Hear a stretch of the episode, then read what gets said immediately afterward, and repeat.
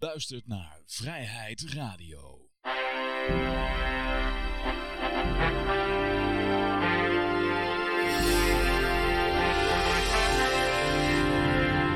Ja, dames en heren, jongens en meisjes, dit is weer een nieuwe aflevering van Vrijheid Radio. Leuk dat u luistert. We zitten hier gezellig in Café Libertaria met Peter en Lucas. En mijn naam is Johan. En waarschijnlijk, eh, misschien hoogstwaarschijnlijk, uh, ja, we zullen zien. Komt uh, Josje er ook nog bij en uh, eventueel nog andere, je weet maar nooit. En uh, ja, daar is Peter. Hey. Ja, en hebben we nog officiële mededelingen?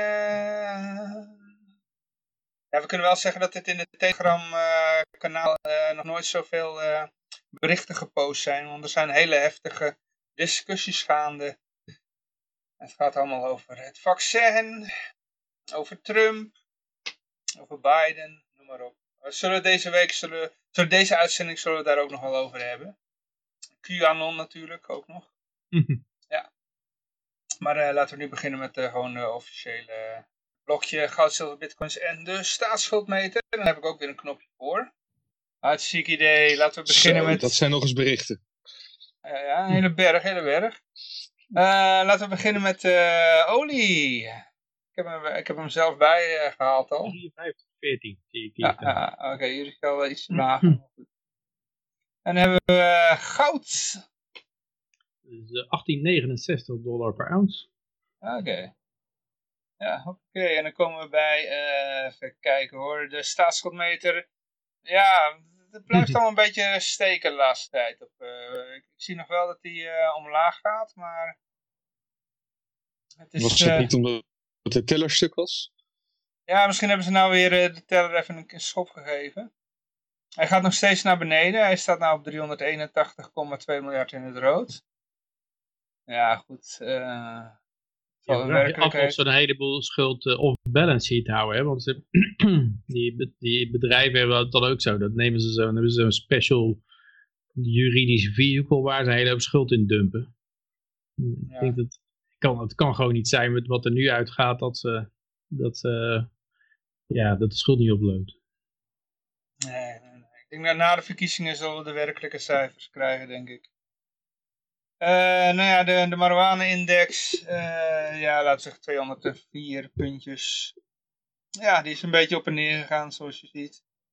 En de bitcoin, daar kunnen we inderdaad... Uh, hoppakee. Die heeft even een dipje gehad. Die is zelfs naar de 25k gegaan in euro's. Maar hij, staat nu, hij is nu alweer aan het, een beetje aan het herstellen van, uh, kijk hier, van het uh, dipje. Maar ja, hij kan nog eventueel nog dieper natuurlijk. Hij kan nog naar de 2k. Hè, daar, uh... Prima, dan kun je even wat kopen. Ja, maar hij staat nu op 26.000,7 ja. Het rare is altijd als het dan zo omlaag gaat of ook omhoog, dan gaat men gelijk naar een verklaring zoeken waarom dat zo is. Ja. En die wordt altijd gevonden ook. ja, als je helemaal niks doet, dan is er ook een verklaring voor. ja. Als je zou te horen zou krijgen, ring naar beneden, je gaat zoeken, dan vind je waarschijnlijk ook wat. Maar nou zou, er, zou het zijn dat er een, een bitcoin, op bitcoin gedubbel spend zou zijn. Wat maar voor 27 dollar, maar ja, dat kan toch helemaal niet. Maar, dat is uh, toch dat, geen oud nieuws meer? Dat... Dat kan toch gewoon met die, uh, wat was het nou weer, uh, replace by fee? Nee, nee, niet met de replace by fee was het dan gedaan. Oh, oké. Okay. Er zit er nog een gat in. Hm. Hm. Nou, ik weet niet, de replace by fee, is dat een feature of is dat een gat? Uh, je kan daarmee dubbel spenden eigenlijk. Want je, ah, er gaat er uiteindelijk maar eentje de blockchain in, toch? Ja, ja, ja nou ja, nee, het is eigenlijk, een, je, je keert een transactie terug. Je doet een transactie, maar die haal je dan weer weg. Ja, dat was het. Sorry, dat is, ja, dat hij, zit niet, hij zit nog niet in de chain dan. Nee, nee, nee, als, klopt. Als iemand wacht op één confirmatie, ja, ja, ja, klopt, klopt. dan uh, lukt het al niet meer. Ja, ik zeg het inderdaad helemaal fout. Ja, je, doet een, uh, je koopt een kopje koffie, zeg maar. Dat is ook daadwerkelijk gebeurd een keer. Uh, je, je, doet een, een kopje koffie, je, je, maakt een bedrag over en dat wordt klaargezet in het blok. Maar dan zeg je, oh ja, wacht even, die fee is te hoog. Weet je wat, ik verander die fee even. Maar ja, dan doe je hem volgens niet meer, weet je wel. Dan haal je eigenlijk die transactie terug. Ja, maar dan doe je waarschijnlijk een transactie met een hogere fee naar een ander Ja. adres. Alleen Kan gezien, ook, ja, ja, gezien de fees nu, eh, 6, 6 dollar zijn of zo per transactie. Afhankelijk van hoe groot de transactie is. Dan kan je een kopje koffie daar niet mee, mee voordelig mee krijgen, denk ik. Ja, ja je kan ook nog natuurlijk een la, langere, hoe dat? een slow transaction, dan is de fee heel laag.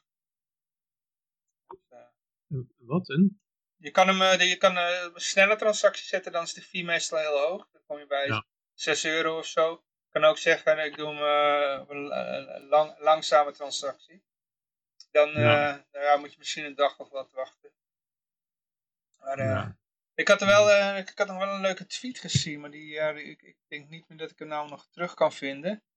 Maar de, er was iemand van een beetje uit het maximalistenkamp.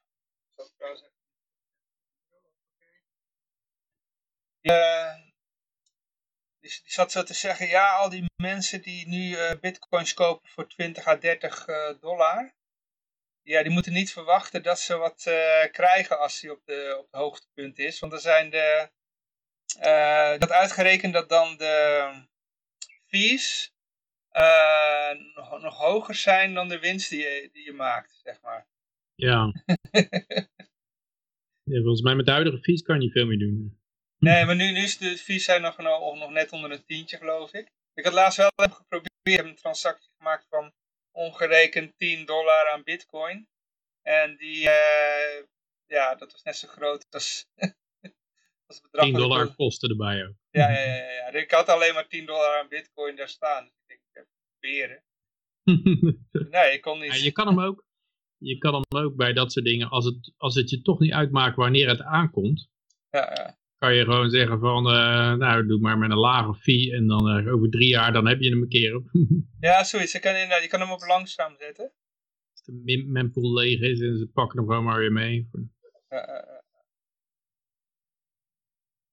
ja, maar die had, eh, die had uitgerekend van, uh, ja, als hij op zijn piek is, als hij waarschijnlijk 100.000 dollar is of zo, dan, uh, dan zijn de fees zo enorm hoog. Dan, uh, al die mensen die voor kleine beetjes bitcoin hebben gekocht, ja, die, die worden dan genaaid. Dus ja, ja. ja, er, er, schijnt ook een heleboel van dat bitcoin dus te zijn, wat nooit meer is, is te verkopen eigenlijk, of te verhandelen lijkt het. Want het kost gewoon meer om te versturen aan fees dan, dan het is. Uh, van die micro dingetjes van, die, die ooit met mijnen verdiend zijn of zo. Je met FPGA's ging lopen mine, een of andere altcoin of is omgezet naar bitcoin en dan was het een minuscule hoeveelheid. Dat kan je gewoon niet meer versturen nou. Ja, maar goed. Uh, ja, de alts zijn ook allemaal een beetje naar beneden gegaan. Alles een beetje naar beneden gegaan. En uh, ja, er was zo positief nieuws. ja, Joe Biden, hè, die heeft een, uh, die heeft 15, uh, ik op zijn eerste dag, op zijn eerste werkdag, heeft hij 15, ik zal hem hier even erbij pakken. 15, decreten? ja, 15 decreten eruit geflikkerd. Hm. Alsof het niks was. En ja, er zat er ook eentje bij, die was wel best wel positief voor crypto.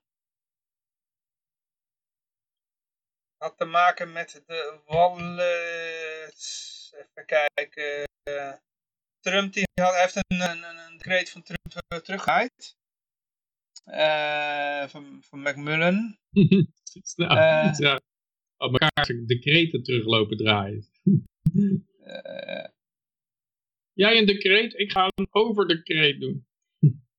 ja, het ging, het ging om... over jouw overdecreet heen. Het ging om unhosted crypto wallets. Oh, dat is wel interessant. Ja, wat, wat was daar... Uh... Ja, dat uh, Macmillan die zei, ja, nee, dat mag niet. En uh, nou zegt Biden, ja, nee, dat mag wel. Misschien had hij er een paar, ik weet niet. ja, het klinkt alsof er goed gelobbyd is. Ja. Denk het wat op zich oké is. Ja, dat is wel fijn, want het is dat was een beetje gedoe, hè. Dat uh, als ze uiteindelijk van die self-hosted, noemen ze dat dan, wallets af willen dat je het allemaal bij je Coinbase of bij je provider zet of, of bij, je, bij je exchange moet zetten. En dat het dan in de gaten gehouden kan worden. Hoeveel jij daar hebt, hoeveel je verdiend hebt met handelen. En, ja. Eh, dat, maakt, het wel een stuk minder leuk, bitcoin natuurlijk. Dan heb je gewoon weer de, de eh, third party risk. Ja.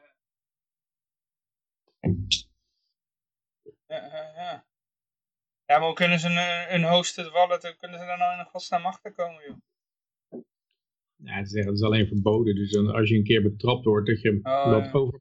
Ze willen ook dat die exchanges alleen nog maar eh, de ehm, deposits accepteren van bekende adressen, zeg maar. Van. Nou. En dan, ehm, ja.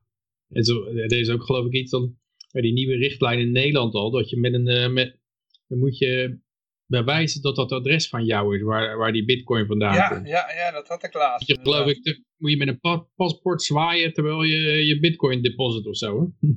Ja, een screenshot maken. Ik, ik, ik, dat is zo raar, joh. Ik, ik, ik had alweer een tijdje geen, eh, niks gekocht eh, de laatste tijd. Dus ik denk de laatste keer, ik weer even wat. Moest ik een screenshot maken van mijn wallet. Ik denk... eh, dus ik heb het bestand, heb ik dus... wat de fuck is dit nou? Dat hier vast een ambtenaar over nagedacht.jpg. En wat, wat moest er dan opstaan? Gewoon een screenshot van, eh, van het scherm. Werd het toen geaccepteerd? eh, Ja, werd, ge- eh, werd geaccepteerd. Ja, ja, heel Ah. snel. Ja. maar ze willen je, maar ze willen je adres weten dan of zo? Of wat? Ja, ja, ik moest dus een screenshot maken eh, van- van- als, als het een wallet op mijn eh, telefoon was, moest ik een screenshot van mijn wallet op mijn telefoon maken. En als het op mijn pc was, een screenshot van mijn van pc, dat ik met het walletadres er heel duidelijk op, ja. Why? Ja, waarom, kunnen dat- waarom, waarom? Zij kunnen dat adres ook zien als, eh, als het, eh, waar het vandaan komt. Kunnen ze, kunnen ze ook nagaan. Ja, Het dat komt van hun, dat komt van hun vandaan. Oh, wacht even, nee, ja, ik, ik had het van Als jij gekocht. deposit of als je eruit haalt? Nee, ik had gekocht, ik had wat gekocht. Ja. Je had 10, wat tot 10 dollar aan bitcoin En dat wilde je daar afhalen. Ja, nee, ik, ik wil het op mijn eigen, in mijn eigen wallet sto- storten. Dus ik kocht dat, het en ik, het bestemmingsadres moest je laten zien. Dat het ja, ja, ja, ja, dat van mij, van mij was, ja. Waarom, weet ik niet. Ja, dan kunnen ze waarschijnlijk, eh, als de Belastingdienst kan het opvragen van, hey, toen de tijd heeft u zoveel bitcoin naar dat adres overgemaakt. Waarom Ja, zien we ja, dat niet op uw belastingaanslag terug? Ja, misschien daarom, weet je wel. Dus ik, had, ook- ik, had, ik heb ook een blanco adres aangemaakt. Eh, van daaruit via een, mixer naar mijn...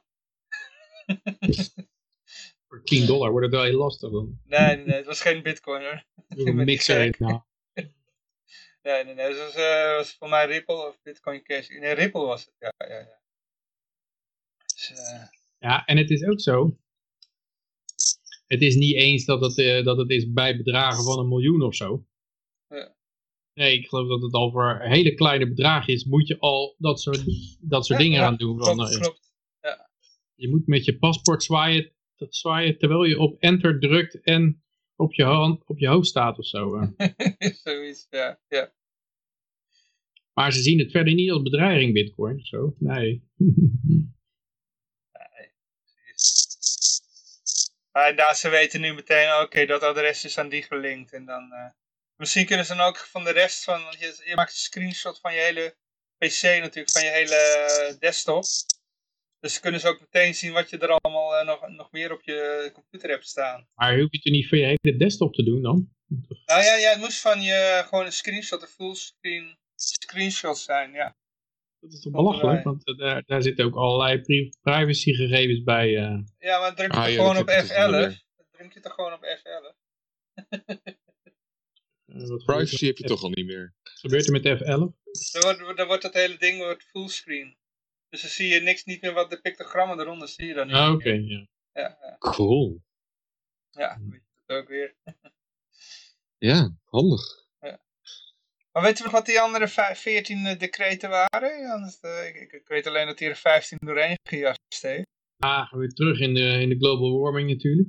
Oh, oké, is het eigenlijk eh, alles terugdraaien wat... worden eh, De Keystone Pipeline is verboden, want Warren Buffett die, eh, die daar weer aan verdienen. Ja, met de treinen. De treinen. Ah, handig. Leuk voor hem. Heel leuk voor Buffett. ja. Ja, Goed, interessant. Goede dingen, slechte dingen. ja. Ik vind eigenlijk dat ze er zich helemaal niet mee moeten bemoeien, maar ja, wie ben ik? hè? Of dat er eh, fake news bestreden gaat worden per decreet of zo. Wat, wat dan inhoudt eh mediacensuur. Was dat nog niet dan? nee, want ze hebben daar de, de overheid mag zich daar niet mee bemoeien natuurlijk. Nou ja, wat natuurlijk eh, allemaal een beetje onzin is dat de overheid mag zich er niet mee bemoeien. Want dan krijg je van die dingen als, uh, ja, dat het steeds indirecter gaat, maar nog, eigenlijk wordt het dan nog steeds effectiever ook. Operation Mockingbird was natuurlijk al dat de CIA, die zat in de journalistiek gewoon. Maar nu zie je dat ze bij al, al die zenders in de VS allemaal van die oud-CIA-directeur en uh, in NSA-directeur interviewen. En uh, laatst was er zelfs eentje, die, was, die had afasie, dus die was al uh, half, ja, ik weet niet wat het precies is, maar het heeft iets met dat je niet meer uit je woorden kan komen. Dus, hij zat heel... Oh, maar hij was wel... Hm? Biden. Nee, ja, maar, erger dan Biden, zeg maar. ja, en okay. die, die ging ze interviewen voor CNN of zo, zo'n soort linkse toestand. En ze legde hem gewoon alles helemaal in zijn mond. Dat hij aan het eind alleen moest zeggen, uh, ja. en, en dat zien ze dan als van, uh, nou, uh, oud NRC-directeur zegt dit en dat of zo. Echt bes beschamende vertoning gewoon. Dat, dat, dan hebben ze toch het idee dat daar meer gezag van uitgaat of zo. Hè? gewoon vanwege de titel. Ondanks dat je gewoon kan zien dat die figuur helemaal, ja... Seniel is, zoals ik weet niet wat. Ja, zo niet meer voor, voor een reden vatbaar is.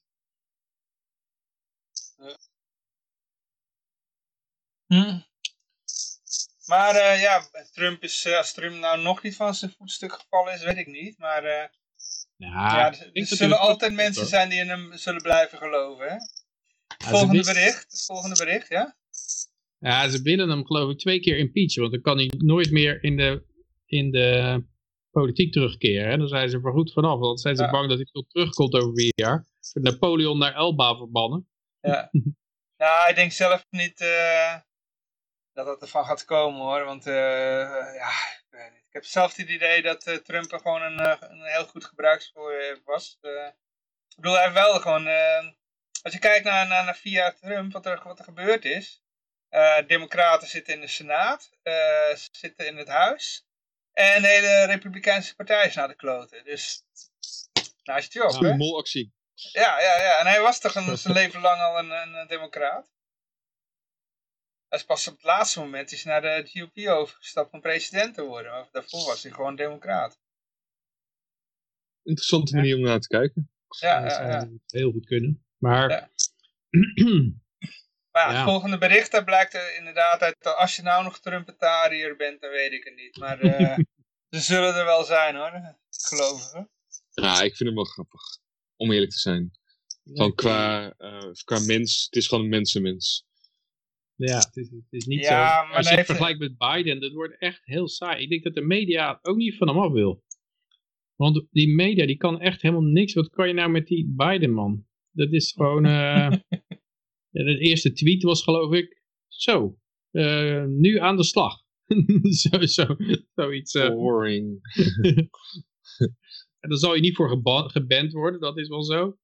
Maar het is ook wel, wel triest natuurlijk dat, uh, ja, er zit, het, er, was geen, er is geen sjoegen in, zeg maar. Er zit niks, ja, de doodsaai is het eigenlijk. Behalve dan dat je vrijheid helemaal ingeregeld, weggereguleerd wordt.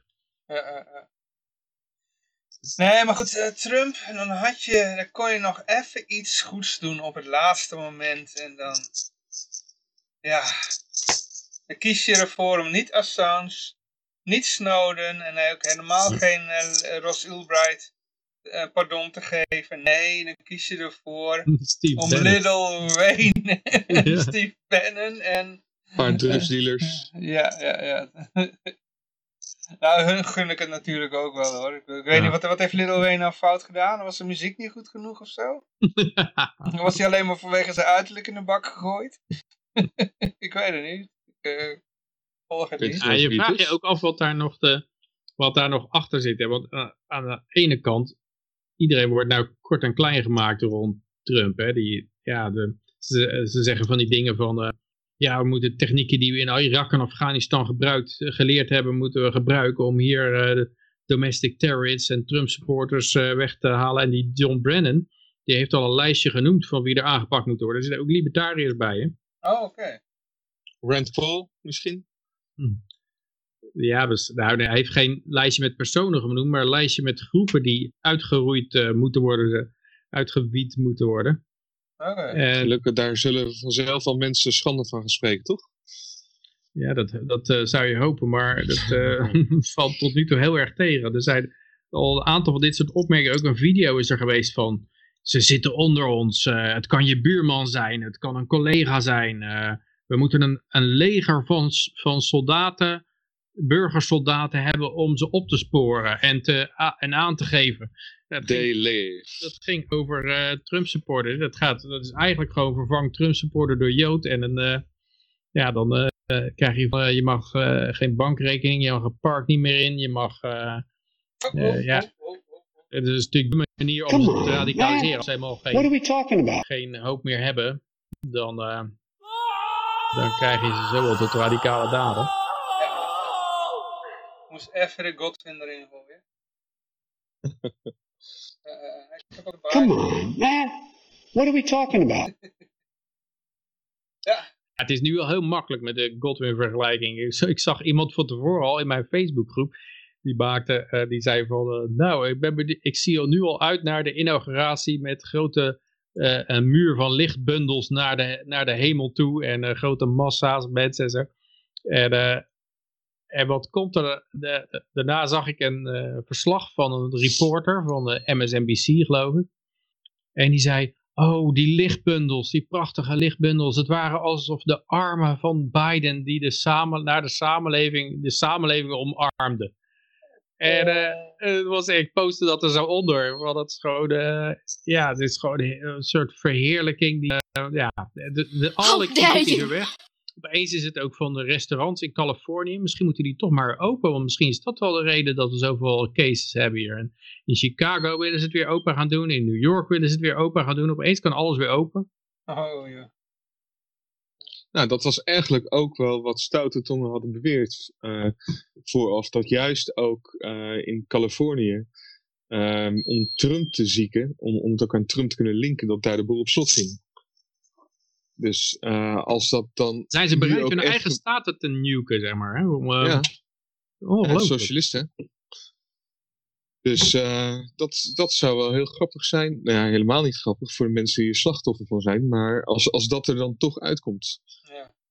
Maar het is toch sowieso een beetje zo'n tactiek die je vaak ziet bij linkse mensen. Dat ze echt heel opzettelijk een slachtofferrol gaan kruipen. Om dan te zeggen, ja, kijk eens wat die andere allemaal doet tegen mij. Terwijl hij zelf gewoon op de grond gaat liggen huilen. En niemand heeft hem wat gedaan, weet je wel. Een soort voetbal, zeg maar. Ja, ja. ja. Ja, het is, er is een rare race ontstaan naar de, wie is de meest onderdrukte. En dat heb je natuurlijk al met die intersectionality matrix. Dat, dat eh, ja, ben jij eh, zwarte lesbienne, dan sta je hier in de rangorde. En uh, uh, ben jij een uh, homofiele gehandicapte, dan sta je daar. En in een discussie tussen die twee, dan heeft die altijd gelijk. Of wie, wie het meest systematisch onderdrukt is. Maar als mensen gaan beseffen dat hoe, hoe meer je onderdrukt, hoe hoger je onderdrukkingsstatus is, hoe meer goodies je krijgt, dan krijg je een race naar de botten waarbij iedereen gaat proberen te bewijzen dat hij het meest onderdrukt is. En dat zie je al een beetje ontstaan, dat er een heleboel van die hate crimes, die die zijn zelf, uh, door, ze, door ze zelf uh, mensen aangedaan. Hè? Die, die Jussie Smollett was daar een voorbeeld van. Die, die zichzelf een strop ombond en twee Nigerianen inhuurde om met rode petjes op uh, in elkaar te slaan, zogenaamd. En die, ja, en er zijn nog veel meer, er zijn hele lijsten van dat soort hate crimes die gewoon blijken van mensen die hun eigen huis in de fik steken zelfs. Om, uh, om te bewijzen dat er ontzettende anti-trans haat is. Terwijl het kan niemand een bal schelen dat er trans mensen zijn. En uh, laat ze gewoon lekker hun gang zijn en zoek het maar uit. Maar, maar uh, ja, je moet dat dan maar geloven kennelijk. Dat, dat er enorme mensen die zijn enorme transhaters zijn. En die beginnen die huis in de fik te slaan, steken of zo. Maar ja, in dit geval dus ook bleek gewoon dat hij het zelf gedaan had. Want hij stond op de video met een jerrycan naar de benzinestation toe. Ja. En uh, ja, dat, uh, die race naar de meest onderdrukte onderdaan, dat is een ja, gevaarlijke race. Want ik denk dat dat wel eens kan gebeuren. dat dat onbewust het signaal afgeeft van uh, bijna heersers van, oh, willen jullie allemaal zo graag onderdrukt worden? Geen probleem, kan geregeld worden. Komt, er komt gewoon een keer een vent die, die zegt, uh, nee, het is allemaal prima jongens, als jullie zo onderdrukt willen worden, dan, uh, dan regelen we dat. ik, ik, ik voel een vraag, ik regel, de, regel het aanbod. Ja. Ik regel de onderdrukking voor je. Hm. Ik af en toe zo'n piepje voorbij komen. Ja, ik, ja, ook, ja. ik zal de wasmachine even fixen. Ga verder. Oké, oké. Ja, goed. En ja, in ieder geval, uh, ja, het is natuurlijk hartstikke erg voor uh, Ulbright. Die alleen maar in de bak zit omdat hij een website uh, runde. Hm. En bij kans da daarnaast nog even de, de samenleving veiliger maken. Alle drugsoorlogen die, ja, die verdwenen als sneeuw voor de zon. Omdat iedereen de, de, zaken online ging doen. Maar dat wou ik zeggen, dat, zou, zou hem nog een keer zo, uh, dat Trump uh, aan het tafeltje gezet is en die zegt, ja straks ben je weer burger en er hangt het tweede impeachment boven je hoofd. En een, en een enorme vervolging en rechtszaken en, en we kunnen het je leven helemaal ondraaglijk maken. dit kan je wel doen, dit kan je niet. Zou dat nog zijn of kan die, zou je gewoon zeggen, wel, nou, hij had er gewoon geen zin in. Want Assange, pardon geven bijvoorbeeld. Ja. Ja, ik denk dat geheime diensten daar toch wel wat uh, vinden. Wat over gaan zeggen. voor zijn. Ja. Maar aan de andere kant zou ik zeggen, als ik Trump was, tot nu toe hebben ze je toch kort en klein gemaakt. Dus wat, wat, uh, wat moet je nou, wat heb je daar aan te winnen? Ze, hun, zijn hun beloftes niet waardig eigenlijk. Dus als jij, als jij zegt van oké, dan uh, geef ik Assange geen pardon als jullie, als jullie me daarna maar met rust laten. Dan heb je absoluut geen garantie dat ze dat doen. Kan je het eigenlijk net zo goed wel doen. Ik weet niet, ik weet niet. Ik denk niet dat ze, ik denk op zich dat ze helemaal... Nou, nee, ik heb, steeds meer het idee dat, dat, net als met Ronald Reagan, weet je wel. Er zijn tot vandaag de dag zijn er gewoon zelfs libertariërs die geloven dat Ronald Reagan libertariër was. Terwijl, hij is gewoon een acteur die libertariër speelde. En nu hebben we dus een realityster, die eigenlijk ook gewoon een acteur is. Mm Die ook een beetje, nou ja, ik, dus, ik, persoonlijk zie ik weinig libertarisch in hem, maar... Uh, sommige Trumpetariërs die zien hem als een uh, libertariër. Maar uh, ja. Maar jij denkt echt niet, echt niet dat ze nou achter zijn assets aangaan en ze nee, eh, helemaal, nee. helemaal met rechtszaken vol gaan gooien. En, Nee, joh, die heeft dan gewoon een goede oude dag. Joh. Ja? Ja, misschien dat hij af en toe, als, als ze wat, wat, wat er, uh, hoor dat, en een knuppel in het hoenderok nodig hebben, omdat ze daar ook van kunnen profiteren, dan zullen ze nog even Trump van stal halen. Maar, uh, en de Trump supporters, denk je dat de Trump supporters nou ook uh, gewoon weer naar huis gaan? En, eh, nee, nee, dat is een ander verhaal natuurlijk. Hè? Die worden wel Ja, hartstikke. Ik denk al die lui die daar in, de, in, het, in de, ja, het kapitool waren, die, die gaan het nog heel moeilijk krijgen. Dus ja, ja die, die, die gaan zich vervolgd worden, dat heb ik me, ja, in, zelfs de kinderen daarvan nog. ja, ja, ja, ernstig. Ja, ja, ja. ja. Maar ik denk dat er gewoon die hele QAnon, ja, sommigen zeggen dat is, dat is gewoon een grapje van die, die gasten van 4 Maar uh, ja, of het was van de CIA, weet je wel, ik weet niet wie erachter zat, wie, wie Q was. Maar het was sowieso niet wat, uh, wat hij zei dat hij was. Het is wel knap, want er zijn, er zijn een heleboel mensen door... Want ik, ver, ja, ik verbaas me eigenlijk ook, maar ik kwam in zijn chatkanaal zag ik ook te kijken en er zijn een heleboel mensen die er, die er heilig in geloofden allemaal. Ja, Terwijl bij elke, elke voorspelling eigenlijk die enigszins concreet was, die kwam er niet uit. En dan, dan kon je met heel veel fantasie, werd het dan weer omgebogen. Daar weer een langer verhaal. En de meest ongeloofwaardige dingen. Ik, uh, Robert Jensen zat ook over te klagen. Dat die QAnon-sporters, die zaten helemaal, waarom praat je hier niet over? Waarom zeg je dit niet en dit? En uh, dan zat hij te vertellen, ja, ja die, die, die hospitalschip dat naar New York was. Dat was helemaal geen hospitalschip. Waar, daar ging een ondergrondse tunnel naartoe om uh, misbruikte kinderen in de riolen naartoe in veiligheid te stellen. En uh, hij had zoiets van, ja, uh, ja ik, ik weet het niet hoor, maar ik wil toch wat meer bewijs zien. en, maar er zijn zelfs mensen die in aliens geloven, weet je wel. Dus ja, die geloven dit soort shit ook. ik geloof meer in aliens dan in dit soort dingen, denk ik. ja. Of mensen die in on onzichtbare opperwezens geloven. Hm. Nou, ik ken er een paar. Ja. Ik had laatst nog wat met je gedeeld geloof. Uh... ja. Oh, nou, er zijn er meer dan ik, dan ik dacht, zelfs in Nederland. zijn er aardig wat van die, uh, van die lui. En ik, ja, verbaast me. Ik had, had het idee van, nou, hier is het toch een en al linkse propaganda. Dus dat krijgt helemaal geen voet aan de grond. En dan, en laat staan dat QAnon dan nog wat helemaal nog een end weg zit. Uh, maar er zijn nog best wel veel mensen die daar, uh, die daar mee weglopen. Zeg maar. en, uh, en het is zelfs zo, hoorde ik, dat, dat ik hoorde net van um, iemand die had, die heeft een aantal bedrijven en die zat met al die bedrijven op, op Facebook natuurlijk ook. En die had een podcast System Down. en die had daar een gesprek met iemand, die was een QAnon supporter. Mm En hij, hij was het er niet eens mee eens. Hij zei van, nou volgens mij klopt er allemaal niks van. Maar hij postte dat onder de titel uh, met Q, Q erin. En als je die letter gebruikt in Facebook, zijn account werd gewist. Al zijn bedrijfsaccounts werden uh, gewist. Zijn vrouw, alle accounts van zijn vrouw werden ook allemaal gewist. dus Facebook is, en hij zegt, ik was het er niet eens mee eens.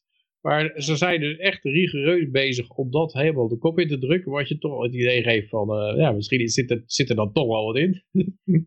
ja. Maar, uh, ja, maar dat is ja, we koren op de molen. Als je dat zo, zo hard gaat aanpakken, dan gaan mensen juist want, denken, oh, dan zal er toch wel iets van waarheid ja, in zitten. Nou wil ik het wel eens weten wat die Q, uh, want het is, het is ook helemaal, het is niet zozeer hate speech of zo, of, of extreem rechts of zo. Het zijn gewoon mensen die, die, het zijn die, gewoon wappies ja, het zijn gewoon mensen die, die, die denken dat er een enorm uh, ja, berg uh, kindermisbruikers uh, zitten, geloof ik. Als ik voor zover ik het begrepen had. En, de, en dat Trump die ging oprollen. En, en het, dat hij het swamp ging drainen eigenlijk.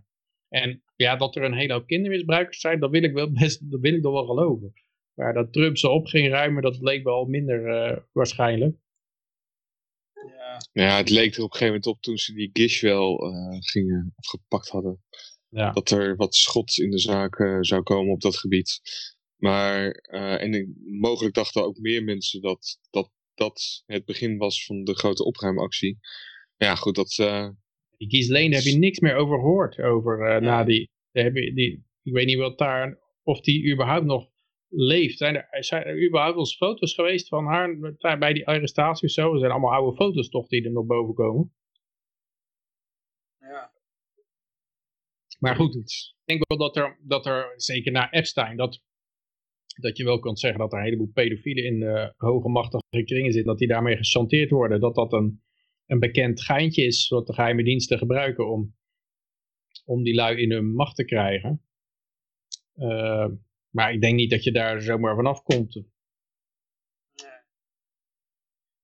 Want die, die zitten waarschijnlijk met de rechters en die hebben het, die, ja, die, die, die hebben hele ze zullen wel hele goede contacten hebben allemaal. Uh, ja, dat zag je al met die sweetheart deal van Epstein. Uh. Ja. Uh. Ja. Nou, maar ik heb ook wat, ik, ik, had wel, iemand had wel eens wat laten zien, nou die is dan heel erg in de heer. En ik vond het wel een beetje sneu voor hem, want ik heb hem toen ook nog even een berichtje gestuurd toen met, met die inauguratie. Nou, die reageerde niet en zijn ex die zei, nou, die ligt waarschijnlijk in een foetushouding in bed met een portret van Trump. ja. maar die had, uh, die, die, die, had toen filmpjes laten zien en die was er helemaal van overtuigd dat Trump zou winnen. Hij zei, hmm. en hij zat, en let op mijn woorden, het gaat gebeuren. En dan gebeurde er niks. Ja, nee, maar let op mijn woorden, het gaat toch nog gebeuren. Ja. En toen, had, ik hem, en toen, toen, had hij nog een filmpje laten zien. Van, en het was, ja, ik ben niet zo bekend in dat wereldje, maar dat was dan een grote naam in de, in de halleluja-kringen, zeg maar. In de, in de, in de hoe je dat? Uh, Ik weet niet meer hoe die heette, maar een of andere tv-dominee, zeg maar. En die zat dan van het podium te schreeuwen tegen eh, Trump. Met echt eh, heel zeker, hè. Van, en God zegt dat je nog een paar jaar erbij krijgt in het Witte Huis. En Trump zat dat op, op het voorste rij. Die zat gewoon zo, zo ja te knikken, weet je wel. Hm. Nou, dat dacht hij waarschijnlijk zelf ook. weet ik niet, weet ik niet. Maar die, uh, en, en hij, dat zag je dan als bewijs. Ik zeg, nou ja, ik zie dat dan niet als bewijs. hm. Maar goed, ik, heb, ik, zei, ik weet een heel goed boek voor, voor jou. Ik zeg, dat is Vestinger. Uh, When Prophecy Fails. Gaat iemand hm. nog vast lezen. Hm. cool. Ja, uh, ik moest daar ook wel heel erg aan, aan terugdenken hoor. Dat, je kent het boek van Vestinger toch wel? Ja, dat vorige keer ook over gehad. Ja, ja, ja. Wat ik wel heel grappig vond toen het even leek, eh, die, toen in de Europese ochtend na de verkiezingen, dat het even leek dat Trump ging winnen. Dan zag je dus wel allemaal weer van die. Trump derangement, derangement eh, syndroom gasten bij de D66 helemaal ape shit gaan. Dat vond Ja, ik wel ja, echt ja, lachen om te zien. Ja, dat is wel leuk. Ja. Had me wel Ja, leuk geleken. Ja, ja. Er was bij, ik hoorde bij die, laatst ook eh, bij een andere podcast, bij die No Agenda podcast zat erover. Dus een eh, een gast heet Pechenik en die heeft, ja, die heeft eh drukwekkende CV, heeft er allerlei intelligentie, intelligence agencies gezeten, veiligheidsdiensten, weet ik veel, dat soort eh, dingen. Heeft ook meegeholpen met het boeken schrijven voor Tom Clancy of dat soort misdaadschrijvers. En die steeg met Alex Jones te praten. Die beweerde bij hoog en laag. Nou, ja, je kan me geloven niet. Zeggen ze, dan, die en die eh, dag wordt, wordt Trump eh, president. En is dat tegen Alex Jones te vertellen. En Alex Jones die had zoiets van, eh, nou wacht even, ik, ik, geloof, ik geloof het niet meer. Dat vond ik al, dat was wel heel apart. Dat zelfs Alex Jones toch een beetje de, de, de, de opperman is van de, van de conspiracies. Dat hij dacht van, ja, dit gaat een beetje te ver. Maar Wat dat ging precies te ver? eh? nou, die voorspelling dat, dat Trump alsnog zou winnen. Zeg maar. Oh ja, ja, ja. Oh, dus zelfs hij gelooft er niet meer in. En die vent die dus vrij hoge ja, connecties heeft en hoge baantjes heeft gehad binnen het overheidsapparaat, die, die beweerde heel stellig gewoon, die zegt, nou ja, eh, je kan me geloven of niet, maar eh, ja, het is gewoon zo. Hij gaat toch nog winnen. Ja, als het niet vastgespeeld was. Maar de gasten die dat zaten te verzinnen, die moeten zich ook een bult gelachen hebben. Die dit erover hadden. Oké, nou is het de laatste dag. Ja, we gaan gewoon zeggen dat, eh, dat, eh, eh, dat het leger ze allemaal gaat arresteren. eh, en eh, dat Trump dan toch nog op het podium staat dat eind. En, dat, tot, tot op de laatste minuut was, was dat Hmm. idee nog. En, toen, en zelfs daarna zei iemand van, nee, het is een dubbelganger. Dat las ik ergens voorbij komen. Toen ging het steeds verder. de, de, de, de, de, echte, de echte Biden is al gevangen genomen. Ja, het wordt helemaal in scène. Het is helemaal in scène. Het is een toneelstuk waar je naar kijkt. In die inauguratie. Het was een kloon. Een kloon was het. Dat is, het is zeker een toneelstuk, ja. Het wordt steeds, steeds megalomaner, me- megalomaner project, hè. Dat- Ja. Opeens is het volkslied ook weer goed, hè. Want er werd, het volkslied werd weer gezongen, niemand ging knielen of zo. Het was, was in de voorgaande jaren was volkslied allemaal wel weer heel slecht. En dat was nationalistisch en eh, white supremacy. En eh dan moest je eh, politiemisbruik van, van zwarte en... en Colin Kaepernick, de baseballer of zo, het is of nee, het is een voetbalplayer, die ging dan op zijn knieën zitten tijdens en de anderen moesten allemaal meedoen en iedereen had shirts aan om zijn loyaliteit met, tegen de politie te verkopen en nu was het gewoon weer, oh ja, volkslied, allemaal rechtop staan. En negers mogen ook weer doodgeschoten worden op straat in Ja, rug. allemaal- ja, het is allemaal weer goed. Het is Het allemaal mag weer Democraten zijn weer aan de macht. We mogen Nou weer ja, Antifa bombarderen. was alweer iets van de democraten aan het aanvallen. Tenminste, als dat Ja, echt die, die worden nou ook weer opgeruimd Hm. als een, als een SA bij de nacht van de lange messen, weet je wel. Ja, dat was natuurlijk ook altijd zo dat, dat eh, hoe heet het, bij net neutrality was links altijd heel bang dat grote corporaties, dat die de macht over het internet zou gaan grijpen. Eh, en eh, die zouden dan allerlei partijen gaan weren die ze niet mochten en allerlei partijen toestaan die, eh, die ze wel oké vonden. En eh, daarvoor hadden we net neutrality nodig, want die, die zouden, de overheid zou dat dan gaan voorkomen als supermachtige partijen. Die zouden dan, en, eh, en nu gaan Facebook en Twitter en al die corporaties, die gooien gewoon gaan enorme censuur plegen. En dat zijn de meeste grote helden. Bizar. ja. Ja, maar we moeten meer geld over de balk gaan smijten. Of tenminste, Mhm. overheden, overheden, sorry. Met we bedoelen we dan eh, we, wij, de overheid. Wij het Of die volk, kunnen het beter dan wij. Ja. Ehm, ja, dat zegt iemand van de IMF. ja. Ja, het is, eh, het, eh, het, is, het klinkt mij een beetje in de oren. Spend as much as you can. Dat, ja, een overheid, er zit gewoon geen grens aan. Toch? As much as you can. Dat, ik weet niet wat er, wat, of daar Zo, überhaupt... toch? ja, ja ik, volgens mij zijn er gewoon geen grenzen aan hoeveel geld die lui uit willen geven. Als ze zo'n aanmoediging krijgen, dan is het helemaal, uh, helemaal. Maar eigenlijk is het, zit er, komt er bij mij iets door van, uh, nu koopt het fiat geldje nog iets, straks niet meer. Probeer er nu nog wat voor te krijgen eigenlijk. Dat is het eigenlijk. Nu kan je, kan je lenen als een gek en de prijzen die gaan nog niet omhoog. En dat is eigenlijk omdat die omloopsnelheid van het geld is laag. Want je, je kan een hele hoop geld drukken, maar als het gewoon ergens in iemand zijn kelder blijft liggen, dan, dan veroorzaakt het geen inflatie. Omdat het, omdat door de corona's. En door de corona's is die omloopsnelheid zo laag. Nou ja, die was al, was al omlaag aan het gaan. Maar is nu helemaal gekreterd door de corona's. En, uh, en dus, dus de overheid die kan gewoon alles opkopen nou, zonder dat de prijzen omhoog gaan. Dus eh, daarom misschien van, nou ja, koop alles op nou, want nu krijg je nog wat voor je geld. Met alles bedoel je van al die bedrijven die failliet gaan, die kunnen, kan de staat dan opkopen. Ja, dat kan je natuurlijk zeggen, maar uh, bij spenden is het meestal aan programma's. Maar als je programma's, dan ga je gewoon mensen opkopen eigenlijk. Ik denk dat, je moet oh, het lezen als koop zoveel mogelijk uh, loyaliteit bij, on, bij uh, onderdanen. onderdanen haar keuze. yeah. En eigenlijk kan je dat als schuld doen. ja, dan kan je een soort ja, je, je geeft ze wat en dat, dat verschuldigt hun dan naar de overheid toe. Dus dan, dan uh, kan je weer wat gedaan krijgen. Als je dan eh, alle internetproviders een hoop steun geeft, dan kan je daarna weer gedaan krijgen dat, er, uh, dat, dat ze luider afgooien die jij erop wil hebben waarschijnlijk. Als een lening aan een derde wereldland. Hm. Ja, en iedereen is derde wereld gemaakt door die lockdown. Dan,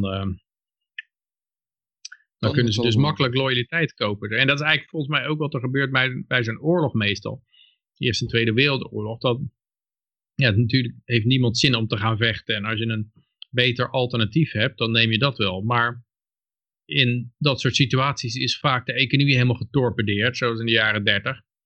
Dan uh, zijn, zijn uh, ja, de, gewoon de economie kan niet meer functioneren door wat ze allemaal aan uh, geldcreatie en aan wage- en prijscontroles controles doen. En dan, dan komen al die jonge mannen, die, ja, die kunnen maar één ding dan, naar het leger toe. Dus dat is eigenlijk ook spend as much as you can. Het is gewoon, uh, ja, je, koopt, je kan gewoon soldaten 13 voor een dozijn krijgen. Nou, doe het while, while supply is last. ja. Dus dat las ik er een beetje in. Ja. Maar het, het, officiële verhaal is natuurlijk van uh, ja, er, dreigt deflatie omdat er angst is en mensen durven geen ondernemingsrisico's aan te gaan. Wat gek hè, dat je nou je restaurant niet durft gaan uit te breiden. Nee. Dat is... dat is je kan hem niet eens openen. ik kan hem niet eens openen. ik zou hem uit willen breiden, maar mag oh, ja. ik heb al niet open. Mag de deur niet eens open doen. en, ehm, dus dus uh, er dreigt deflatie, zeggen ze dan. De prijzen gaan omlaag, omdat mensen allemaal, allemaal uit angst op hun geld gaan zitten en zuinigjes aan gaan doen. En dan kunnen niet eens uitgeven. Want al die kan het niet uitgeven. Daarom zegt, zegt de IMF, dus moeten overheden dat, dat compenseren door, uh, door dat allemaal uit te geven. En dan, dan kan je dus in feite ook krijgen dat een overheid bijvoorbeeld alle plaatsen in een restaurant opkoopt en zegt, gooi het vreten maar in de vuilnisbak. En dat is eigenlijk precies wat er in de jaren 30 gebeurde. Dat ze kochten ze eten van boeren op en, en katoen. En uh, dat, dat vernietigden ze om de prijzen hoog te houden van de landbouwgoederen, zodat, de, zodat die boeren maar geen mensen zouden ontslaan. En, en, dat, en als je dat dan terug hoort, denk je, wat een rare situatie om in het midden van een crisis, als mensen honger hebben, eten op te kopen met belastinggeld en dat te vernietigen. Maar dat, zat, dat zit er dus achter. En dat is eigenlijk ook wat je, wat je nu krijgt. Iedereen gaat met zijn vingers op de knip zitten. En dan de overheid die vult eigenlijk het besteding, neemt de besteding over van de, van de mensen aan elkaar. Uh, en ja, ik weet niet of ze in een restaurant ook de, alle stoelen gaan opkopen. Maar uh, wie zal het zeggen? Het kan nog gek, uh, kan zo gek zo, als je het nu bedenkt en het klinkt gek, dan is het waarschijnlijk realiteit overmorgen of zo. Ja, je ziet ook wel dat er heel veel dingen zich herhalen, weet je wel. Dat er in de jaren 30 gebeuren, dat zie je nu ook gebeuren, weet je wel. ja. Met een wal van licht rond de grote leider. Ja, ja, ja. Terwijl iedereen het volkslied zingt. Met een traantje wegpinkt. Maar ik zag wel dat Biden die reed langs de militairen en die stonden met de rug naar hem toe. Oké. Ja, dat, daar heb ik nog wel wat over gevolgd. dat kan ook voor een deel bescherming zijn geweest. Dus dat ze weliswaar met de rug naar hem toe stonden, maar dat dat vooral was om Biden te beschermen tegen onderdanen. Oké, maar hij is ontzettend populair, Biden. Dus ik, ik snap niet wat, uh, waar hij tegen beschermd moet worden. Ja, maar goed, uh, ook die Trump-gekkies, uh, die waren er natuurlijk ook nog, hè? Babylon B zijn zo bang voor. over, hè? Die had popular, most popular president in history gets inaugurated in secret behind the giant wall and walls of soldiers. Trump komt met zijn inauguratie, na zijn inauguratie gewoon nog over straat wandelen. Die zal natuurlijk ook ja, een bodyguard... Ja, staat hier dus op dat plaatje hier, wat ik uh, achter mij op beeld heb. Oh, okay, oh ja, ja, ja, dat zie ik het. Ja, ja, ja. zo fascism en dan loopt Trump en, uh, en zijn vrouw gewoon door de, door de straat heen. En dan, uh, nou ja, zo wat security omheen zitten. Natuurlijk allemaal mannen met jassen en dikke, dikke bobbels onder die jas. en dan staat eronder, er staat dan fascisme bij en dan onder antifascisme. Dat is dan een, een militaire kolonne met een hele straat vol met militairen waar Biden er doorheen rijdt. Zij, fascisme is verslagen. En de NPO is hartstikke geliefd. Ja, volgende bericht. Absoluut. Ja, ja, ja dat zegt een uh, uh, Shura, Shurla Rijksman. Ik weet niet wie dat is, maar die zal van de NPO zijn. In haar laatste nieuwjaarspeech als bestuursvoorzitter van oh. de publieke omroep verklaart Rula Shula Rijksman Rijksman, die naam alleen al, hè? Een man van het Rijk. Een Rijksman. ik werk bij de NPO en ik heet Rijksman. De oorlog aan fake news verklaren en intimidatie van journalisten. Het aantal bedreigingen is veelvoudig. Dat is onacceptabel en een schande. Tengels af van de journalistiek, zegt Rijksman tegen nu.nl. En dan, uh, ja, wel lachen, want uh, Nederlanders zullen nooit accepteren dat NPO verdwijnt, omdat het zo geliefd is. Dan denk ik van, ja, geen subsidie meer hè. Als het dan zo geliefd is, dan kan de subsidie er wel af. En dan kan je wel vrijwillig gefund worden. Want dan, uh, ja, dan, uh, dan, want je hoeft toch onderdanig geen pistool op hun hoofd te zetten om te betalen voor iets wat ze zo, waar ze ontzettend van houden. Ja. Inderdaad, ja.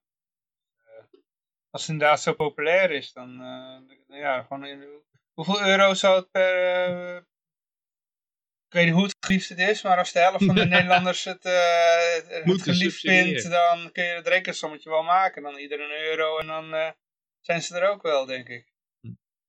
Ja. ja, dat durven ze toch niet aan, denk ik. Nee, Want mensen zijn natuurlijk te dom. Het zijn allemaal, allemaal tokkies. En, uh, en, en ze willen natuurlijk allemaal intellectueel verhelderend verlicht propaganda er doorheen jassen. Maar ze kijkt op een in haar toespraak terug op een heel, in heel Nederland geliefde en succesvolle programmering op radio, televisie en online. Ja. Eh, volgens hun redenering, ik ken hun redenering wel een beetje inmiddels. We zijn heel erg geliefd bij het volk, alleen het volk is er nog niet, beseft het nog niet. dat is het. Ja, ze voelen het pas als het er niet meer is. ja, wat zei ze, zegt hier, ondertussen haalt de NOS echter zijn stickers van de zendwagens omdat verslaggevers bedreigd worden dat, dat verbaast me dan ook alweer. Want ik heb niet het idee dat, dat mensen dat doorhebben dat, de, dat de NOS zo'n propaganda-outlet is. Maar kennelijk hebben toch meer mensen dat door dan, dan, ik, dan ik zou denken. Want dat, eh, ja, dat is natuurlijk ook wel dat het rare met er wordt gezegd hulpverleners worden, worden bedreigd. Uh, dat, dat, daar is ook veel over te doen. En dan denk ik, dacht ik ook altijd van, ja, wie, wie doet dat nou? hulpverlener. Ja, definieer hulpverlener inderdaad. Politie met zijn grote wapenstok. Ja, ik moet wel zeggen, kijk, die gasten die, um, die dat soort dingen doen, dat uh, als je ermee gaat praten, zullen er snel achterkomen dat dat uh, ook niet mensen zijn waar jij het mee eens zal zijn. Weet je nee, wel? nee, nee. Dat, uh... nee, natuurlijk niet. Het zijn mensen die heel, heel bazaal en rudimentair reageren op emoties ja. en helemaal niks intellectueel. Die hebben echt Rothbard niet gelezen of zo. Maar, nee, die hebben maar... wel het zijn mensen met posters van Wilders op, uh, op een kamer, weet je wel. Ja, nee, maar dat, dat, uh, dat geloof ik best. Ja. Maar daar, daar gaat het me niet om. Het gaat me meer om dat, dat... Kijk, als je het op een intellectuele manier begrijpt en je, je komt erachter dat het propaganda is, dan maak je je ook boos. Maar ja, je gaat niet zo snel denk ik zo'n busje in de fik steken. Maar mensen die het niet op een intellectuele manier begrijpen, maar die, die, het, die het, omdat ze daar niet toe uitgerust zijn, zeg maar, maar die, die gewoon rudimentair voelen van ik word genaaid en ik weet niet precies wie het is, maar het zit ongeveer in die hoek, zeg maar. Ik, ik, ik, schiet met een schot hagel, heel ongecontroleerd en, en banaal schiet ik op die richting op en dan, uh, dan, dan heb ik ongeveer wel wat te pakken. Dat geeft aan een soort bewustzijn. Niet een bewustzijn in de zin dat ze, uh, dat ze kunnen uitleggen wat er, waarom ze die lijn nou zo haten en waarom ze op, voor Wilders zijn of zo. Maar wel dat ze, dat ze doorhebben dat, er, dat ze genaaid worden. Mhm. En dat, dat, dat is iets wat ze, volgens mij mensen het eerst doorhebben. Ik word genaaid. En dan is nog niet duidelijk door wie. En de meestal gaat de politicus dan zeggen van... Uh, ja, ik weet wie genaaid wordt. Uh, het zijn de joden bijvoorbeeld. Of, uh, die gaan dan proberen de aandacht daarvan uh, van de werkelijke daders af te leiden. En dat kan succesvol zijn of niet. Maar ik, ik denk dat dat besef is er al. Van ik word genaaid. En als ze dan de NOS-journalisten niet, uh, niet zo mogen, dan, dan weten ze kennelijk ook ongeveer welke hoek het zit. Ja, en dan ga je ook bevestiging zoeken in alles wat je ziet. Bijvoorbeeld als jouw protestje uh, niet op tv was, dat je dan uh, boos wordt en zegt van, zie je wel, we komen niet op tv. En ja, dan krijgen ze een kans om op tv te komen en dan uh, wordt dat weer op een manier gedaan waardoor mensen die zichzelf ook verheven voelen boven de rest van de bevolking, die zie je dan weer van, ja, zie je wel, dat zijn tokkies en onmensen. En ja, of je hebt een ja, die horen dat ook weer. En die, daar, daar wordt het niet gezelliger door. Nee, nee, dat zeg ik ook niet. Maar nee. de, de, je kan ook hebben dat bijvoorbeeld er is een protest, je bent een boer en je wordt helemaal de nek omgedraaid en je bedrijfsinvesteringen die worden helemaal uh, de grond ingestampt omdat je hebt een heleboel geld uitgegeven en dan is er opeens verzinnen ze een stikstofcrisis en dan moet je, moet je dat door het toilet spoelen, die investering. Je wordt boos, je gaat demonstreren, uh, maar er zijn er een paar mensen die worden agressief of, en, en dat kunnen best ook weer uh, ME'ers zijn en daar staan opeens alle camera's van NOS op. En als je het daarna in het NOS-journaal terugziet, dan denk je van, uh, ja, maar het is niet eerlijk. Ik voel me genaaid, ik weet dat ik genaaid ben. Het is gewoon, er is gewoon oneerlijk met mij omgesprongen. Uh, en, uh, en dan word ik zo afgebeeld door de NOS. En da daardoor komt natuurlijk dat idee van, ja, zij zijn part of the problem. Ja, klopt. En dat dat dan allemaal heel ongenuanceerd naar buiten komt, zo, ja, dat is wel, dat is, uh, ja, dat is gewoon omdat, omdat het ons libertariërs niet lukt om uit te leggen hoe dat allemaal precies gaat. Ja. Nou, dat zag je wel bij de gele hesjes. Uh, toen heb ik daar ook rondgelopen. Ook die, uh, die uh, deze folders van vrijheid heb ik toen uitgedeeld. Mm -hmm. Ik heb er nog een doosje van liggen. Ja, ik ook. Die ga ik binnenkort in Katwijk even dumpen. En uh, daar zag je ook echt zo van, oh leuk, iemand uh, die er is, in een gele polo dan in dat geval. En uh, die is ook een, of, een van ons en die komt dan met dit. En dan zitten sommigen ook echt van, nee, nee, nee, dat, dat wil ik ook niet. Dat wil ik ook niet. Hmm. ja, dat, ik wil wel, ik wil wel onder druk blijven worden, maar alleen niet door hun. nee. niet om die reden, ik wil om een andere reden onder druk worden. Wij wonen nog die mensen om die mensen die heel erg uit woede reageren. Ik, ik heb bij een lokale omroep uh, gewerkt, zoals verteld. Maar ik heb uh, die tijd ook wel eens gewoon uh, echt boze reacties. Dat je denkt van, maar waarom dan? Weet je wel? Ik, ik heb een keer iets gezegd in een uitzending. En de, we werden de hele tijd gestalkt door een, door een boze meneer. Want ik had iets gezegd wat hem in de verkeerde keel had was geschoten. En die man die was van een... Uh, wat was het nou ook alweer? Hij was vertegenwoordiger van een belangengroep voor uh, mensen in een rolstoel, treinreizigers in een rolstoel of zoiets. En ik had toevallig een keer gezegd van, uh, van ja, die, die medewerkers van de NS, die, die, die pleuren maar mensen met rolstoelen maar gewoon lucraak ergens in de trein neer, op, vaak gewoon voor het toilet, zodat je niet meer in het toilet kan. En voor zo iemand in een rolstoel is dat ook niet leuk, want het is hartstikke heet daar, zeker in de zomer, het is hartstikke warm ja, het is niet de leukste plek om iemand daar neer te zetten. Dus ik had eigenlijk zo van die NS-medewerkers, uh, weet je wel. Maar ja, hij uh, interpreteerde van, hé, hey, iemand die beledigt de mensen in de rolstoel. Dus die... Ja, Hij was zelf een beetje mentaal gehandicapt, zeg maar. Ik weet het niet, ik weet het niet. Maar toen iemand het me nog even uitlegde van... Maar die, die, die waren heel fanatiek. En ik heb ook een keer een kogelbrief gehad. Want ik had een keer gezegd... Heb jij een kogelbrief gehad? Ja, ja, ja, een kogelbrief. Want uh, iemand had toch wel uitgezegd, uitgezocht van... Uh, nou ja, kennelijk was ik de enige met een bepaalde achternaam in de, die bepaalde stad. Dus hij had heel uh, snel uitgevogeld waar ik woonde. En hij had me een envelop met een kogeltje erin gestuurd. Want ik had iets... ja, ik had wat had ik gezegd over Hemelvaartsdag. Ik vond het raar dat de winkels dicht waren op Hemelvaartsdag. Waarom? Uh, toen, toen waren inderdaad nog twintig jaar geleden waren de winkels Zat er ook een briefje bij, God is liefde? Uh, nee, het was allemaal met uh, kras met hanenpoten. Ik heb wel verwacht bij een kogelbrief. nou, het was, je zag wel aan het handschrift dat hij heel boos was. Maar echt van die hanenpoten en allemaal hoofdletters en, en gekras, weet je wel. Hij was heel boos. En ik kon het niet lezen daardoor, het was onleesbaar, dus... ja, ik heb het ook wel eens gehad. Uh, maar ik, ik, heb een kettingje, ik heb een kettingje gemaakt van die kogel. Ik was eigenlijk, vond het wel, ik vond het wel uh, stoer, weet je wel. Dus ik had er een uh, gaatje in geboord en zo'n uh, kettingje van gemaakt. Een tijdje met die kogel rondgelopen. Je had, een minuutje, had wel een buskruiting kunnen zitten. Nee, nee, nee. Het was de, niet de hele kogel. Het was echt de, de voorkant. Dus het was al een afgeschoten kogel. Okay. Ik, ik, denk dat ik dat deed om postzegels te besparen of zo. Ja. Ja, er stond er geen afzender op, had je terug kunnen sturen. Ja, je, nee, je kan je niet meer schieten met deze komen. En dan nog, weet, weet je wel, dan had ik geen afzender. dan hoef je er ook geen postzegels op te doen. maar goed. Maar... Weet je ook niet of die aan... Maar toen moest je ook strafbord betalen nog.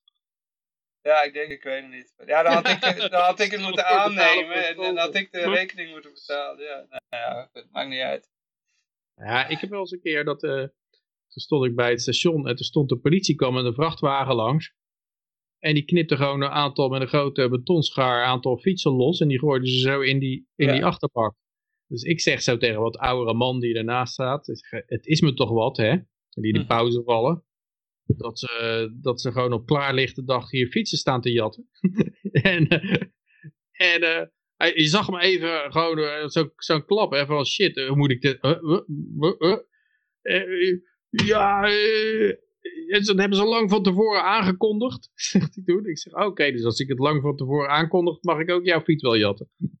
en, ja, door, door mensen zoals jou is het zo rotzooi in Gouda. begon het is gewoon van, er zit gewoon, uh, ja, er zit een hoop woede achter, maar het, is, het komt al niet, uh, ja, het, het, het, slaat als een tang op een varken. Dus ja, dat is natuurlijk altijd een hele probleem. Dat mensen die denken gewoon heel snel het wel te weten allemaal hoe het in elkaar zit. En het, uh, het is vaak wat ingewikkelder om dit allemaal te begrijpen.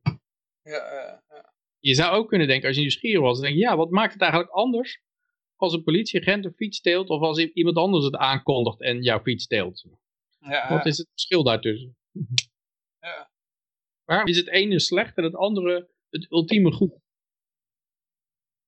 Ja, of uh, daar kunnen we gelijk even, uh, ik, ik had het berichtje eigenlijk uh, verderop staan, maar het sluit hier wel op aan.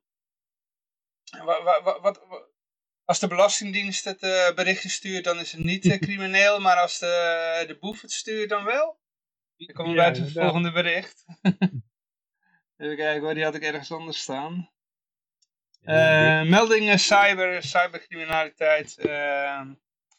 Even kijken hoor. Meldingen cybercriminaliteit. Oh jongens, hallo, hallo, hallo. Uit naam van de Belastingdienst ja, stijgt fors. Stijgt fors, ja. Ja, je moet het eerste zinnetje. Ik rolde over de vloer voor het lachen. Cybercriminelen proberen steeds vaker uit naam van de Belastingdienst mensen geld af te troggelen. Meld de fiscus op donderdag. En uh, ja, dus, uh, de Belastingdienst ontving vorig jaar 162.624 meldingen over cybercrime. Ruim vier keer zoveel als in 2019. Maar uh, ja, zij zeggen natuurlijk uit naam van de belasting. Maar hoe kan je nou, als je naar de Belastingdienst belt en zegt, hier, hier is iemand die probeert maar uit naam van de belasting geld af te troggelen. Dan, dan moeten ze zeggen, ja, uh, hoe, hoe kan je zien of iemand uit naam van de belasting handelt? Want ja, ik, ja dan heeft hij zo'n badge of zo. Ja, zo'n badge. Uh, bedoel, iedereen kan zo'n zo'n badge maken. Uh, als ik mijn badge goed weet na te maken, mag ik dan ook mensen geld aftroggelen namens de Belastingdienst? En dan zeggen ze, nee, nee, nee, je moet wel, je moet wel in dienst zijn van die, die ene organisatie. Uh, maar het is natuurlijk geen, er is geen objectief criterium vast te stellen dat iemand uit naam van de Belastingdienst spreekt, werkelijk. Want het is natuurlijk allemaal een, allemaal een fictie in feite. Ik kan zeggen, ik spreek uit naam van de, de, de, de, de schaakclub en uh, daarmee mag ik u geld aftroggelen. Maar ik vind het... Het, het, uh, het gaat mooiste, om phishing. Het mooiste, ja, ik weet wel waar het om gaat. maar het, het mooie is natuurlijk dat, dat, uh, dat je geen objectief criterium hebt of iemand, een mens, een belastingambtenaar is of niet. Dat kan je gewoon niet aan hem zien. Terwijl, terwijl mensen toch altijd heel duidelijk denken van ja, nou, deze mens, mag jou wel geld aftroggelen namens de Belastingdienst en die mag jou geen geld aftroggelen namens de Belastingdienst.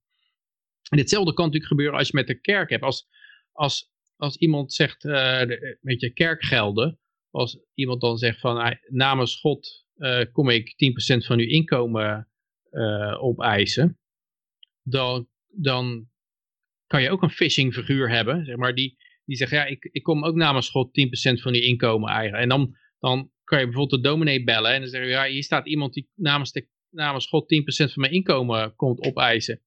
En dan, dan zegt die dominee van, ja, maar hij spreekt niet echt namens God. Hij, ik spreek echt namens God. Om, uh, en u moet uw 10% aan mij geven, maar niet aan hem, want hij is een visser en ik ben een echte. En er is natuurlijk geen enkele objectieve manier om vast te stellen wie er nou echt namens God spreekt. Omdat het een fictie is. Zeg maar. En dit is ook, de, Belastingdienst is dan een organisatie die in het voor het algemeen belang zou zijn of zo, namens het volk geld ophaalt. Maar niemand kan natuurlijk objectief vaststellen of iemand namens het volk praat, of namelijk namens het volk handelt. Want het volk heeft geen stem. Het, het volk is een, net zoals God geen stem heeft. En, en, en, het volk heeft geen handen. En God heeft ook geen handen of geen, geen mond, geen lippen. Dus je kan er van alles van maken. En, en het beste waar ze dan mee gekomen zijn is van nou, als een meerderheid van de mensen zegt oké, go for it, dan, uh, ja, dan, uh, dan, dan kun je zeggen dat wij in naam van het volk spreken. Dat is dan een soort democratische benadering nog. Maar dat is natuurlijk nog, ja, dat is nog steeds niet zo. Het volk spreekt nog steeds niet. Net zoals je, als je tegengestelde belangen hebt. Je hebt een verkrachter en een verkrachte. En dan kan je zeggen, ik spreek namens dit, dit koppel. En dat kan niet. Je kan niet namens, namens dit, naast het uh, duo verkrachter en verkrachter spreken. Omdat ze tegengestelde belangen hebben. Dus zo kan je ook niet namens het, namens het volk spreken. Omdat die ook tegengestelde belangen hebben.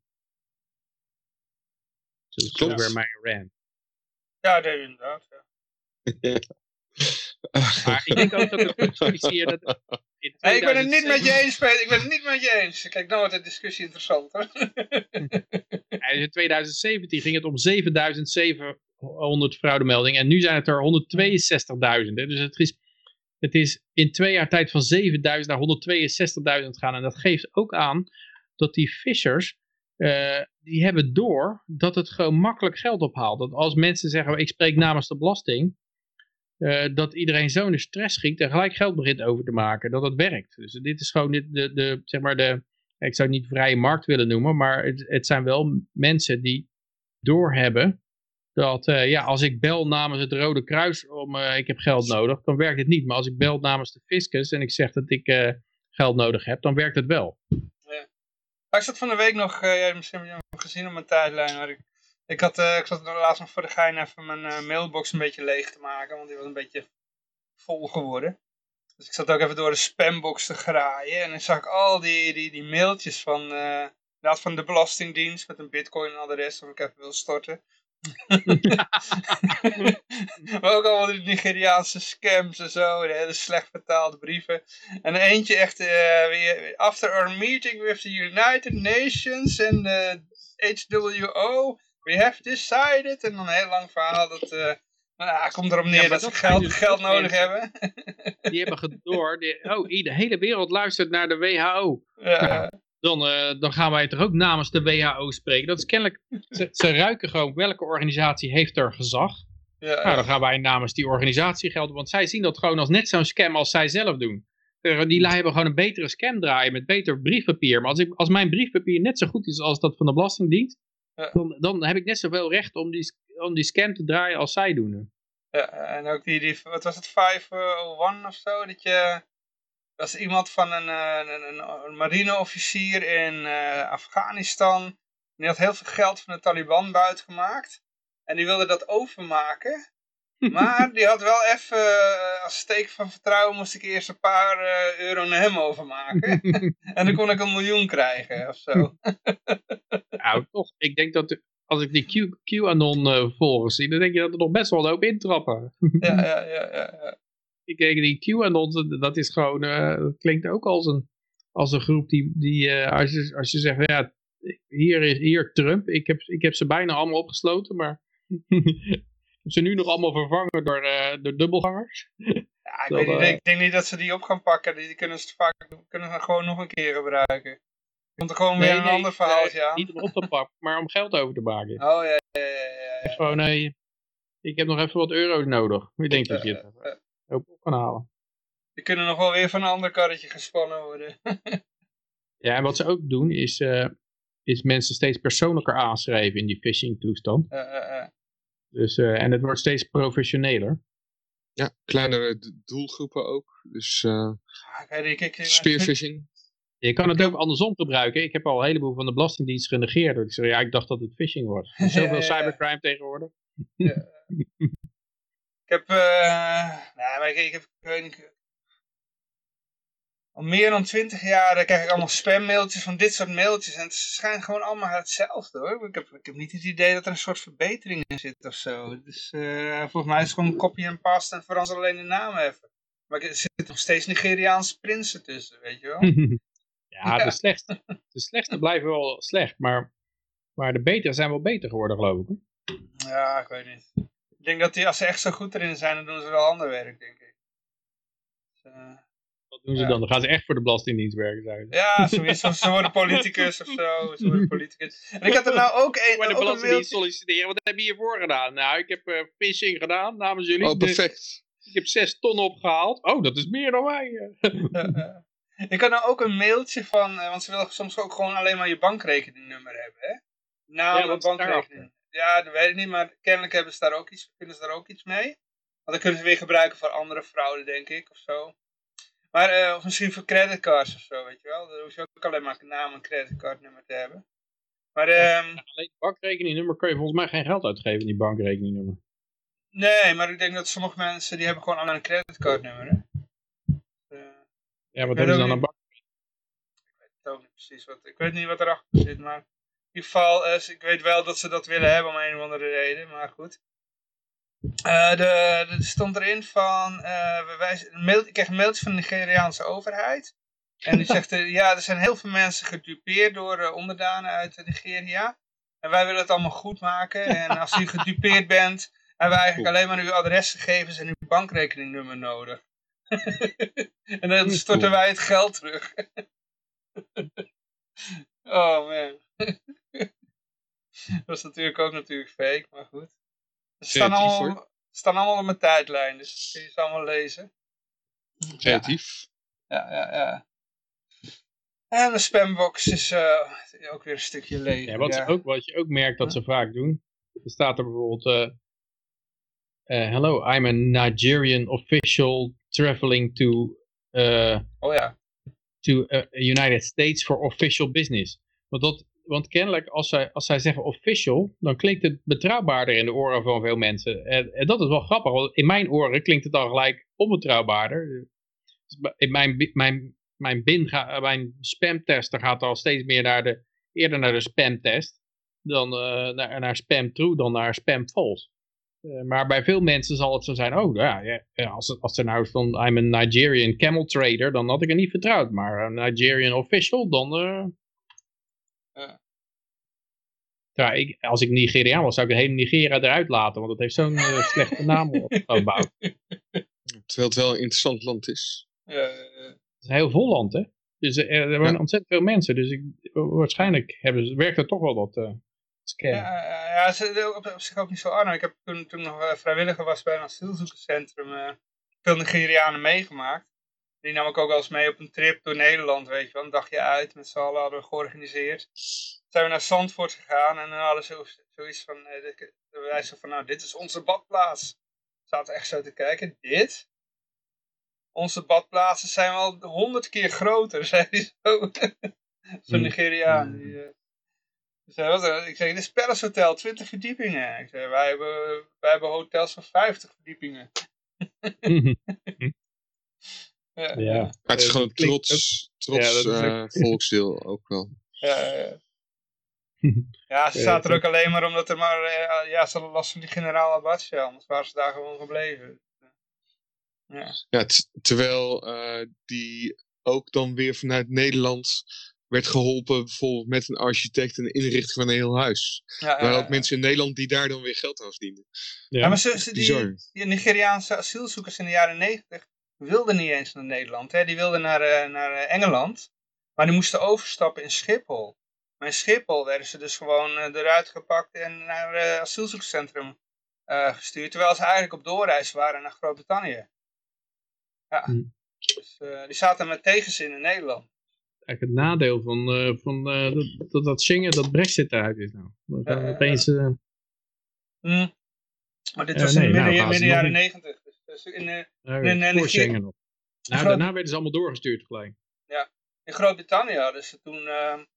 konden ze, hoefden ze niet eens een asielprocedure te, asielprocedure te doen. Dus, dus ja, het was, het was heel raar en heel krom, maar goed.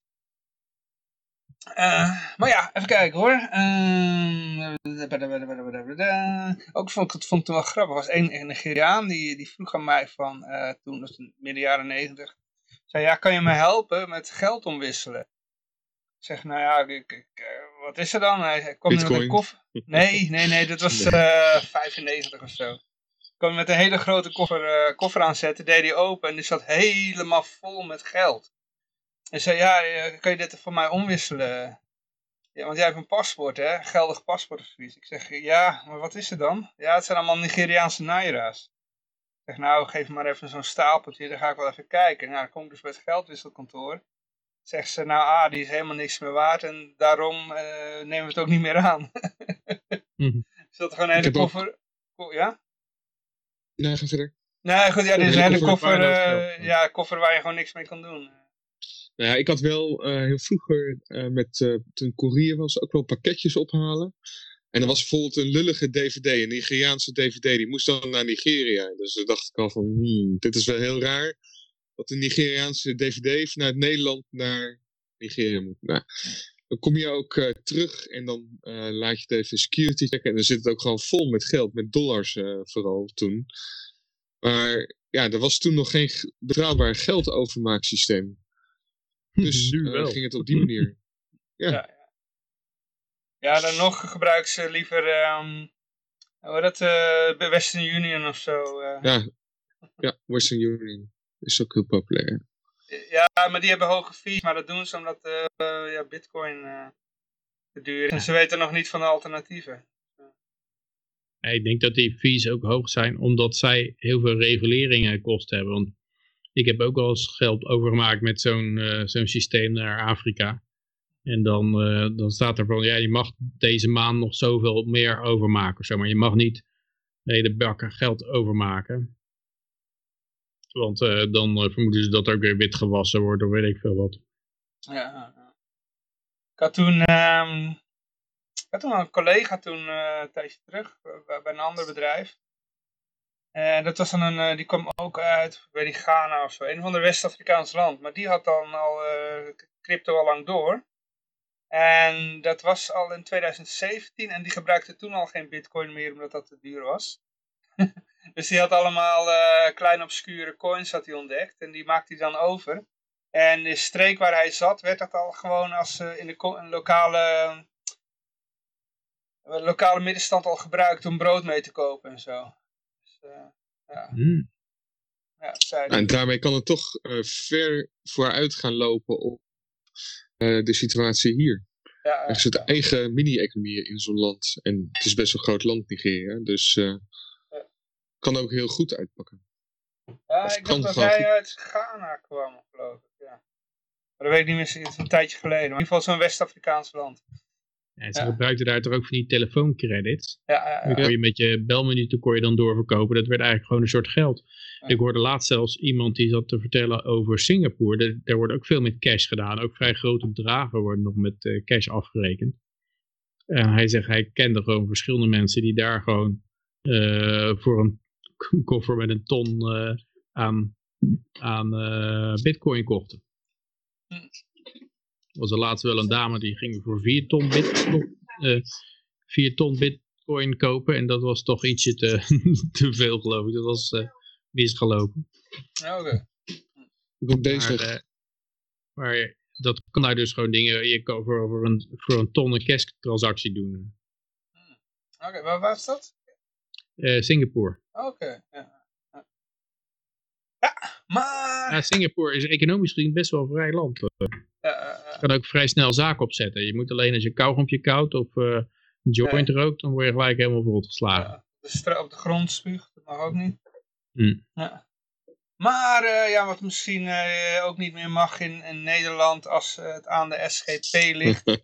en ik denk dat ze, ja, volgens mij zien ze al 150 zetels voor zich. Maar dat is 75, hè?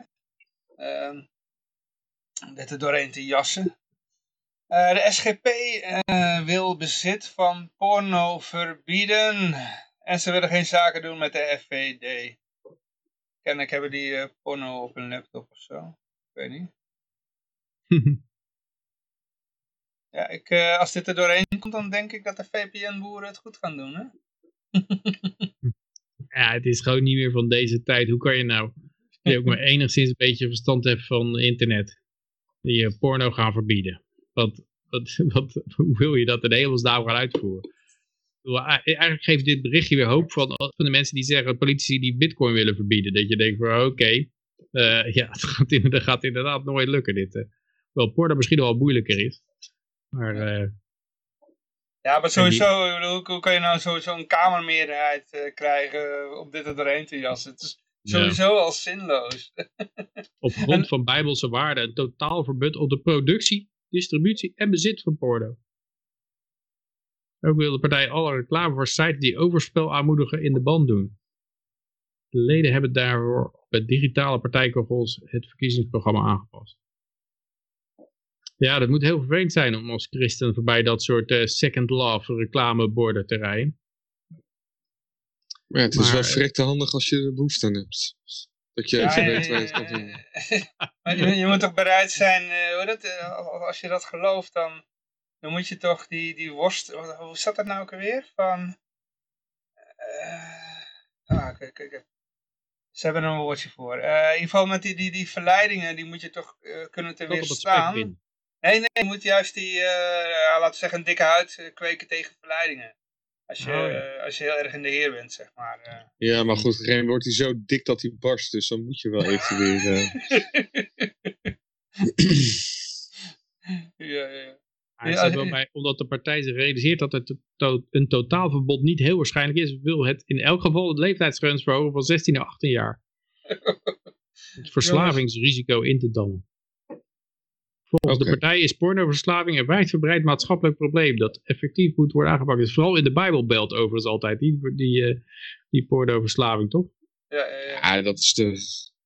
Dat is de... Dat niet, klopt dat niet. voordeel, maar tegenwoordig maakt het natuurlijk geen reet meer uit. Overal wordt porno gekeken. We moeten eens googlen naar Vatican IP address porno. Het maakt geen reet meer Een hele leuke berichtjes. Wel hele toepasselijke manier om het hier, hier te gebruiken. hmm. Nee, al die, uh, die porno-websites die, uh, die, die, die, publiceren ieder jaar gewoon hun cijfers. Vanuit welke landen wordt er gekeken naar porno. En dan, ja, Vaticaanstad zit er ook ieder jaar bij. Hè? Dus, uh, en dan kun je ook zien ja, maar van... Er, er zit iets bij van als het meer onderdrukt wordt, als het niet mag en zo, dan, dan lijkt het allemaal wat begeerlijker, denk ik. Tuurlijk, tuurlijk, tuurlijk. Dus dat, dat, dat, uh, maar ik weet niet of, of dat nou alleen een broodje afverhaal zo echt klopt, maar ik heb al nee, want in inderdaad Iran... in de Bijbelbelt dat, het, dat, het, dat de meeste porno-shops daar zaten of zo. Maar ja, tegenwoordig heb je geen porno-shops meer, dus hoe zou je dat nou kunnen weten? In Iran wordt er ook nog steeds, daar mag het ook niet en er wordt ook gewoon nog steeds porno gekeken. Dus, uh... Ja, en alcohol gedronken. Ja, maar, zelfs... best, maar is het dan meer dan ergens waar het wel mag? Dat is, uh, maar dat, dat, dat, uh... ja, het zou me op zich niet verbazen, maar... Ja. Ik weet niet, in ieder land en cultuur heb je wel lekkere wijven, dus er zullen altijd wel mensen zijn die gelukkig zijn en die dat niet nodig hebben. Dus, uh, ja. Wat een criteria. Hij is eigenlijk, als er lekkere wijven zijn, dan komt er vanzelf porno. Nee, nee, nee, anders nee, wel. Dus bij gebrek aan. Bij gebrek aan lekkere wijven komt er porno. Hm. Ja, ja, ja. Hm. Kijk, ja, ik bedoel, dat is toch wel een reden dat mensen naartoe, daarnaar kijken, toch? Of niet? Uh, ja, ik denk het wel, ja. ja weet niet, in Delft, uh, toen daar studeerde, dan zaten we ook wel porno te kijken. Maar dat was gewoon uh, met een biertje erbij, meerdere biertjes. En dan, uh, ja, zaten we ja, dat heb je niet in Delft. Ik heb wel eens op de middelbare school, dan gingen we een, een horrorfilm kijken. Gingen naar zo'n filmzaaltje toe, met zo'n videorecorder, een cassette erin, en een horrorfilm kijken. En dan zit je dan echt van, ja, uh, wat is hier de lol aan? Eh, dat, ja, dat is iemand die dat bedacht heeft en die dat kennelijk heel leuk vond. Maar eh, ja, ik snap nooit waarom je daar je, voor je plezier naar, naar een horrorfilm gaat zitten kijken. Maar, ja, ik weet dat sommige mensen... Dat, dat, ik weet dat sommige mensen die vinden dat, dat, leuk. Ik bedoel, de reden dat horror... Dat die categorie bestaat is ook denk ik ook omdat er mensen zijn die het graag naar willen kijken. Ja, nee, die zijn er ook wel, ja. Ja, ja, ja ik vind de horror dan zelf niet zo leuk, maar ik ga het niet laten verbieden. Nee, nee, nee. nee. Dus... Nee. Maar ja, je gaat, zit je daar zo en dan worden mensen hun arm eraf gehakt of bloed spuit alle kanten of zo. En dan snap ik nooit van, uh, ja. Uh, Why? Wat is hier de lol van? uh,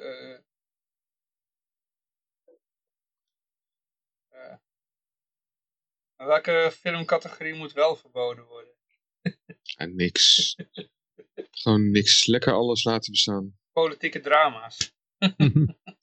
ja, waar, waar ik altijd, als ik nou wel eens naar uh, Netflix of zo, dan ga je kijken van, is er nog wat? Alles waar, waar FBI in de aanhef staat, dat, mm. flikker ik gelijk weg. Ja, ja, ja ik ga niet ook. zitten kijken naar een of andere heldhaftige FBI-agent die tot diep in de nacht uh, probeert om het onrecht te breken en uh, dat soort shit. Alles waar waar uh, dat gesponsord is door de FBI of de Defensie, Pentagon of zo. Dat soort, ja, ja. Dat soort troep gooi ik allemaal gelijk. Uh... Inderdaad, ik ook. Dat, is precies hetzelfde. Of met de leger, weet je wel. Dat, heb je ook nog een hele patriotische films van, waarin het leger verheerlijkt wordt. ja. Skip. en de CIA en zo, daar heb ik ook allemaal niks mee. Propaganda shit. Precies. Moet verboden worden. ja, nee joh. Um, even kijken. We waren bij de porno. Dan gaan we nu naar het volgende bericht toe. En hij is aan het laden. En even door alle cookie meldingen heen klikken. En daar zien we Mark Rutte. En wat heeft hij allemaal te mekkeren? Oh, hier, even kijken hoor. Oh, dit gaat over de toeslagenaffaire. Uh, ouderstoeslagenaffaire uh, hoeven schuld bij de overheid niet meer af te lossen. Als, je dat als je met de teletijdmachine terugkomt in de tijd. had je even een lening aangegaan en vervolgens een toeslag aangevraagd.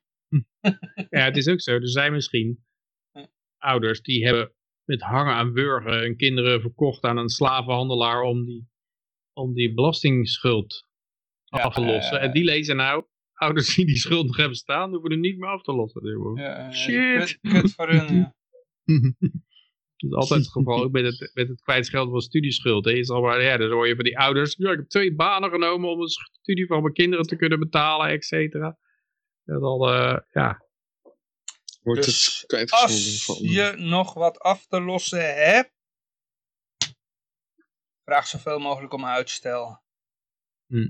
Dan maak je misschien nog een kans. je wordt vast wel een keer ergens kwijtgescholden. Ergens komt er een crisis voorbij en dan word je hele hypotheek kwijtgescholden. Ja, ja, ja, leren van mensen. maar dit was natuurlijk het gevolg van dat uh, vorige week was in het nieuws dat die slachtoffers van die toeslagenaffaire, die moesten hun compensatie gelijk weer bij de Belastingdienst inleveren. Dus dat, uh, dat was ook zo van, uh, oké, hier krijg je compensatie. Oh, uh, dat is inkomen en dan moet je dat weer inleveren. Want de Belastingdienst die geld uit handen geeft, dat is, dat, daar, dat, dat, daar grijpgrage handjes willen dat wel heel snel terugpakken. Ja, en, maar toen kwam er weer zoveel ophef over. Dat kennelijk is dit toch iets waar zelfs de Belastingdienst verbaasd over moet zijn dat het ze niet lukt om, om hier iedereen voldoende te intimideren. Om, om toch gewoon al het geld uit mensen te trekken dat ze daaruit kunnen krijgen. Dat ze dachten van nou, we kunnen gerust een compensatie geven en die gelijk weer terug uh, eisen. En dat ze toen toch uh, raar opkeken toen ook, ook dat weer tot een uh, verontwaardiging in de pers leidde. Dus, nou oké, okay, misschien moeten we deze dan toch maar eventjes voorbij laten gaan, deze. Maar zal hier nog een uh, addertje onder het gras zitten? Ik bedoel, de overheid die doet niet zomaar die gaat niet zomaar uh, toch uh, over het hand, hard over het hand strijken. Er zit nog een addertje onder het gras, toch?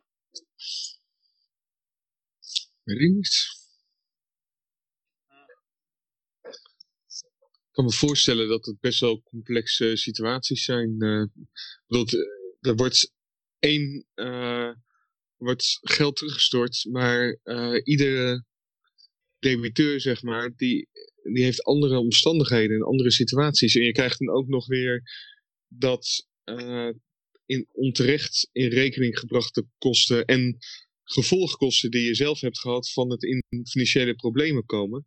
Ja, dat, dat zijn ook kosten die krijg je niet terug. En uh, zorgen weer voor eigen complexiteit op het dossier. Dus ja.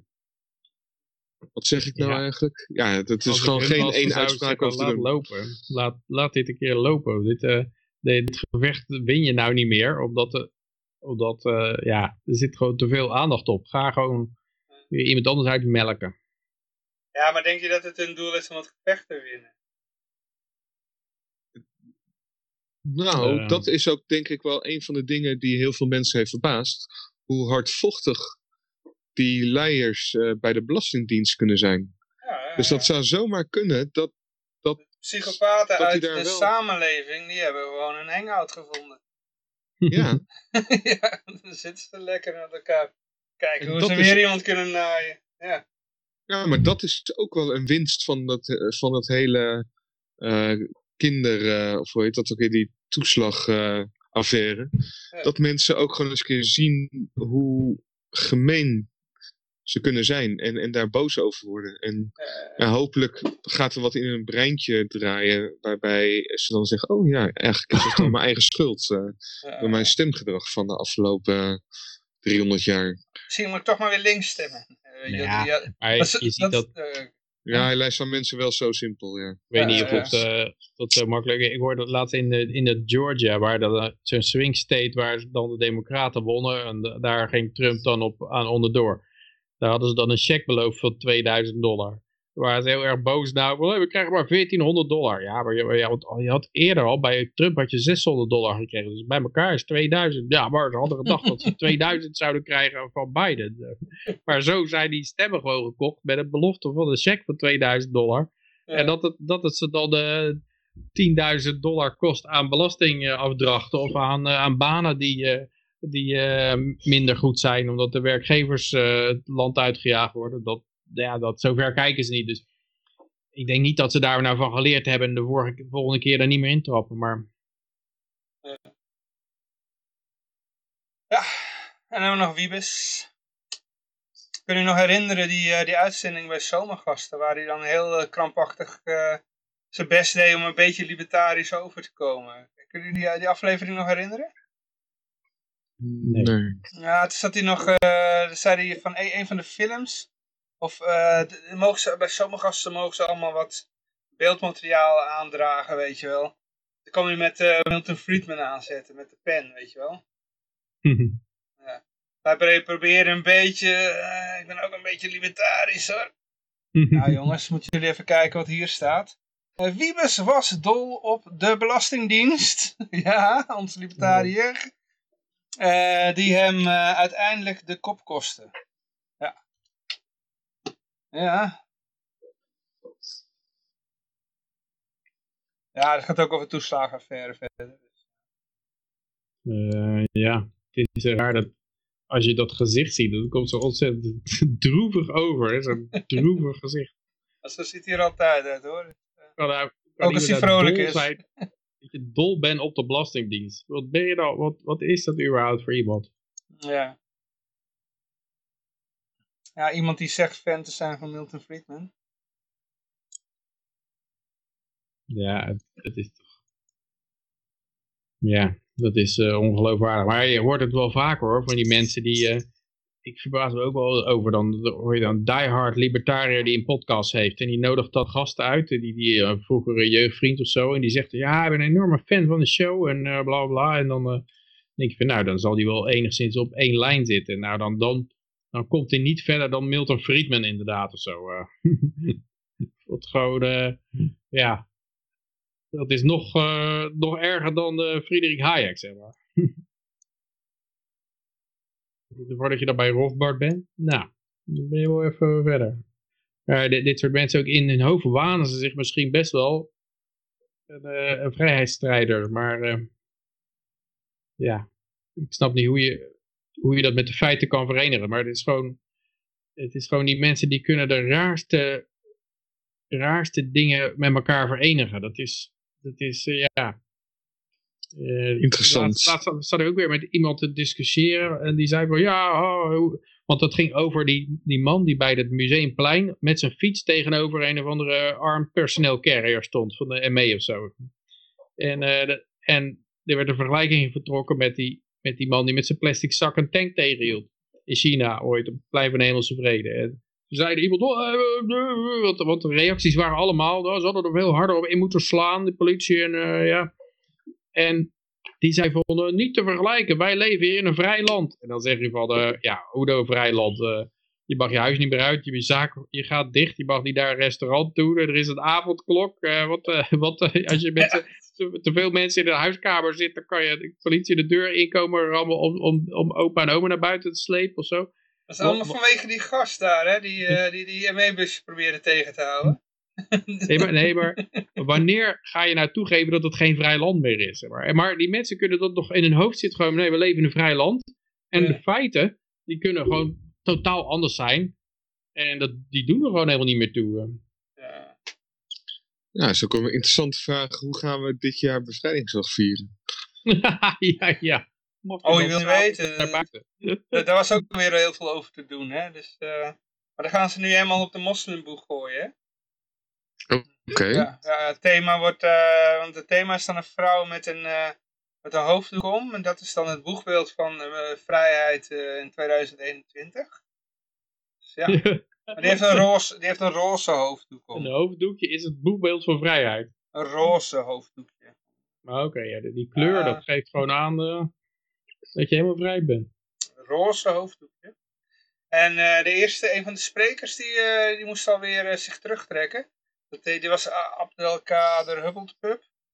Ik was achternaam nu een van de schrijver en die heeft ooit in het verleden iets over Joden gezegd. En nou mocht hij dus, dat was een beetje lastig. Ja, dat had ik wel kort gelezen inderdaad. Dat, hij, dat hij dat had gedaan. En dat hij ook weer had, ja, zijn aanbod had ingetrokken om dat te doen. Maar dan vraag ik me ook af, er zijn mensen die die personen hebben gescout en gedacht, we gaan hem vragen daarvoor. En die mensen, daar ben ik vooral benieuwd naar. Wat, wat in, in dat breintje allemaal rondgaat, waardoor ze denken, god, echt een goed idee om die persoon te vragen. Dat, dat, daar ben ik echt benieuwd naar. Nou, ik denk dat, dat dit, dit, was een uitzondering. Die uitspraak had hij dan gedaan. Niet zelf in, dat stond niet zelf in zijn werk. Maar iemand die wel eens met hem gewerkt heeft, die had geze gezegd dat hij dat in een bepaalde situatie, hij was volgens mij ook nog dronken, had, toen had hij dat gezegd. En dat had hij dan weer bedoeld als een grap. Dus ja, ik, ik, ik, ik zeg ook wel eens het woord neger. Uh, Wat? ja, voor de grap. Maar uh, Nee, zo komen niet meer weg, joh. In politiek correcte kringen zou ik er sowieso niet uitgenodigd worden, maar... nee, maar, ik, ik heb helemaal niks tegen... Kijk, huiskleur, het, maakt me echt geen ruk uit. Als, is iemand helemaal blauw, joh, dat maakt me niet uit. Mensen die dat zeggen, dat zijn meestal de grootste. Dat zijn de ergste. oh, dat zijn de ergste. Die beginnen altijd met een verontschuldiging. Ja, ja, ja. maar, uh, ja, wat, ik moet, wat Lucas net zei, van wie zijn die mensen die dat soort keuzes maken, zeg maar. Wie zijn de mensen die, die, uh, die mensen op de nominatie zetten voor, voor zoiets? Dat, dat, daar, dat circuit, dat is, ja, mensen zoals wij, die letten daar gewoon helemaal niet op. Die zijn, uh, die zijn gewoon nuttige dingen bezig. Maar er, zit, er zijn mensen die, zijn, die, die zitten zich helemaal toe te werken naar dat soort nominatiecommissies. En, en dan zie je dus de raarste figuren krijgen de Nobelprijzen. Die krijgen ja, uh, dit, soort, dit soort nominaties. Die worden allemaal naar voren geschoven. Omdat er een heel leger van, van dat soort woke... In die, in die hele woke-cultuur is dat ook zo. Die schuiven allemaal naar personeelszaken in een groot bedrijf, naar uh, af, afdeling advertentiebudget. Dus dan kunnen ze advertentiebudget terug uh, afzetten van media die niet gehoorzaam zijn. Uh, zo, zo zie je dat ze, ja, en de rechters ook allemaal. Dus dat dan, ja, ze weten dat soort functies heel goed uh, waar je toch wel enorme macht hebt. ik heb wel ook in het Haagse bij een paar van die fondsen ben ik op bezoek geweest. En dan moesten nominaties van over de hele wereld uh, moesten dan weer opgestuurd worden. Dus dan uh, ja, kwam, kwam er een grote dikke envelop uh, kwam er binnen. En ik zag daar wel echt van die, van die wijnwijven daar. die wel van een glaasje houden. Wel echt leuke vrouwen. Ook daarheen dat ze daar komen, weet je wel. Wie gaat er nou, dan ga je naar zo'n lezing toe van Bevrijdingsdag. Of Dode Dode denk ik was het in dit geval. Ik bedoel, wie gaat er nou naartoe, weet je wel? Waarom ga je daar naartoe? Ja, allemaal hetzelfde. Uiteindelijk ga je, kom je daar gewoon om te zuipen. Dus, en, en de afloop is het gewoon een borrel en dan kan je weer lekker uh, gesubsidieerd uh, jezelf uh, bezatten. Ja, een beetje interessant doen. En een beetje interessant doen. Het is net zoiets als naar galerie gaan, weet je wel. Dat is ook gesubsidieerd zuipen, toch? Ja. is waarschijnlijk projectie voor jou, Johan. Je, je ziet het enige... enige ja, subsidie en zuiver. subsidie zuiver. Vroeger ging, vroeger ging ik... Toen ik heel jong was, ging ik nog wel serieus naar een uh, galerie toe, want er was dan een, een schilder van, ik dacht, nou, nou dat wil ik wel even dichtbij bekijken. En toen zag ik echt om me heen van dat de rest daar alleen maar was om te zuipen. Terwijl ik was de enige die de schilderij zat uh, te bekijken. Of bij Herman Brood. in je hand? Nee, nee, ik heb ook wel een wijntje hoor, maar... Uh... wij kwamen dan serieus voor de kunst, maar ik, had, ik, ik nog, kwam nog wel eens bij Herman Brood, ben ik nog geweest kijken, maar daar, daar vond ik sowieso niks aan, maar ik wilde wel weten waarom dat, waarom mensen, dat, er zat zo'n sfeer omheen van, wauw, daar moet je geweest zijn. Ik denk, nou, dan ga ik toch maar eens even kijken, misschien heb ik iets gemist van die kunst, dat vind ik helemaal niks, weet je wel. En dan lag hij daar helemaal, helemaal, helemaal ladderzat op de grond. En iedereen zat er dan zo omheen met een glas champagne in de hand. Nog helemaal brood er zo op de grond uh, te ronken. ja, ja. Bijna vergeten we die belastingdienst weer terug te komen. Dat, oh ja, ja, ja. Dat, uh, er was ook nog de royale vertrekregeling, waardoor een heleboel ambtenaren vertrokken. Die werden geloof ik ook weer gelijk teruggehuurd. Want is en een enorme afkoopsom en uh, rode uh, salaris terug. Want dat leidde tot grote, uh, want zelfs de beste ambtenaren vertrokken. Dat leidde tot grote ergernis in de Tweede Kamer. Zelfs, uh, zelfs de coalitiepartijen VVD, VVD PvdA verzuchten dat er niks was opgelost en dat er belastinggeld was verspild. Dat zich op de achtergrond ook nog een grote familiedra of een drama voltrok waardoor huwelijken sneuvelden en mensen hun huis weer uit werden gezet, was toen nog niet in beeld. Raar hè? Terwijl je zou moeten zeggen, volgens mij is dat erger dat, dat, dat er dan, uh, dat dan mensen er, eruit gooien om later weer terug te huren, ja. Ja, maar als er... Dat gebeurt overal in de overheid. Maar als er heel veel belastinggeld over de boeg gaat, dat wordt ergens anders opgehaald en daar sneuvelen ook weer huwelijken door. Uh. Ja, er zijn altijd op de marge zijn er mensen die nog net trekken zonder die belasting, maar net niet meer met hem, met die belasting ja. erbij. Ja, maar ik bedoel, dat ze mensen eruit flikkeren om die, die ze dan weer terug gaan huren, dat is gewoon uh, orde van de dag bij de hele overheid. Ja, dat, is wel het geld. dat maakt het eenmaal ja. vergeven, te vergeven. Terwijl ze zouden zich eigenlijk zorg, zorgen moeten maken. Tenminste, zouden zich eigenlijk meer druk moeten maken over het feit dat ze gewoon uh, mensen letterlijk kapot aan het maken waren met die toeslagenaffaire. En dit is nog maar een topje van de ijsberg, hè? Dus uh, ik, ik weet wel meer dingen die er gebeuren. Dus uh, van, van diezelfde aard. Wat nog niet in het nieuws gekomen is. Ja, maar wat ook wel zo is uh, met die hele toeslagenaffaire, er is ook van tevoren gewoon gezegd, de Belastingdienst is niet geschikt om toeslagen uit te delen. En ook de Belastingdienst heeft gezegd van ja, we willen dit niet doen, we kunnen dit niet. En toch zijn er mensen geweest die zeggen nee, de Belastingdienst moet het gaan doen. Terwijl het gewoon een plunderorganisatie is en niet een doneerorganisatie.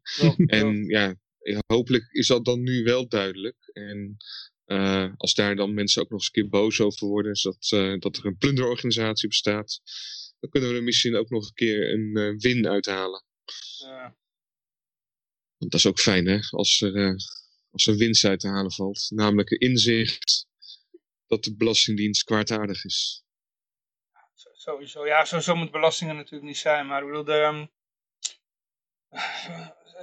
je pakt nu mensen eerst geld af en dan geef je het weer terug. Ik bedoel, uh, je kan ook zeggen, nou, doe dan wat minder belasting of zo. ja. ja. Nou, dat zie je ook met maandverband, uh, wat dan gratis zou moeten zijn via de ziektekostverzekering. Maar ja, dan, dat is gewoon een, een, manier om maandverband heel duur te maken, is dat via de verzekering te doen. Ja, dan ja, klopt, beter een, een, soort van GoFundMe gaan oprichten die dat uh, ja, uitdeelt. Of koop, koop, koop een partij op en zet het neer bij de supermarkt. Ja. voor gratis meenemen. Via het ziekenfonds of de ziektekostverzekering, dat is gewoon rete dure oplossing. Ja. ja. deze hadden we al gehad. Maar eh, gaat ze dat echt doen nog? Of was het alleen maar een ideetje van de gratis maanverband? Dat zijn, het ging op Twitter een tijd oh. rond dat dat ja. uh, wel prettig was. En er was ook een land in Europa waar dat dan uh, ging gebeuren. En ja, dat ziet me dan meteen als voorbeeld dat we dat ook hier in Nederland zouden moeten doen. Ja, als dat net zoiets als een basisinkomen, weet je Ja, als je het lang genoeg herhaalt, dan uh, gaat het er vanzelf wel komen, ja. Nou, ik had ook wel eens een keer, uh, dat is ook die gele, gele hesjes, had ik dat ook eens een keer voor, voorgesteld, om daar alvast mee te beginnen, met gele hesjes basisinkomen. En had ik dus uh, zo aangegeven van, dat kun je op een aantal manieren doen. Je kan gewoon zeggen van, maak geld over in een pot en het wordt aan iedereen in Nederland wordt dat uh. Of alleen op mensen die zich hebben ingeschreven. Of mensen die jij, die bepaalde groepen zijn die jij dat gunt. Bijvoorbeeld NOS-medewerkers of zo. en toen zei, ze, toen zei ik ook van, ja, de inleg is bijvoorbeeld 100 euro. En, en daar, als er een miljoen mensen meedoen, krijg je van die 100 euro, krijg je 1 tienduizend uh, euro krijg je terug. Dus hij vroeg ze, waarom zou ik dat doen? En toen dacht ik ook van, kijk, hou dat vast, dat gevoel. Hadden ze het door wat je er uiteindelijk mee bedoelde? Of, Want de zin die, die daarachter hoort is, waarom zou ik dat doen als er geen pistool boven staat? Ja, ja, ja. Nou, uh, gewoon dat ze het een slechte deal vonden. En, en dat is het ook. Dus uh, punt is alleen, nu denken ze allemaal van, ja, dan krijgen wij dat basisinkomen, dat komt allemaal uit de portemonnee van John de Mol en zo. Uh, of de mevrouw ja. Heineken of zo. Terwijl, ja, die hebben al hun geld in het buitenland geparkeerd. Er gaat geen cent van hun naartoe naar de basisinkomen. Zelfs dat niet, denk ik. Want ja. als je vraagt aan mensen van, uh, zeg maar, die, die, die 2000 dollar om op Biden te stemmen, wat, wie gaat dat betalen? Ik denk dat de meeste mensen daar niet eens over nagedacht hebben. Ja, dat zeggen ze wel, maar als je, als die argument met die mensen gaat praten, zeggen ze, ja, the filthy rich will pay. Nee, helemaal ja. niet. die hebben hun geld wel ergens anders geparkeerd, die weten dat. de filthy rich, die zijn weer, uh, weer 100 miljard op vooruit gegaan of zo, uh, aan de stijging van het aandelenkapitaal. Ja. Dat er zoveel geld bijgedrukt wordt. Ja. Ja, ja. Maar, uh, oh, dat is ook wel grappig, hè? Weet je, de, wanneer de, de filter, want de filterrits die hebben dan, ja, het zijn gewoon mensen die gewoon uh, slim zijn en daarvoor beloond worden. Voor mij is dat helemaal niet filter, maar in ieder geval, die, um, die hebben er vaak een aandelenpakket, hoeven daardoor niks over te betalen, weet je wel. Dat is Warren Buffett en zo. Maar de enige keer dat ze dan, dat, dat, ze, dat ze dat kunnen omcashen, is wanneer ze een publieke functie hebben. Dan hoeven ze geen belasting erover te betalen als ze dat gaan omzetten in geld. ja. Maar dan kun je dat als vriendendienst aanbieden. Nou ja, daarom denk ik, ik zal niet gek van opkijken als uh, Bill Gates bijvoorbeeld een publieke functie gaat doen, of Warren Buffett. Hm. Dat zijn de momenten dat ze het om kunnen cashen. Trump heeft het al gedaan. Oh nee, die heeft het uh, ook een groot gedeelte bij zijn kinderen geparkeerd, geloof ik. Hè? En ja, officieel moest hij uit zijn bedrijf. Vanwege belangenverstrenging mag je geen aandelen bezitten als ja. publieke uh, figuur. En, om, en dus moet je ze verkopen, maar dan is het niet terecht dat je winstbelasting betaalt ervoor. Ja. Ja, hij heeft geloof ik een groot gedeelte heeft hij weer uh, bij zijn familie uh, geparkeerd, zijn kinderen en zo. Dat is slim. Aardig ook wel, eigenlijk. Ja, ja. Ik ben niet verbaasd als hij helemaal niet zoveel geld heeft. Maar... Ja, die speculatie die gaat ook inderdaad. Dat, die, uh, dat zijn geld er doorheen is gejast.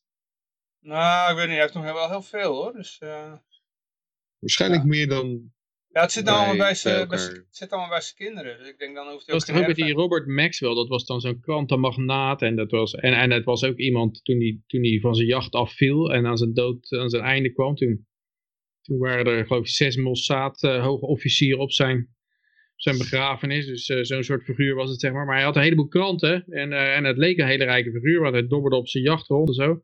Maar als je alles gewoon aan het eind na zijn dood van elkaar aftrok en bij elkaar optelde, dan stond er een min aan het eind. Ja, misschien doet hij dat ook wel expres, omdat hij weet van, uh, hoef ik er geen belasting over te betalen. Hij was dood, niet, wat ik, hij was dood na zijn... Uh... Ja, oké, maar toen bij het leven had hij dat misschien al bewust gedaan, want dan weet je van, uh, wat ik niet heb, dan kunnen ze ook niet van me afpakken. Nou, ik denk weer dat dat soort mensen, die kunnen makkelijk lenen, omdat het is een grote naam en, en ja. Ze, ja, ze denken van daar kan je niet, niet nat op gaan. Als, je, als, je, als jij leent aan, aan Donald Trump, dan ja, misschien uh, tenminste voor zijn presidentschap, dan denk je, nou, dat is een cash cow, die kan het echt wel betalen. Uh, terugbetalen. Daar hoef ik niet, want die, die zal het schandaal van een default niet aan willen. En, aan, en die, ja, die verdient gewoon geld omdat hij beroemd is. Of die heeft gouden handjes of dat soort dingen. Dus die krijgen makkelijk geld, maar die gooien het dan ook heel makkelijk over de balk, denk ik. Mm. Ja. Ik weet niet, maar goed, ja. Uh, maar we moeten even, even verder. We hebben hier een, uh, ja. een man uit uh, Dronten die alle shit van de wereld over zich heen krijgt. Wat te langzaam, hè? Ja. ja, we rousen er zo wel doorheen, hoor, want die coronaberichten zijn dan... Uh, ja, die snapte ik niet helemaal, deze Dronten gast, wat daar nou precies het probleem was. Ja, de coördinaten, maar waar staan die coördinaten voor? Die coördinaten staan voor het centrum van Nederland. Dus er is een Amerikaanse overheidsorganisatie die heeft als een adres in Nederland niet bekend is, dan gaat die default die bij Google Maps naar het centrum van Nederland. Google Maps haalt dat bij een Amerikaanse organisatie vandaan. En dat centrum van Nederland zit net bij deze gast uh, op zijn oh, huis. Okay. En wat betekent dus als er mensen gaan zoeken naar een of andere organisatie, van uh, een phishing uh, organisatie, zoiets, daardoor ze bedrogen zijn en er is geen adres van bekend, dan komt Google Maps met zijn adres uit. En dan komen er uh, boze lui eh, voor zijn deur staan. En uh, ja, dat is dus een nadeel om dit huis te verkopen, denk ik. uh, zolang dit niet veranderd is. En hij heeft al eerder gezegd van, zet dat nou ergens midden in een meer neer, dat, uh, dat is het minderpunt van Nederland. Maar Google Maps zegt, ja, dat kunnen wij niet zomaar veranderen, want dat halen wij weer van die andere organisatie. Dan moet je daar maar gaan klagen. En, maar ja, het mooie hier aan vond ik, dat, dat ze het die, man heeft hier al veel langer, al, jaren last van. Uh, en het is nooit in het nieuws gekomen. Daar krijg je er geen aan. Totdat uh, mensen die, uh, die hadden een organisatie die demonstreerde, of die maakte anti-corona demonstranten belachelijk. En dat deden ze onder andere door met een vliegtuigje, een reclamevliegtuigje met daarop de tekst koud hè, Viderel. En Viderel is dan die organisatie Videre, Videre, Videre, is een website die tegenstanders van de coronamaatregelen op de korrel en wappies noemt. En uh, dus boze demonstranten zochten op internet wie er achter die site zit en kwamen uit bij Haringweg in Dronten, bij deze meneer. Dus nu, nu eigenlijk worden hier de, de mensen die, die tegen coronamaatregelen zijn, die worden een beetje als domme sukkels afgeschilderd.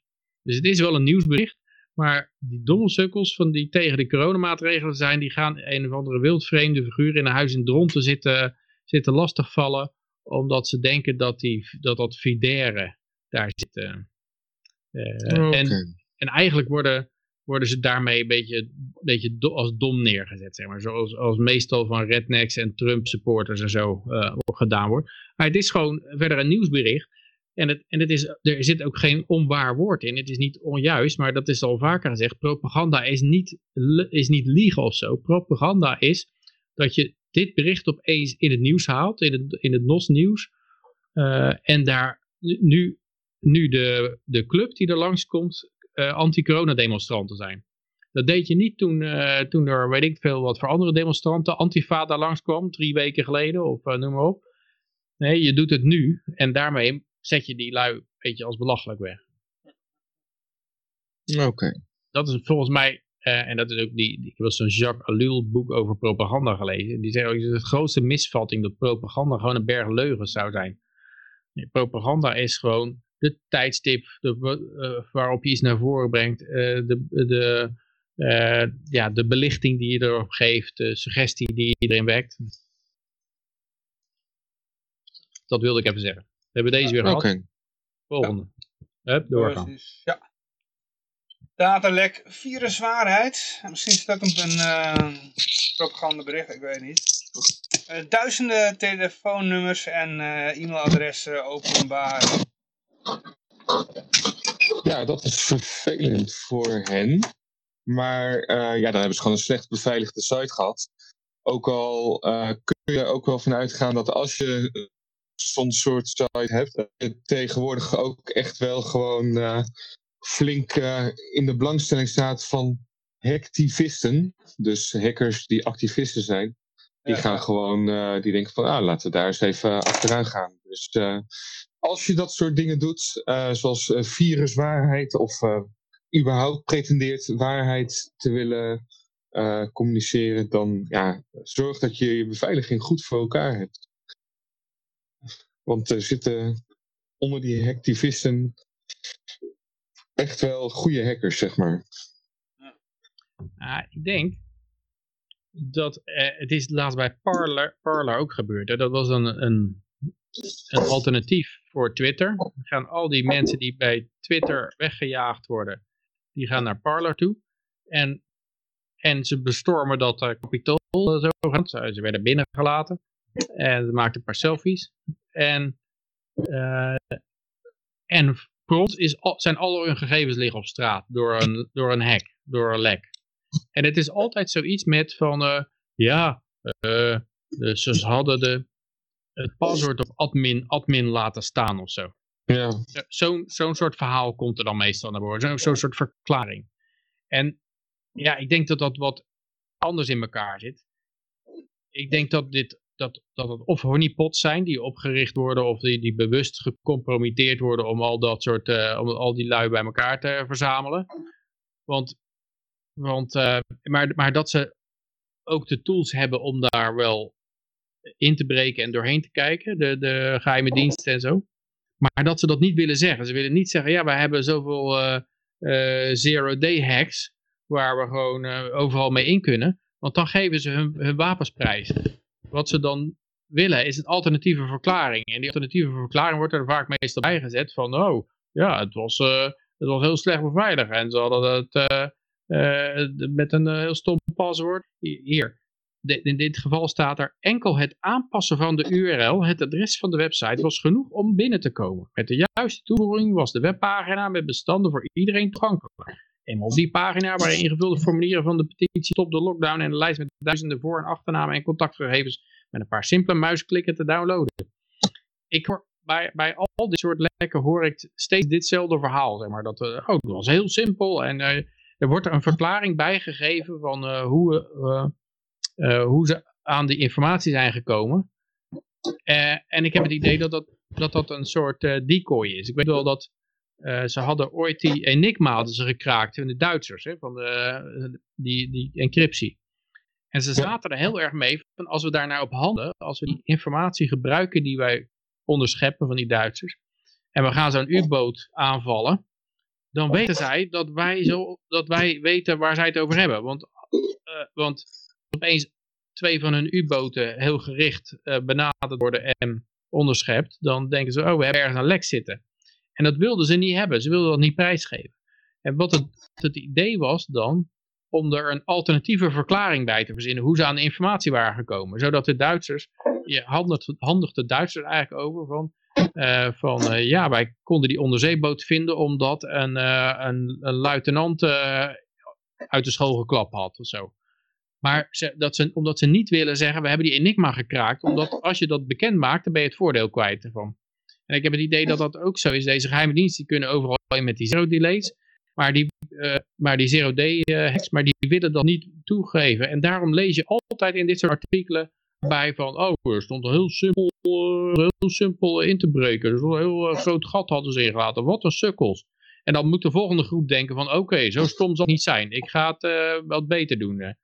En ook die worden gewoon weer gehackt, omdat, ja, op dezelfde manier. En dan staat er ook weer in de krant te lezen dat ze iets stoms fouts hadden gedaan. Dat is mijn idee erover. Dat zou kunnen. Ja. Klinkt eigenlijk wel. Logisch. Maar goed, de, de Parlay site, behalve dat ze natuurlijk niet aan de voorraad deden van Amazon qua moderatie, uh, hadden ze ook bijvoorbeeld nog een uh, authentificatiesysteem nog op een, uh, een gratis versie draaien. niet geschikt voor bedrijven of voor langdurige gebruik. Dus er waren wel sowieso een aantal basisfouten gemaakt. En het schijnt ook dat Alex Jones daar uh, achter zat, achter die uh, parlay. En het kan ook gewoon zijn dat Mm, die... is die andere dat toch? het eens een keer in elkaar gaat. Maar investeerders zat de zou- Mercer-familie Ja, erachter. Mercer, ja. Oké. En ehm, dat, dat die gewoon prutswerk hebben gekocht, zeg maar. Hebben ze een neefje gevraagd dat eh, te maken. Ja. Het zou, het zou natuurlijk kunnen, maar... Ik eh, vind Ja, het vreemd dat je het altijd leest. Het kan natuurlijk ook zo zijn dat ze allemaal prutsers hebben. Maar het is wel raar dat je, je gaat een site oprichten. Je weet dat er gewoon aanvallen van alle kanten gaan. Dan ga je het op een Amazon server neerzetten. Dat vond ik ook al heel vreemd. Waar je van eigenlijk ook weet van ja, dat is ook niet betrouwbaar.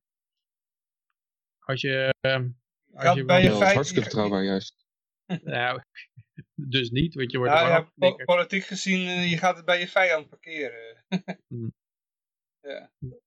Jeff Bezos is ook eigenaar van de Washington Post. En dan hoef je maar een paar keer te lezen om te weten dat, eh, Ja. dat hij geen probleem heeft om Parler eraf te horen. Wat ik overigens qua business is het wel een be- beslissing geweest. Hoor, want wie gaat er nou nog zijn site bij, bij, bij eh, eh, Amazon neerzetten? Die ook, als het me niet over recepten gaat, zeg maar. Over, eh, weet ik veel, over geboortekaartjes bestellen. dan, eh, ja, dan moet je er nog twee keer nadenken. Want ik weet ook nog dat ik dat hoorde van gedistribueerde eh filesystemen. Met blockchain gebaseerde filesystemen. En dan gingen ze ook vergelijken met een, eh, een Amazon webserver. En dan zeiden ze van nou, ja, het is, eh, het is helemaal niet, eh, die gedistribueerde blockchain, dat is helemaal niet eh, goed, want de Amazon server is gewoon goedkoper. En toen dacht ik van ja, dan ga je alleen op prijs vergelijken. Maar, maar het gaat ook om de kwaliteit. En de kwaliteit, die is eigenlijk bij Amazon moet je al die achterhoofd worden dat je die platform kan worden. En dat is als je bij WordPress een site neer gaat zetten. WordPress zijn ze al veel erger beter. Of met Patreon of zo. Ja, Patreon, daar go gooi je ook eh Laura Southern eraf of zo. Als het, eh, eh, om wat voor reden dan ook. Dus dat zijn allemaal dingen. Nou, ja, gewoon voor zijn bedrijven wel is... Voor bedrijven is Amazon gewoon een supermooi platform. En er zijn best wel veel eh, programmeurs voor beschikbaar. En zolang je geen gekke dingen doet en aan de voorwaarden houdt, is het eh, ja, Ja, maar de echt voorwaarde is een het probleem. een mooi platform. Parler heeft zich niet aan de, eh, de voorwaarden niet geschonden. Ja, maar goed, niet iedereen zit in dezelfde business als Parler. Hè? Ik bedoel, eh, als je gewoon een bedrijf hebt eh, wat kerstcadeautjes maakt, noem maar wat. Ja, dat, dat boeit niet. Nou, dat kun je gewoon prima- en, en geboortekaartjes, dan kan, het, dan kan het nog, maar je moet wel beseffen dat we zijn in een paar jaar tijd, in, wat is het, twee of drie jaar tijd, zijn we gegaan van eh, Alex Jones wordt opeens van alle platforms geband naar de president van de Verenigde Staten wordt van Twitter afgegooid.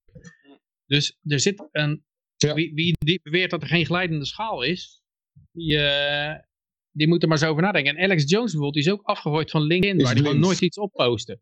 Dus het betekent gewoon dat als jij ergens de Sjaak bent, net zoals die gast, die had alleen maar een podcast over met een interview met een Q, QAnon uh, aanhanger.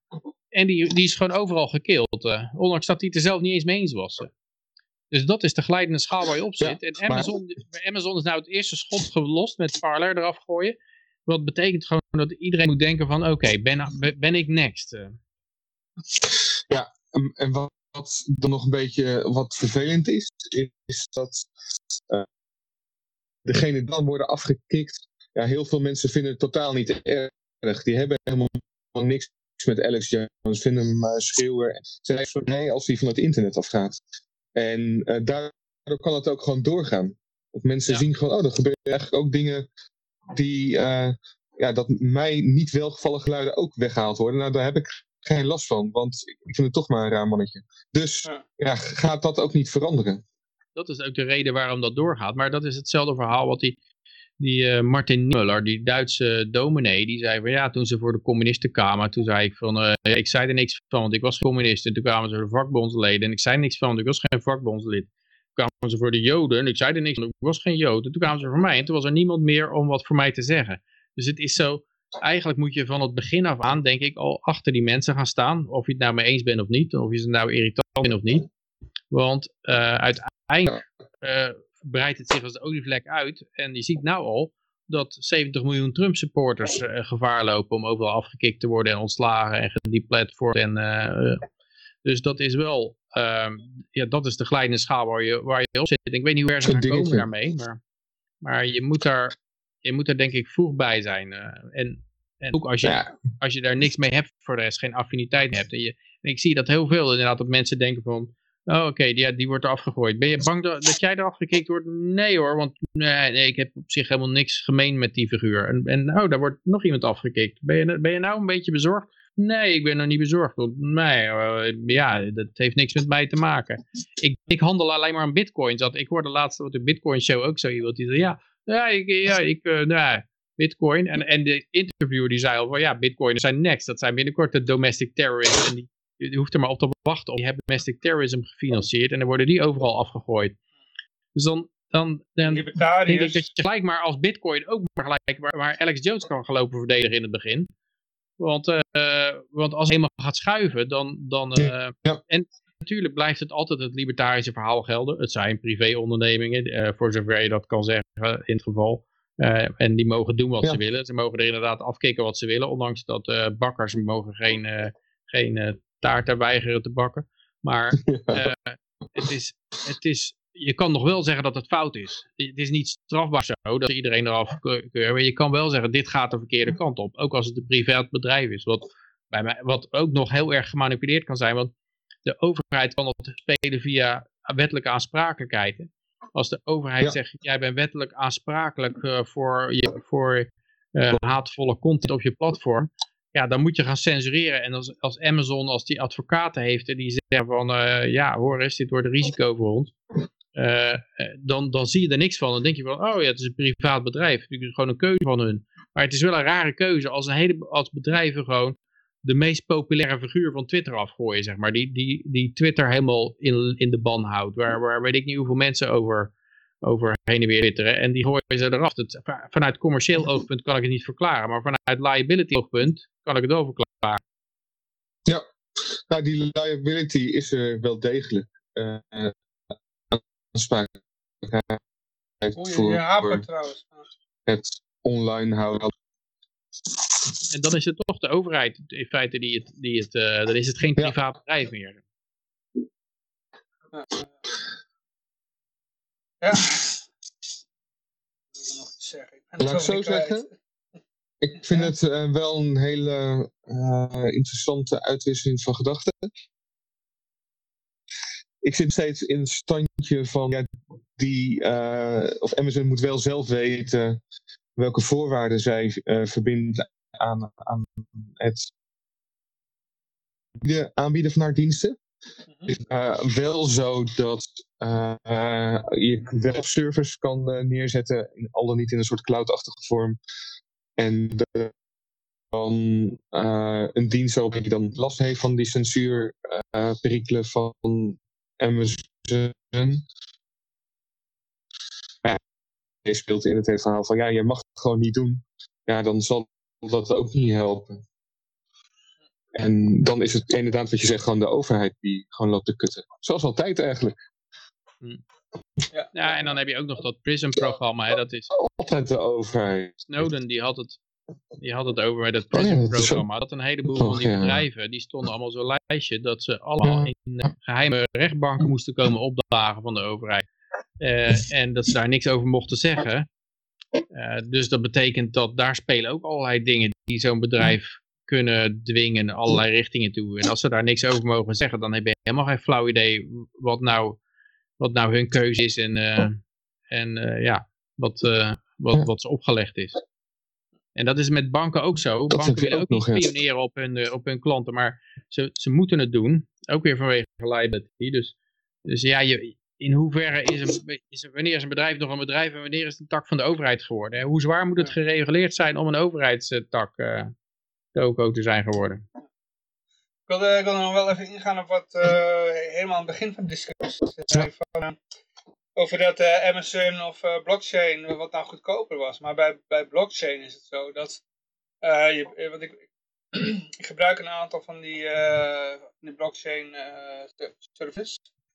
Maar dan betaal je eigenlijk alleen maar voor het bericht dat je post daar, hè? voor content. En dat is meestal een microcent omgerekend in euro's. Ja, als de prijs van crypto blijft stijgen, dan zal het wel een cent worden inmiddels. Maar, uh, ja, maar dat is gewoon een chatservice via de, via de ja, ja, van een, blockchain. Hè? Maar dit, dit, waren gewoon Amazon compatible servers. Oké, okay, okay. Dus je, hebt, je, hebt, je kunt er gewoon, je Amazon dingen kan je daarop overpluggen. Dat is, uh, ik geloof dat SIA en StoreJ en oh, uh, Filecoin, die doen dat. En die worden niet, de data wordt niet in een blockchain gestoord. Want dat, je hebt gigantische hoeveelheden data die je kwijt moet. Dat kan je niet in een blockchain zetten. Nee, het enige... Bitcoin SV hè, kan het. ja, right. Ja, maar... het, is wel zo en het kost een rol. Dus, uh, ja, ja maar, je, maar je kan natuurlijk al nagaan dat bij, eh, bij Amazon, dan draai je gewoon uh, hele femto, nee, uh, gigajoule bytes aan aan, aan harddrive staan daar. Als je die in een blockchain van SV gaat storen, dat is ook wel af, afgelopen. Dus ik denk dat ze daar wel beveiliging tegen hebben. En als ze dat niet hebben, dan zijn ze snel exit bij Bitcoin SV. Want ja, maar bij SV is het zo goedkoop omdat niemand het doet. Dus. Ja, Oké, dat, dat kan ook. Ja.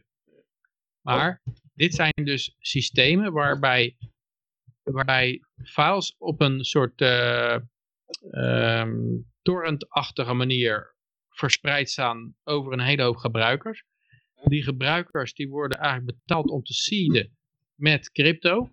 En de gebruikers die er files op willen storen, die betalen met crypto. Dus je kan met je ongebruikte diskruimte, kan jij, kan jij crypto verdienen. Okay, en, en dan heb je natuurlijk een veel groter, dan kan je gewoon, uh, als jij wat bij wil verdienen, zet je gewoon uh, uh, 100 hijven van 5 terabyte neer. En die hang je allemaal aan jouw internetverbinding. Als je er toch uh, niet bent of zo. Of je geeft gewoon een stuk bandbreedte. Mhm. En dan, uh, dan verdien je daar crypto mee.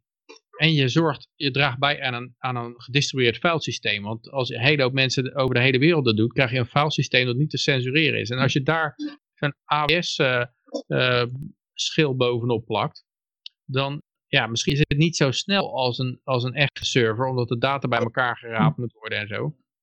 Maar het heeft als voordeel dat je niet afhankelijk bent van Jeff Bezos zijn, uh, zijn besluiten.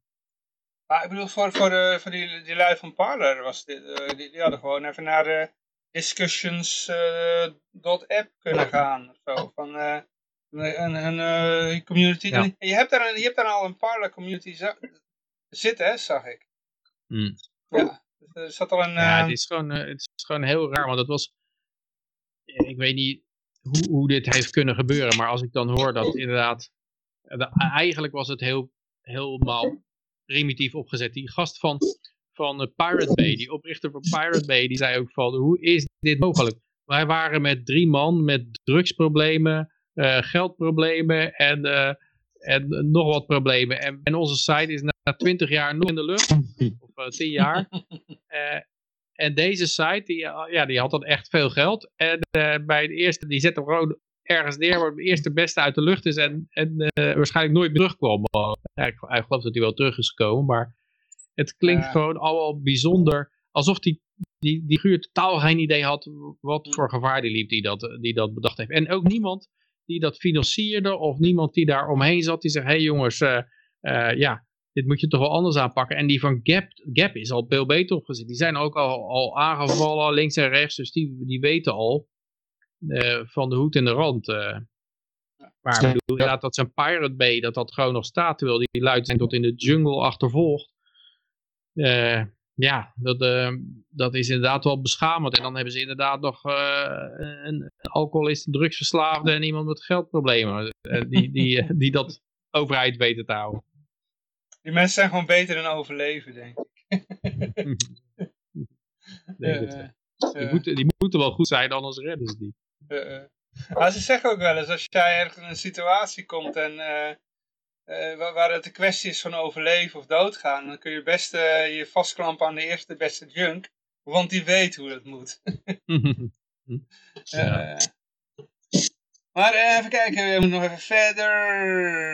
oh ja, we waren bij het datalek van viruswaarheid. En even kijken. Tienduizenden restaurants in Italië open, ja. ondanks verbod. Politie deelt ja. boetes. Ja, dat was leuk om te zien. Ja, in Nederland uh, zouden ze het ook gaan doen, toch? Of is, is dat van gekomen? 17 januari had het moeten gebeuren. En is het gebeurd? Maar is niet gebeurd. Oh, oké, nee. oké. Okay, okay.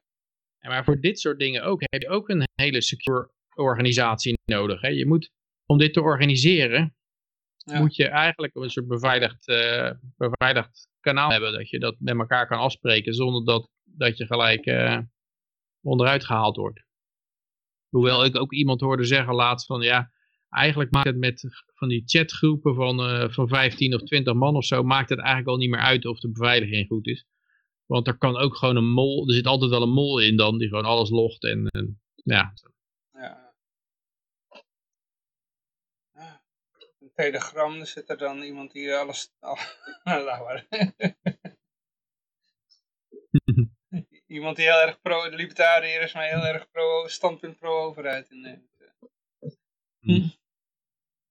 Um, ja, ja, kunnen we er verder over zeggen. Ja, ik vind het wel mooi dat al die restaurants dit gaan doen. Ja, af en toe komt er uit zijn hoek, dan denk je, ja, die Italianen die, eh, die geven zich dan toch die gewonnen. Die Fransen, ik weet het ook niet hoor. Aan de ene kant lijken me enorme uh, hakkerklikkers ook. En uh, aan de andere kant, af en toe dan, dan gebeurt er bij, ook bij die Fransen wel eens, dan lijkt het van, oké, okay, maar als je te ver gaat, dan is het toch opeens van, uh, ja, tot zo was het leuk en nou is het afgelopen. Ja, ja.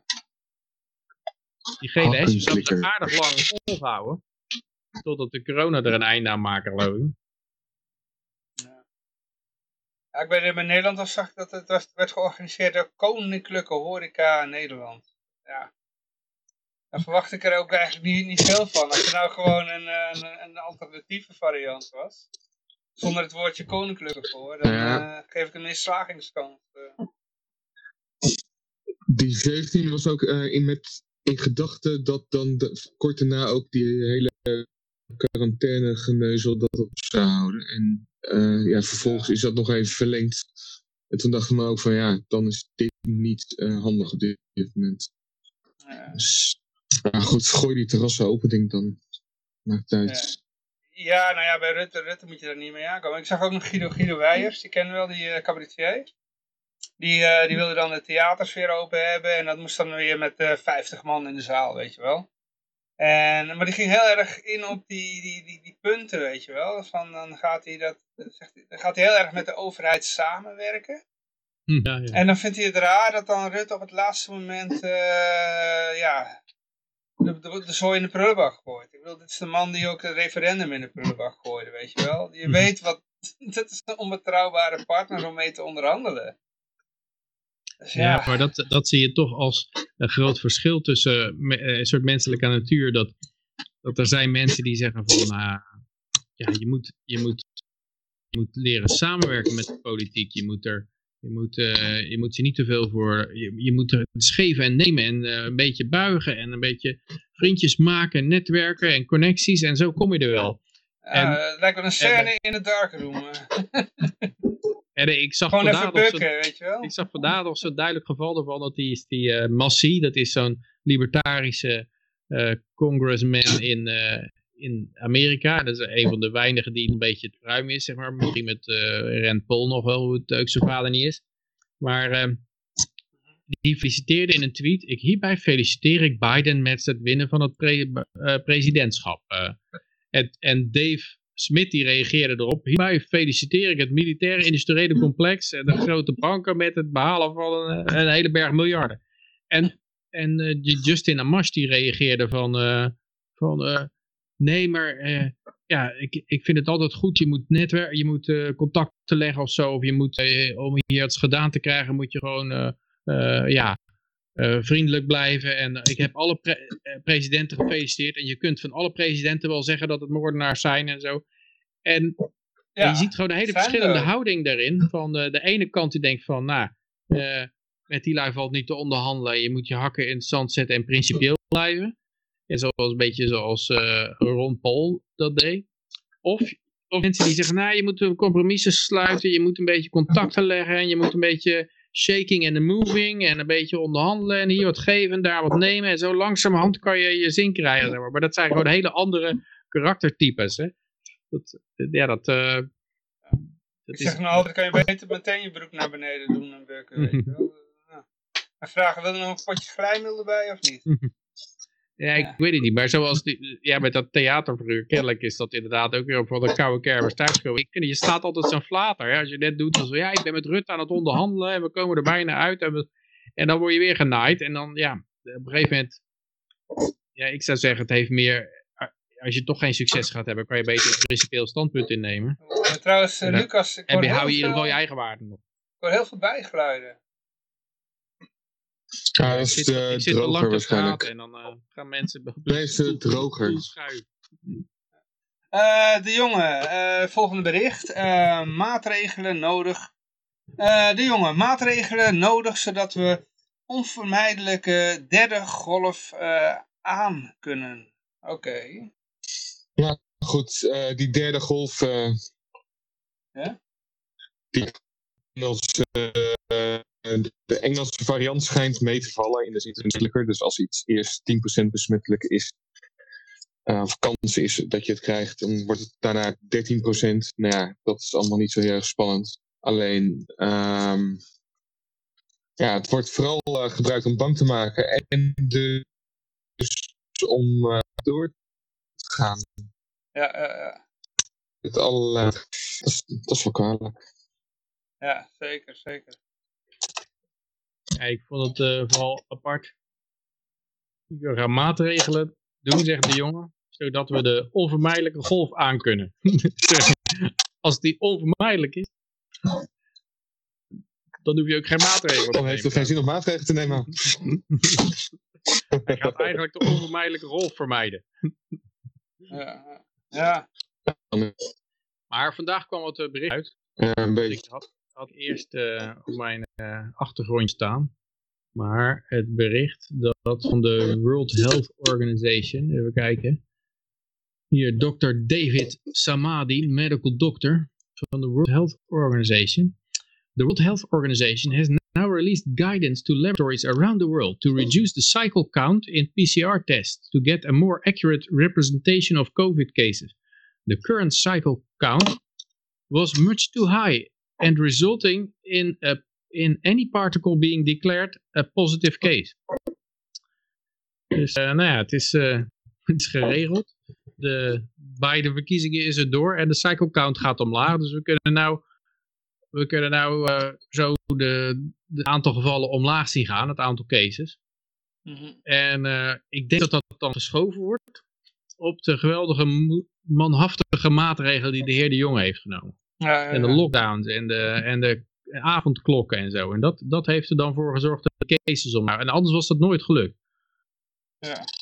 Maar ja, wel uh, even de false positive worden nou weggewerkt door de door de cycle count omlaag te doen. Wat, wat, wat je al lang hoorde, dat is ook eens opvallend, in het alternatieve circuit, van als je een beetje rondneusde in wat, wat dan de wappies worden genoemd, de wappies die hadden al lang door dat die cycle count te hoog was. En dat, dat wisten ze gewoon, omdat Fauci dat zelf al gezegd had op een podcast.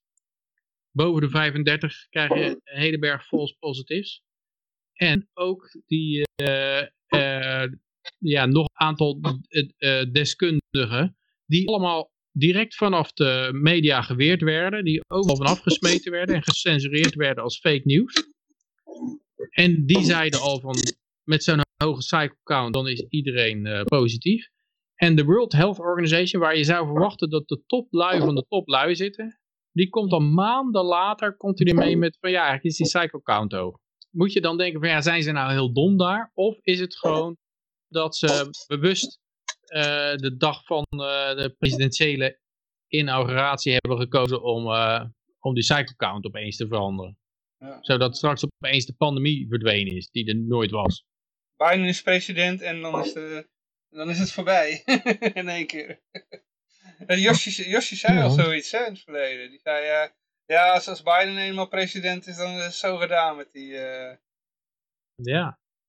Met als zelfs Yoshi dat weet. Als zelfs Yoshi dat weet. Zoals Yoshi dat weet. En, en, en we hebben het nu over hem. Ik durf te wedden dat hij zo meteen wakker wordt. dan komt hij gelijk online.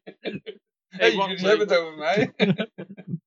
over de nee, Het is toch raar dat je hebt medical doctors die, van de World Health Organization, die, zit, die zeggen allemaal niks. En, dan, en terwijl alle, alle wappies die roepen allemaal cycle count te hoog. En dan uh, maanden later opeens van komt de World Health Organization cycle count te hoog. En ja. nog blijven het wappies genoemd worden die nergens verstand van hebben. Dat is... Uh...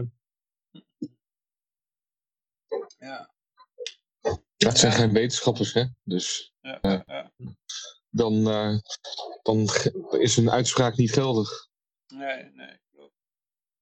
Nou, dat is het hele rare verhaal wat je tegenwoordig ook hoort met uh, uh, alle, alle, artikelen over fake news zeggen van let goed op de bronnen. En, maar daar bedoelen ze iets heel anders mee. Dat hoorde ik laatst bij de Propaganda Report podcast. Ze zeggen, bij bronnen bedoelen zij iets heel anders dan dan jij daarmee bedoelt. Hè.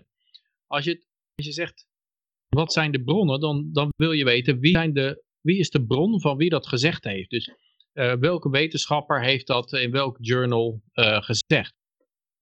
Uh, maar zij bedoelen met bronnen autoriteit, een, een, een outlet, zeg maar, een, een, een krant of um, uh, je, de, je moet de bronnen weten. Dan moet je weten, van, oh, komt het uit de Volkskrant? Of komt het uit de NRC? Of komt het van uh, YouTube of zo? En als het uit YouTube komt, dan, uh, dan eigenlijk zij het medium meer. Dan, en ze bedoelen niet dus de bron van wie dat gezegd. En ik heb dat ook al gemerkt. Er post een artikel uit Zero Hedge. En die halen, die halen bijvoorbeeld een uh, wetenschappelijk artikel aan, aan uit uh, de New England Journal of Medicine of zo. Dan post je die link, dan zijn er mensen die gewoon zeggen, ja, zero hedge. Wow. Die, hebben dan, die kunnen kennelijk niet één ding verder klikken van, oh, de zero hedge artikel gaat over een artikel oh, uit de New England Journal of Medicine. Of zo. Dus de bronnen is alleen maar de, dat plastic gezicht er, dat, dat de krant heet, of Fox News, of CNN, of MNBC, of, of uh, VARA of zo, dat, dat, is, dat is een bron, zeg maar. Maar niet de echte bron van degene die het onderzoek gedaan heeft. Maar zo, zo zijn mensen in het algemeen hoor. Ik bedoel, mensen denken heel erg in merken. Ja. Ik merk het al in, uh, toen ik tijd in de horeca werkte in Zandvoort. Ik merk het al. ja, 25 jaar geleden zat ik in, in de horeca. En dan had je... ja, ik merk het. Ja, merk Dan zat ik in, in de horeca en dan had je, dan had je die Amerikanen die... Uh, die, vaak Amerikanen, weet je wel. Dan, uh, dan willen ze een cola hebben en dan zitten ze al op het terras. En dan kom je met Coca-Cola aanzetten. En, I want a Pepsi. En dan lopen ze weg, weet je wel. Hmm. Dus ja, het, en het, het, gaat met alles zo, weet je wel. Ja. Dus, uh... wel mooi als je dat trucje beheert, eh, beheerst en mensen voor je merk kan winnen daardoor. Het is gewoon geweldig. Ja. En het komt ook met verplichtingen. Hè? Ik bedoel, als je het verkloot, dan is het ook snel gebeurd. Dus, uh, ik weet niet, ja. Uh, ik, ik ken nog steeds... ik ben al heel lang weg van de iPhone. Maar er zijn nog steeds mensen die... ja, de iPhone is hartstikke shit. Maar er zijn nog steeds mensen die erin geloven. Ja. Ja, er zijn mensen... ik bedoel, de iPhone was in het begin wel een heel gebruiksvriendelijk ding vergeleken bij, ja, bij wat er toen beschikbaar was. Maar ja, nu zijn natuurlijk ook gewoon... Um, ja, ik hoorde laatst Tim Cook praten over waarom Parler eruit gegooid, uit de appshop gegooid was. Het was natuurlijk ook van, ja, dat, uh, dat kunnen we absoluut niet, uh, uh, niet hebben in onze appshop. er moet, de hate speech werd, daar, werd daarop ge... Ik weet zeker dat hij daar nooit op gekeken heeft. Nou, ik had het meer over de technische kant. Apple is al lang niet, meer, maar... niet meer de kwaliteit die het ooit was. Ja, maar bedoel je fysieke telefoonkwaliteit? Of, uh... Ja, alles, alles met die Apple-producten. Ik, bedoel, uh, ja, ik vind het die, hele nadeel van Apple was een laptop. altijd, dan heb je een snoertje nodig, ja. dan moet je alleen een Apple-snoertje hebben. Je, kan, je moet alles van Apple kopen. Ja, ja dat ook Anders dan als je één ding van Apple hebt, dan, uh, ja, dan, heb je, dan, dan, kan je daar eigenlijk niet veel mee. Ah, ik had het inderdaad met die... Ik ben blij mee. Ja. Ik, nou, ja, ik, ik, heb snoertjes van de, van de, van de Turk, zeg maar. Dus al, al die... ik, ik, op een gegeven moment had ik een, een iPhone en die was bijna 90% made in Turkey, weet je wel. Dat was, uh, dan ging je naar de lokale Turk en dan uh, was het glas kapot. En bij de, bij de Apple Store was het 600 uh, eh, dollar of zo. En die Turk deed voor een tientje en dat was zelfs beter, weet je wel. Daarom hebben die Turken het grootste rijk ooit gehad. En het Ottomaan niet het grootste rijk ooit. Ottomaanse Rijk. Ja, ja, ja. de mensen die nu de podcast luisteren, die weten niet waar je het over hebt. Maar dat voor de uitzending oh, hadden we grap over. Dat voor de uitzending. dat was ik voor de uitzending. Turk hem op. nee. Nee, maar ik bedoel, die... Uh, ja, goed. Dus met zijn snoertje ook hoor. Je, gaat gewoon naar zo'n Turkse toko toe en die... Uh, dan kan je zo'n snoertje van een tientje en dan uh, er staat er geen appeltje op, maar een, een banaan of zo. Maar die is, uh, die is gewoon net zo goed.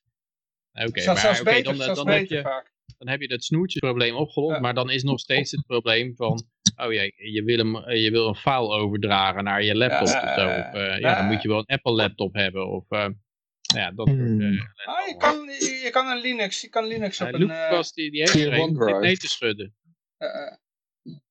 Via OneDrive? Ja, ik kan via OneDrive. Dus dan uh, kun je hem ook gewoon op je... Via de cloud PC krijgen. Je kan de hele... Je kan dat hele uh, iOS of uh, dat besturingssysteem kan je eraf flikkeren en je kan er gewoon Linux op ja, daar ben je ook van het probleem af. Ja, dat is wel interessant inderdaad. Dat is wel interessant.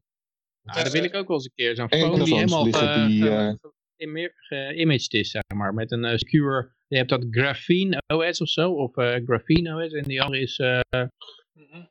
nog eentje is ervan. Uh, Cubes? Nee. Okay. Nou, ik weet niet of Cubes op, op Apple kan, maar... Maar dus, er zijn van die telefoons, kan je gewoon zo'n... Oh, telefoon heb je het over, oké. Okay. Kan je gewoon zo'n uh, een de-googled ding op versie van Chrome opzetten ook, geloof ik. Op. Oh, die, ja, ja, ja, ja, ja, die zei, ik vind hem niet eens zo goed. Die heb ik ook. Ja. Maar goed, ik hoor weer allemaal bijgeluiden. Um, We gaan even verder.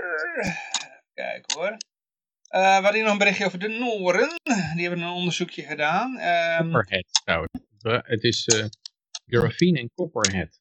Oké. Okay. Uh, geen verband tussen vaccin en overlijden van hoogbejaarden en zieken.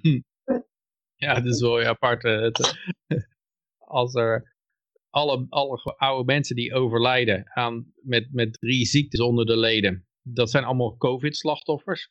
Dus allemaal verband is er. Is er dus een verband tussen COVID en hun overlijden. Ondanks dat ze op het punt stonden te overlijden.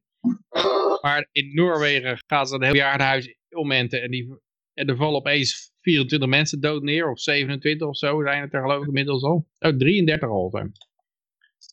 Eh, sinds de vaccinatiecampagne. En dan, uh, dan, dan, hebben ze binnen drie dagen door dat er absoluut geen link is tussen die twee. nee, nee, nee, het is uh, niks met elkaar te maken. Nee. Maar er zitten natuurlijk mensen, die, zitten, die werken daar en die lezen dat ook van, oh, heeft niks met elkaar te maken. Maar die weten gewoon wat, het, wat de reet was waarin mensen doodgingen. En die weten uh, dat er dat er na vaccinatie opeens 33 dood neervallen. En die weten dat dat niet normaal is natuurlijk. En die, die zijn hiermee een stukje geloof verloren in deze, in deze propaganda, denk ik. Ik weet het niet, ik weet het niet, ik weet het niet. Ondertussen, ik merk gewoon dat dan denk je van, dan heb je zo'n sterke case van jongens, heb je nou niet door dat het onzin is?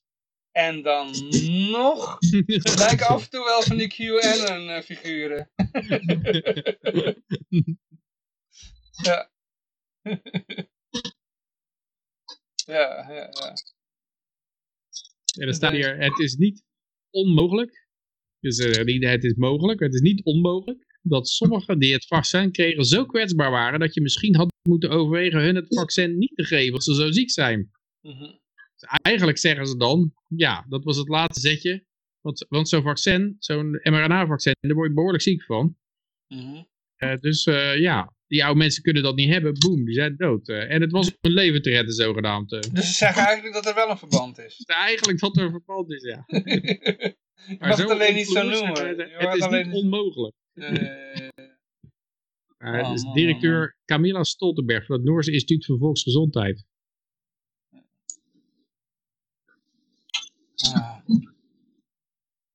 Maar gaan ze nou nog uh, wel zeggen van, nou, oké jongens, oké jongens, we gaan uh, bejaarden geen spuitje geven of zo?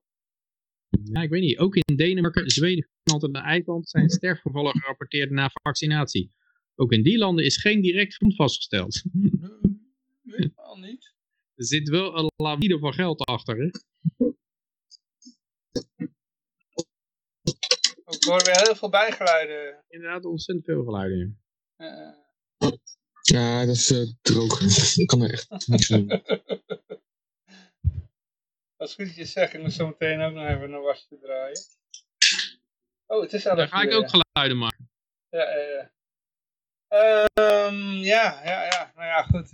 Nee, is geen verband, jongens. Allemaal de andere kant op kijken. Plus dat er ook in Israël, er werd gezegd dat het Pfizer-vaccin maar half zo effectief is als beweerd. En dat was al, dat was al minder effectief dan het krijgen van de ziekte zelf. Hè? Was al uh, effectiever. En uh, nou is het dus maar de helft zo. En in Israël hebben ze de meeste mensen gevaccineerd. Een enorme vaccinatiecampagne. En daar hebben ze dus dat, dat het maar de helft zo effectief is. En het was 95% effectief. Dus dat betekent dat het maar 45% effectief is of zoiets. Oké. Okay. 47. Ah, we hadden trouwens in de Telegram groep hadden we een hele discussie inderdaad over dit uh, vaccin. Uh, er was eentje die zat heel erg te verdedigen. Die zei ja, ja, ja, ja, weet wie het is. het begint met een A. Hij had, uh, ja, maar het is allemaal vrije markt daar. En hoe durf je aan de vrije markt te twijfelen en zo. En, ja, het is geen kartel, want anders waren al die medicijnen hetzelfde. Er zitten echt wel verschillen tussen. En wat, wat was zijn punt ook alweer? Ook over die aansprakelijkheid. Ja, die aansprakelijkheid waiver heet dat. Die afspraak oh, met de overheid. Of wat hè? Dat bedrijven, farmaceuten zijn niet aansprakelijk voor schade uh, die mensen hebben na het krijgen van een vaccin. Dat hebben ze ja, bedongen ja, ja, bij de overheid. Ja, maar dat, is, dat moet je niet zo lezen. Want als ze gewoon rattig vinden het ehm, ratgif in het vaccin doen, dan zijn ze wel aansprakelijk, dan, dan, heeft dat, dan kunnen ze reputatieschade leiden. Dus dat, daar zal het ongeveer op neer zijn gekomen wat hij bedoelde. Ja, naar mijn idee zit hij heel erg in een kronkel, maar uh, hij zelf vond dat hij, uh, van zichzelf vond hij dat hij heel overtuigend was. Maar, hmm. Dat zijn argumenten. Dus, misschien zeg ik nu wel van ja, dan leiden ze reputatieschade, maar bedoelde hij dat niet. Maar, ja. Ja, maar ze moeten ook reputatieschade leiden. Als, ja. als, als jij een product levert en het blijkt niet goed getest en er gaan een hele hoop mensen aan dood, dan is het heel belangrijk dat je reputatieschade leidt. Of dat de ja, reputatie die je hebt in overeenstemming is met de werkelijkheid. Mm -hmm. ja. ja, het is nu wel zo dat er heel veel mensen, nou, dat weten we niet eens, hè, maar er wordt nu gedaan alsof er heel veel mensen wel in het vaccin geloven. En wat je dan krijgt is dat ze dan ook gaan zeggen van nou we hebben er al zoveel in geïnvesteerd. Uh, dan gaan ze ook niet meer aan het vaccin twijfelen. Maar dan, dan is het de schuld van alle andere dingen, maar niet van het vaccin. ja, zijn. Of, ja, wat je bij de Mexicaanse griepvaccin zag, dat ze ja, dat is dan, hebben ze dan gewoon ongeluk buiten de koelkast laten staan. en dan moeten ze alles weggooien. En ja, een onderzoekscommissie wordt ingesteld hoe dat heeft kunnen gebeuren. En, Die maar kans het geld binnen natuurlijk, er is betaald, alle zakken zijn gevuld. En willen ze eigenlijk mensen er niet meer mee lastig gaan vallen om het nog naar binnen te lassen. En ik, dat zou ook het geval kunnen zijn hier hoor. Dat, Ja, dat ze maken een hele heisa, ze kopen voor miljoenen vaccins en dan blijkt de weerstand toch wat groter dan gedacht. En ja, er zijn toch wat uh, mensen die, die neervallen en dan, uh, ja, dan flikkeren ze het maar in de vuilnisbak uiteindelijk. En, uh, ja. en dan komt er een commissie met wijze mannen die gaat kijken dat er ja. communicatie onvoldoende was of ja. Nou ja, dat soort die, dingen. Die kans acht ik ook nog niet. Maar ik acht ook nog steeds de kans aanwezig dat ze de pensioenprobleem hiermee gaan oplossen. we gaan eerst de ouderen in ja, ja, dat is inderdaad zeker weten van het uh, De dekkingsgraad van het pensioenfonds gaat enorm omhoog met dit soort vaccins. Ja, ja, dat zou ook nog kunnen, ja. En je kan altijd zeggen van, uh, ja, niet dat het kwade opzet was, was of zo, maar... Het was de schuld van Pfizer, maar die hebben, zijn niet aansprakelijk. Het kabinet treedt af. Maar kan Ik ne- ondertussen ik wel vanwege de noodwet, kunnen ze alles doen wat ze willen. Ja. Maar ze mogen er geen grap over maken. Er is ergens een politicus die roept, ik neem mijn verantwoordelijkheid. Ja, die blijft zitten. Want het kan ook nog zo zijn als ze verkiezingen uitstellen. Ze zijn demissionair. En ze, ze hebben ook nog de volmacht om maar gewoon de verkiezingen uit te stellen vanwege corona. Ja, nog erger, want bij het demissionair kabinet geldt de regel. Dat je eigenlijk alleen maar op de winkel moet passen. Je moet eigenlijk alleen maar hele simpele dingen doen. Niks controversieels, niks. Geen rare eh cliffhangers of, eh, of moeilijke gevallen of zo die controversieel zijn. Nee, alleen maar op de winkel passen tot het volgende echte kabinet er weer is. Dat, daar, dat is de reden van demissionair. Wat gaan ze doen? Avondklok. Ja, Sinds de. Tweede Wereldoorlog. Nou, Gewoon we, eh hebt je hebt het bericht, berichtje al gemaakt. We komen nou bij de avondklokberichten. Eh even kijken hoor, coronaklok eh, tikt door. Burgemeesters ehm, buigen zich eh, vanavond over de avondklok. Ja, dit was een berichtje van eh 19 februari. Inmiddels is het er al door. Het wordt eh 9 uur hè. Ja, hier, Geen hier wordt er een beetje warm voor gemaakt daarvoor. Hè, met een paar berichtjes van, eh, ja, ze buigen zich erover en ze gaan er eens goed voor zitten en er wordt echt naar gekeken. De klok tikt, wordt hier ook gezegd. De klok tikt. Dat is een mooie Ja, ding maar het is- voor de avondklok, hè. De avondklok, de klok tikt. Ja, eh, ja, Ja, maar het is wel echt heel, goed. Want eh, als je dan kijkt, als je buiten loopt om 8 uur en eh, je kijkt dan bijvoorbeeld om 10 uur, nou, zeker na 9 neemt het aantal corona's in de lucht gewoon stevig toe. Dus ik, ik ben wel blij dat ze ge- gegeven de enorme risico's die we lopen na 9 uur s'avonds, dat we maximaal tegen gaan zitten. Dus ik moet zeggen dat soms politiek echt wel tot goede besluitvorming leidt. eh. Ja, eh, dit is dan weer een mooi voorbeeld ervan. Dus ik denk ook dat het aantal besmettingen gaan eh, dalen. Hè. Er mag ook met na, eh, Ja. na 9 uur 's avonds niet meer getest worden. In de teststraat. Dus, eh, Wat, eh, nee, eh, de GGD wil het aantal tests weer opvoeren hè, naar 175.000. Maar eh, het is geen probleem als die eh, cycles wat omlaag gaan. eh, Maar ehm, wat ik kan ook eh, eh, telefonisch testen. Rutte die zei, je moet de boodschappen 's ochtends doen, geloof ik dan. Dat was dat aanraden. Doe de boodschappen maar 's ochtends. Dus dat betekent dat, dat je geconcentreerd boodschappen gaat doen. Hij, hij gaat, als hij die avondklok wordt uitgebreid, en, en het wordt je, je mag maar één uur per dag de, de straat op, dan moet iedereen in dat uur boodschappen gaan doen. En dat is dan de bedoeling dat daarmee de, ja, de verspreiding van het virus voorkomen. Ga je met z'n allen in die, eh, 's ochtends naar de winkel. Eh, op zich, eh, als je kijkt gewoon naar de supermarkt s'avonds na 7 uur. Eh dus de 17, dat is wel echt het rustigste moment van de dag. Dus als het dan één uur minder open kan zijn aan het eind van de dag, ja, dat, dat, eh, dat boeit op zich qua drukte niet. Je kan ook net Nou. zo goed s'avonds boodschappen doen. Tot Ik heb met de lokale supermarkt. Ik heb met de lokale supermarktmanager hier wel eens over gehad. Toen de vorige keer die eh, avondklok in de, in de lucht hing. En die zei ook al van, ja, want, want hij was eerst tot, acht, tot 9 uur open. Hij is dan naar, naar 8 uur gaan verschuiven om andere redenen. Dat is, ja, goed. Uh, tot 8 uur open. Ja, ja, met de alcohol geloof ik, ja. Maar hier zei ze nu tot 8 uur open en hij had, uh, hij zei al van, ik heb altijd een beetje dezelfde klanten altijd. Vanaf 6 uur zijn het altijd dezelfde mensen die komen s'avonds. Zijn mensen die overdag werken en die doen daarna een boodschappen.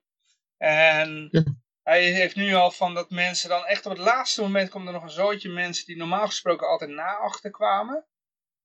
Die komen even snel even boodschappen doen en ja, als ik dat allemaal moet gaan verplaatsen. Want hij zei als om 8 uur, stel dat er een avondklok komt en dan moet om 8 uur dicht. Uh, dan moet hij eigenlijk om half acht al dicht, want zijn personeel moet dan nog naar huis kunnen, weet je wel. Hmm. ja, dus, uh... ja, die kunnen een uitzondering krijgen. Ja, dat, dat, is, dat is ook weer een gedoe hoor. Dus, Gewoon een briefje maar. Je moet zo'n thuisbezorgd jas hebben, hè? dat je mee, met zo'n fiets ook, dat je gewoon... Uh, dat je daarmee... Nee, want die mensen die boodschappen doen, die kunnen niet zo'n uitzondering krijgen. Daarom moet hij dan om half acht dicht. Snap je? En die moet ook nog naar huis, dus, zeg maar, bedoel je? Nee, nee, nee, de mensen die boodschappen doen. Als jij om acht uur dicht gaat en de laatste klant gaat eruit, ja, die is niet om acht uur meteen thuis, weet je wel. Als die avondklok om acht uur zou ingaan. Die hapt al die corona's nog even op na acht uur. ja, ja, ja. Nee, maar er staan er gewoon, daarvoor staan gewoon boa's te wachten, dat weet je al. ja. ja, dat doen ze gewoon. Want die gasten die willen gewoon mensen pesten. Dus, uh, ja. ja. Ik weet niet, ik ga het ook proberen. Ik ga het morgenavond ook proberen. En uh, ik wil een soort van dat, uh, nou, dat, dat het best wel zo meevallen. Dus als je uh, nou, de avondklok gaat tegen die dus dat, dat je dan er wel mee wegkomt. Nee, nee, nee, dat zou ik maar niet doen. Maar de avondklok die gaat, die proberen. Gaat, die gaat dit weekend in, hè? dus uh, niet nu, niet morgen. Morgen is vrijdag. Niet morgen? Nee, het gaat vrijdag, zaterdag. Toch? Zaterdag gaat hij in. Nee. Uh, ik, dacht, ik dacht ook vrijdag. Oh. Oké. Oh, okay. ja, ik heb net nou, ik ga het gewoon proberen. En ik ga ook een ik ga een keer zonder telefoon lopen en met telefoon. En dan ben ik wel benieuwd. gewoon een paar van die gekke wegjes. En dat er gebeurt. Dan ga ik gewoon op een soort weg staan waar niet zo snel auto's langs kunnen komen. Dan kijken wat er gebeurt. Ik ben benieuwd. Je gepeild wordt. Jij durft die boete wel aan. ja, ja joh, dat, wat kunnen ze maken. Ik denk ook dat, dat uh, dat sommige gemeente, ik denk in mijn gemeente ook, dat die politie het toch wel moeilijk vindt om dit te gaan handhaven. Dat er ook wel, er ook wel een beetje beschamend zijn. Ja, dan komen we bij de volgende bericht. Amsterdam. Overigens zie ik hier het RIVM overweegt dus een avondklok. Niet omdat het virus zich s'avonds meer verspreidt. hoor het maar. Maar omdat het zou bijdragen aan ons urgentiegevoel. Waardoor we ons beter dan andere maatregelen zouden gaan houden.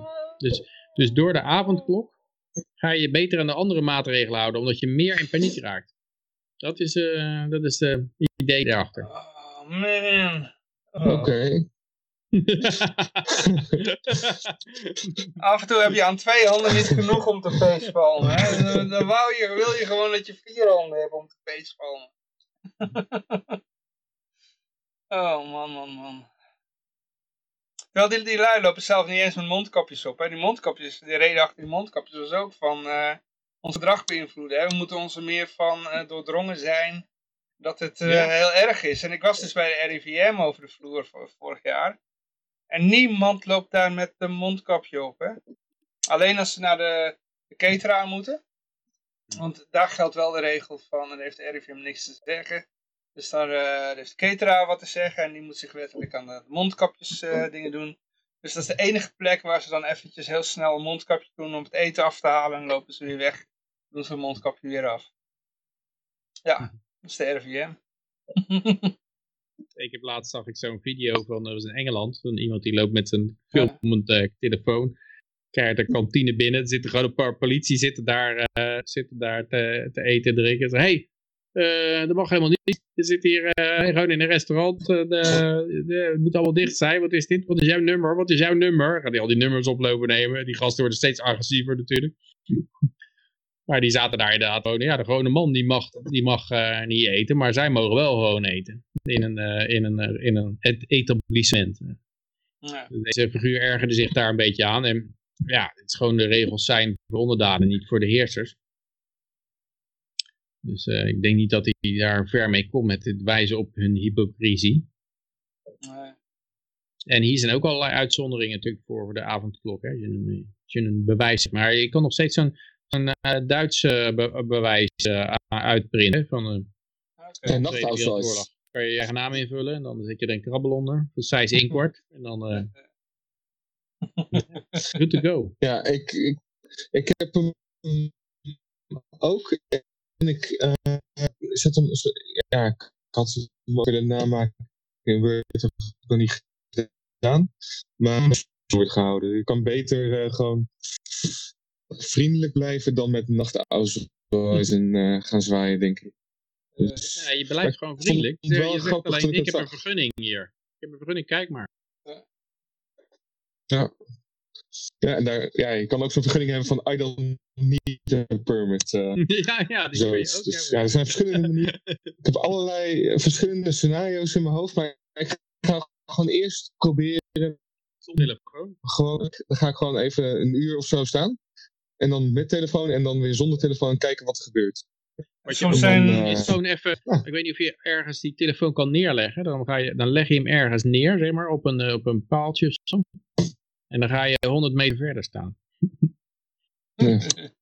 ja, of wat me ook Achter wel... Uh, In de borst. Uh, nou goed, dat, dat, heb ik ook wel eens aan zitten denken om een controversieel figuur maken van, je, van een aantal telefoons. En dan die telefoons aan en uitzetten. En dan ligt dat wellicht ergens op, uh, op een scherm van een politieagent of van een iemand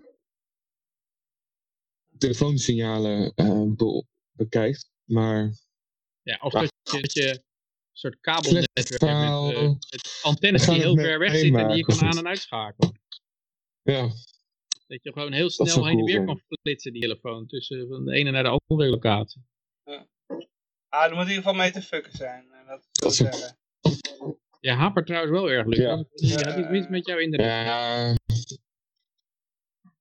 ik weet niet wat het is, maar... Maar in ieder geval Amsterdam, die gaat er niet in mee. De Amsterdamse Raad uh, keert zich tegen de avondklok. Kijk, dat zijn natuurlijk leuke berichten, hè? Ja. ja dat zijn af en toe, hoor je, dat Zweden is geen uh, tegen de lockdown en nou Amsterdam niet met de avondklok mee. Af en toe verbaas je je weer over, denk je van, ja, dit is de ideaal uh, voor die maar het is natuurlijk ook dat de Femke Halsema, die was er ook op gewezen van de, van de, ja, eerst had ze bij de Black Lives Matter protesten, stond ze, nee, je hoeft geen vergunning aan te vragen voor demonstreren, want demonstreren is een grondrecht.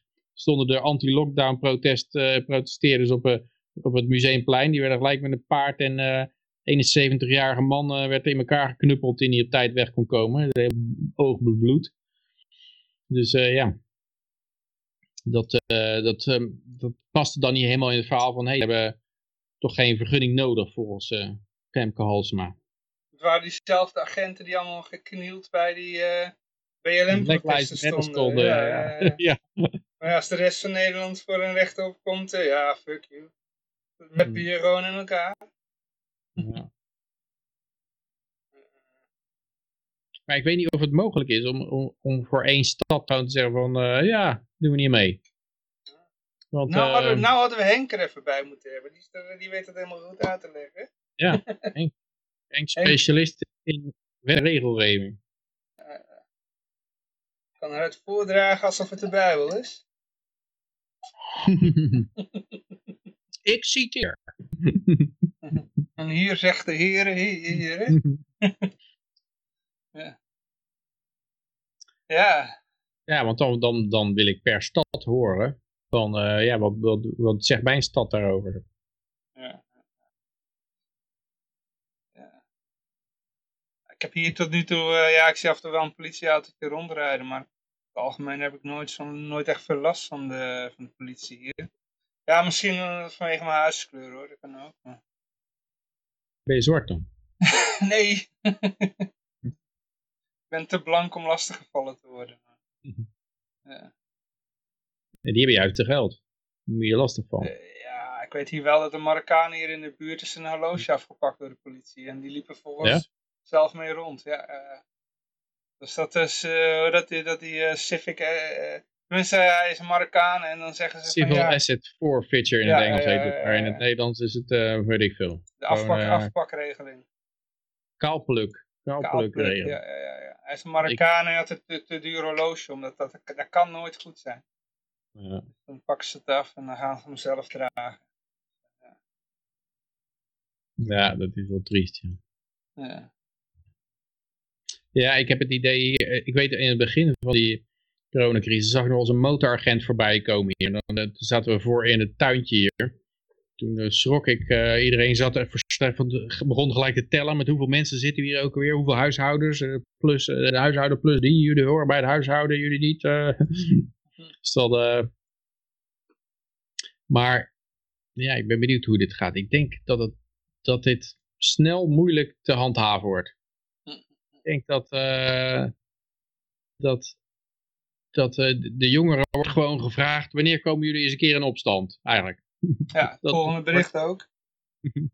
Daar hebben we inderdaad een berichtje over.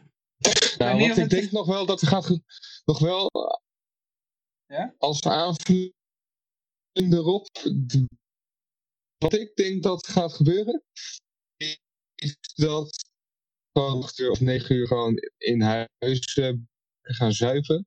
Dat ja, virus ja. gaan keihard uh, gaan keten. En dan ze vandaag in Leiden ook. Ik uh, zag zo'n vol winkelwagens, vol kratjes zag ik ze zo. Ik dacht, nou, dat, dat gaan ze gewoon blijven doen. Want ja, je kan niet vier uur s'nachts naar buiten, feesten, lachen. En ik en waarschijnlijk scenario kunnen zijn. Maar goed, ga verder. Ja, er zit toch in de pijplijn zit ook nog inderdaad dat, uh, dat is alcoholverbod, hè? Zit ook nog in de pijplijn. nee, serieus, het is geen gaantje. Dus dat is, uh, dat is inderdaad nou, een volgend scenario.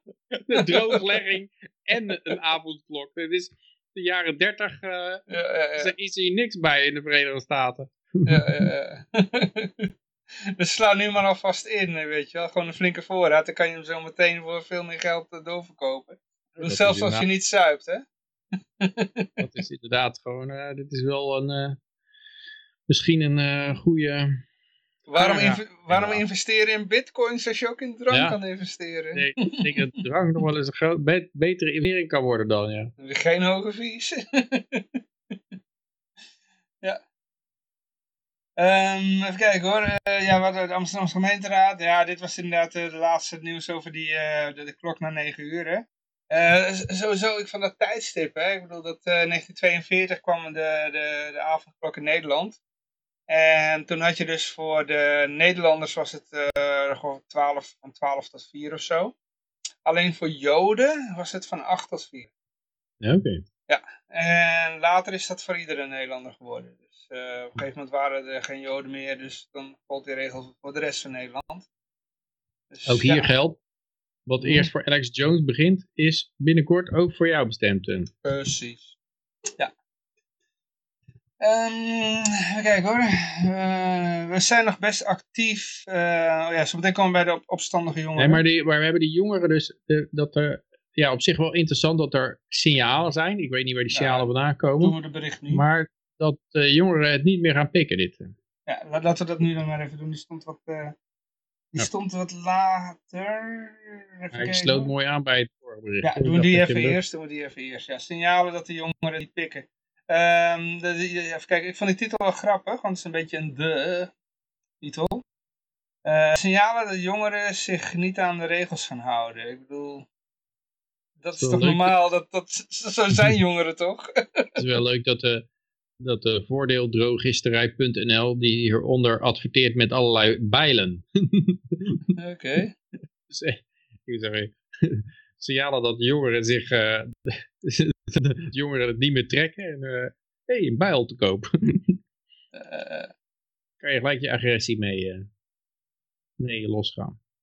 Ja, mijn jeugd is toch gewoon rebels. Dat is altijd al geweest. Met of zonder lockdown. Dus, ja. Is het iemand, de politie zegt, uh, moet de politie zelf inschatten. Is het iemand die echt oprecht te laat is en zijn excuses aanbiedt en snel naar huis gaat, dan is de situatie waarin je niet ingrijpt. Niet op ingrijpt, zet de politiebond voorzitter. Maar als iemand zegt van, hé, uh, hey, hier heb ik een auswijs dat ik uh, een uitzondering ben. Dat zijn dus mensen die je gelijk in elkaar begint te mappen. Ja. Ja.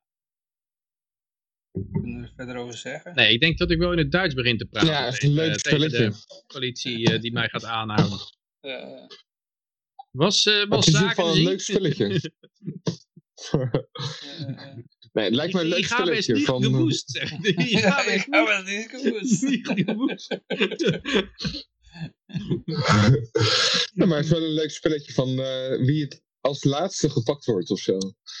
Dus uh, ga een hele groep naar buiten en dan kijken wie het laatst ja, aangehouden wordt. 95 euro per persoon spelletje, maar uh, nou, die kan je Ja, dat zal wel meevallen. Dat zal wel meevallen. Of net als in die oude... Zo... Je moet je ID niet meenemen. krijg je er ook nog een boete voor. Net, net als uh, die oude slapsticks, weet je wel. Dat Charlie Chaplin dan op de vlucht slaat met al die agenten met de knuppel achter hem aan, weet je wel. ja. hey, ik lees hier trouwens niet gerelateerd, maar dat zie ik dan zo voorbij komen. De, de moordenaar van het koetsiertje in Delft, weet je wel. Die daar gewoon een hele hoop mensen overhoop schoot. Die heeft gratie gekregen. Ook door Donald Trump vrijgesproken kennelijk. Uh, ja, wat, wat was dat dan? Koetsiertje was een, een soort, was het nou een snackbar of een café of zo. En er was iemand die werd, uh, ja ik weet het nog wel, maar misschien wat ik destijds in Delft woonde was het, of, of net eruit was. Dat is bij het station daar, aan de ja. Stationsplein. Daar, uh, wat later Bert en Ernie was.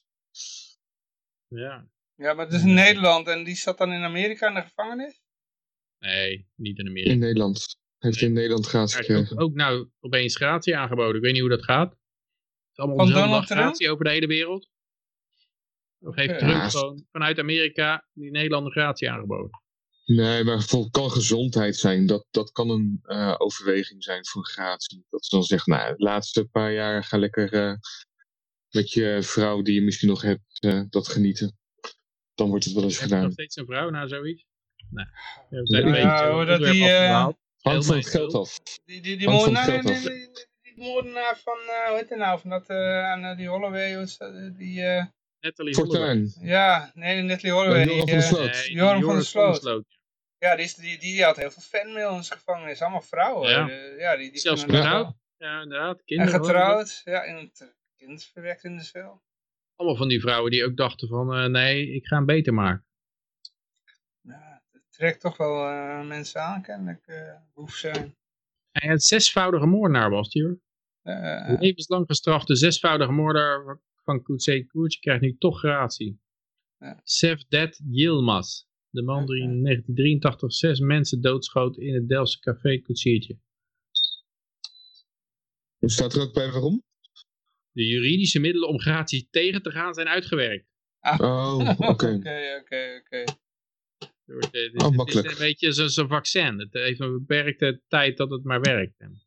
Dus straks ook gratie vragen voor je 95 euro bekeuring. Ja, dat ik ook al te denken. de middelen om de gratie te weigeren zijn uitgewerkt, meneer de Boa. Ik weet niet of je dat beseft. Ik vraag gratie bij deze. Resistance is futile. ja, maar goed, we zijn nog best eh, actief ehm, na de avondklok eh, eh, tijd. tijdens de tweede golf. Dat is een metroberichtje. Propaganda. Ja, Ja, dus nou ja, dat is dus een, dus een reden dat kennelijk begrijpen wij allemaal dat we dus een avondklok moeten hebben om minder actief te zijn. ja. Dat, Ja, volkomen logisch. Misschien is de reden dat we nog zo actief zijn als buitenshuis, omdat er gewoon geen bal op de tv is. Alleen een film van Doris Day. Druk hem in en Nee, ga dat- maar mee, de bloemen buiten zetten. Hey. ja. net van uh, mevrouw Rijksman gehoord dat het, uh, dat het de NOS geweldig is. En dat heel Nederland gewoon jubelend enthousiast erover God, wat een misère als Marco staat te blaren. kan ons niemand uh, dan bevrijden van Willem, Ruis en van de meiden. nou ja, zelf ben ik ook wel, doe ik altijd voor slaap gaan een slaapje om dat werk even weg te lopen. Mhm, en ja, dat is soms ook om 12 uur, half één of zo. Maar ja, dat ga ik dan wel missen. Ja, je vraagt je af hoe lang dit gaat duren ook weer. Hè? Want het is, het is weer zo van, oh, eh, we jassen het erdoor met twee weken to flatten the curve. En, uh, en zes maanden later zit je nog tegen een avondklok aan te. Ja, zeker ook omdat het geen reet gaat helpen. Dus, uh, gaat wel helpen, want mensen... de cycle-tests zijn naar beneden. Cycles. Deze oh, en, dat... En, oh, als je dat en, doet, en, en, en, en, er, zijn, er zijn ook nog uh, allerlei mogelijkheden om er onderuit te komen. Onder andere als je de hond uitlaat. Die honden, gaan, die, die, honden gaan het druk krijgen. Die hebben in één keer heel veel baasjes. Snap je wat ik bedoel? Ja, ja, ja. ik zag al de memes voorbij komen met je ene hond had zes ja, met zes lijnen eraan. Of je kan zeggen, die hond is uitgelaten en dan gaat hij naar de volgende buurman en die gaat diezelfde hond weer uitlaten. Dan is hij klaar. Die hond vindt het geweldig. Hè? Ja, die is nooit zo vaak buiten geweest. Joepie, ja jee. oh, ja, ja. Ja, dat zou kunnen. Uh, ja, ik hoorde in Australië iemand, dat was een filmpje van iemand die vroeg van jou, mag, ik, mag ik toch nog wel met de honden buiten? Dat ze toen zeiden, nee, scheid maar binnen. Oké. Okay. Wauw ik denk dat ze in Melbourne nog wel in, in staat zijn dat te gaan doen ook. Ja. Uh, ja nee, ik zag een, uh, ik heb die regels even doorgelezen. In Nederland is het dan wel uh, voor hondenbezitters, die mogen wel de hond uitlaten. Ja. Tot trouwens wel bij één, per, per, één mens per hond. Dat komt er nog bij. Ja. ja, dat snap ik ook wel. Want buiten is het echt levensgevaarlijk met twee mensen. Mm -hmm. Dubbele kans op corona op te vangen. Ja denk dat uh, inderdaad in één keer iedereen een hond wil. ja. Maar ja, goed. Ja, nou ja, wat stond er nog verder in het artikel? Nog iets noemenswaardig? Of, uh... Nee, eigenlijk niet, joh. We kunnen wel Weer, een grote reclame oh. voor Twitter, zie je. Ja. ja. Um, even kijken. Uh, oh, ja, uit, over uitzondering gesproken. Jinek gaat er nog druk krijgen. Iedereen wil in één keer bij haar aan tafel zitten. Want de talkshow gasten die zijn, uh, zijn die hebben een uitzondering. Hè? Het is heel belangrijk werk. Ja, dat is ook zo. Dat hoorde ik Adam Curry ook al zeggen. Dat media heeft een uitzondering. Dus je kan uh, uh, misschien niet meer reizen. Maar als jij een media reden hebt om te reizen. Dan, ik ben een journalist natuurlijk. Ja. We zijn, je, we zijn op straat ga je gewoon op straat staan met de camera en dan zeg je, ja, maar ik ben hier aan het filmen voor... Uh, we hebben een item over mensen die de coronaregels overtreden, meneer uh, Boa. wat doet u hier op straat? Over agenten die uh, corona of uitgaansverboden controleren. Ja, ja, dan ga je vragen of zij zich mentaal ge, ja, verwant voelen met nazi's en zo. En of ze daar getergd worden door het nazi-verleden. Dat, daar gaat mijn documentaire over. Ja, maar goed, door dat, dan, dan ga je gewoon een bekeuring krijgen. Als je dat soort dingen doet. Dus uh, ik heb, de hele dag gingen dat soort scenario's ook door mijn hoofd. Je documentaire maakt. Ja, maar dat, je moet dan ook een echte perskaart laten zien waarschijnlijk. Anders ben je geen echte journalist in Nederland. Dan print je die toch uit. Dat zat op het internet te vinden hoor. Ja. ja. Nee, maar ja, goed, ja. Uh, het is natuurlijk wel gek, hè? ja.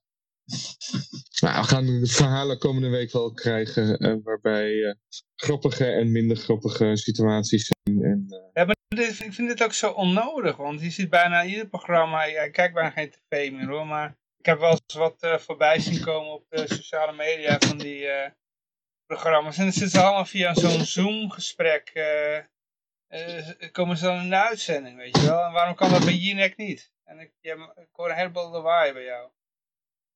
Ja, de vrouw des huizes uh, komt langs. Ah, de droger wordt leeg Wat droger is nu leeg inderdaad, echt gestopt. Ah, okay. Maar ik denk dat zij, dat zij een beetje denken van, moet je je voorstellen wat er gebeurt als als er opeens geen gasten meer naar, naar die, ja, wat toch een beetje propaganda-outfits zijn, dit soort uh, discussieprogramma's, waarin je wordt uitgelegd wat je hoort te denken. En uh, die, die, die programma's opeens geen bezoekers meer hebben, zeg maar, dat er niemand meer zit. Ik denk dat, dat onze heersers ook beseffen, want ja, dan zit, die mensen zitten ze s'avonds voor de buis allemaal, allemaal propaganda op te slurpen. Maar dan is er opeens niks meer. Zo. Dat, dat, dat, kan, dat kan niet. Dan, dan kan het via Zoom of via Skype? Ja, maar dan, dan, gaan ze misschien op YouTube zitten kijken. Dan gaan ze misschien uh, op BitChute kijken. Dan gaan ze, voor je het weet, zijn ze QAnonner. Dus uh, je moet ze wel gevangen houden met Jinek en op één. Want anders dan, uh, het alternatief is QAnonner. Ja, maar wat is er nou het verschil als Jinek iemand interviewt via Zoom? zeg maar hetzelfde als wat wij nu doen. Wat is het verschil? Ja, ja hetzelfde, hetzelfde lijstje van ingestudeerde vragen. Dus uh, dat zal ook niet zo heel veel uitmaken. Nou, ik heb wel eens, wel eens uh, in het begin in de lockdown hoorde ik Amerikaanse comedy bijvoorbeeld van die talkshow host. Die gingen dan ook via, die deden het vanaf thuis. En dan via Zoom. En dan gingen ze, net zoals in de studio, gingen ze een paar grappen maken over uh, wat voor oetlul Trump wel niet was. Maar het werkt absoluut niet van huis uit, want er zit geen lachend publiek bij. Nee, je hebt en, een band, uh, een lachband. ja, maar het staat een beetje vreemd. Als jij in je huiskamer, in je keuken staat, uh, je staat uh, ja, je net, die grappen te verkondigen en, en er komen opeens honderd uh. Vlak nadat jij met je vinger zo doet op het toetsenbord. Ja, nee, dit is de lachband. ja, die, die, die, lachband erin heb nou even de Godwin gedaan. Altijd die Godwin. Het is gewoon een beetje grijs gedraaid. Die Godwin is een beetje grijs gedraaid. Ik moet even nu inderdaad een lachband erbij doen, ja. maar ik denk dat, dat het absoluut niet klinkt zonder live publiek. Of niet werkt. Want je moet gewoon, je moet hebben dat dit, dit soort mensen, die zitten iemand te interviewen en het hele, hele verhaal straalt uit van wat een geniale gedachten spoelen er uit uw brein. Uh, iedereen zit op stoeltjes op een tribune te kijken naar wat voor geweldige dingen deze persoon wel niet zegt. Als je gewoon iemand via Zoom-meeting doet, dan denken mensen van, ja, wat is dit voor lulkoek? Ik zit zelf ook wel eens in een Zoom-vergadering en er zit er ook altijd iemand zo te onzin te lullen.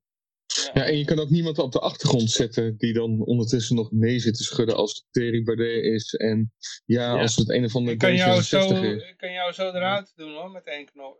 Eén, knop. Ja, ook nog. Glitch. Een glitch.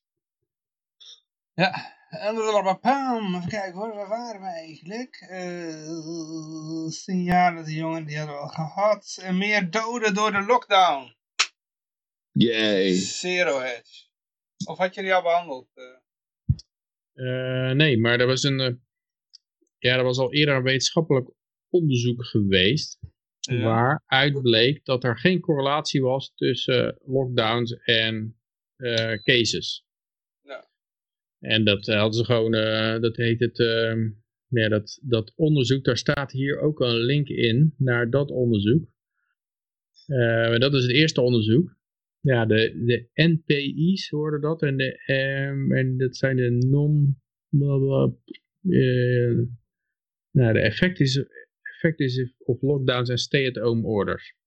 The study did not find evidence to support that NPI's were effective in preventing the spread. Hmm. NPI's, dat zijn dan uh, afkorting voor iets van lockdown. Dus ik weet niet precies wat daar de afkorting is.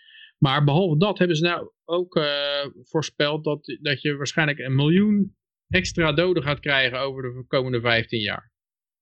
En je hoort dat ook in Nederland al, dat er nou een enorme berg gesprek, uh, zelfmoordpogingen van hele jonge kinderen.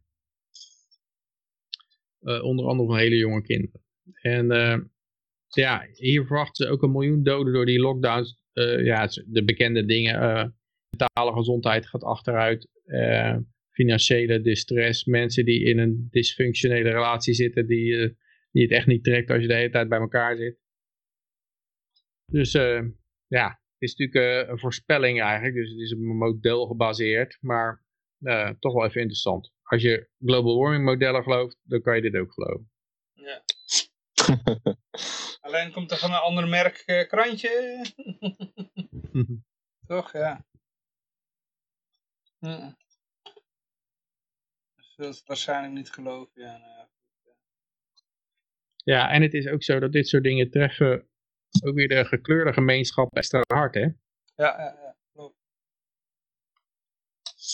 omdat hij mogelijk uh, zonder per se voordelen te willen aanhalen, met meer mensen in kleinere huizen zitten?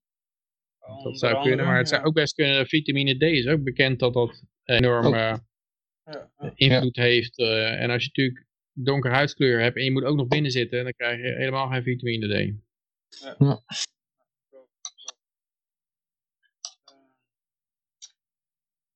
Ja, ja, ja, ja.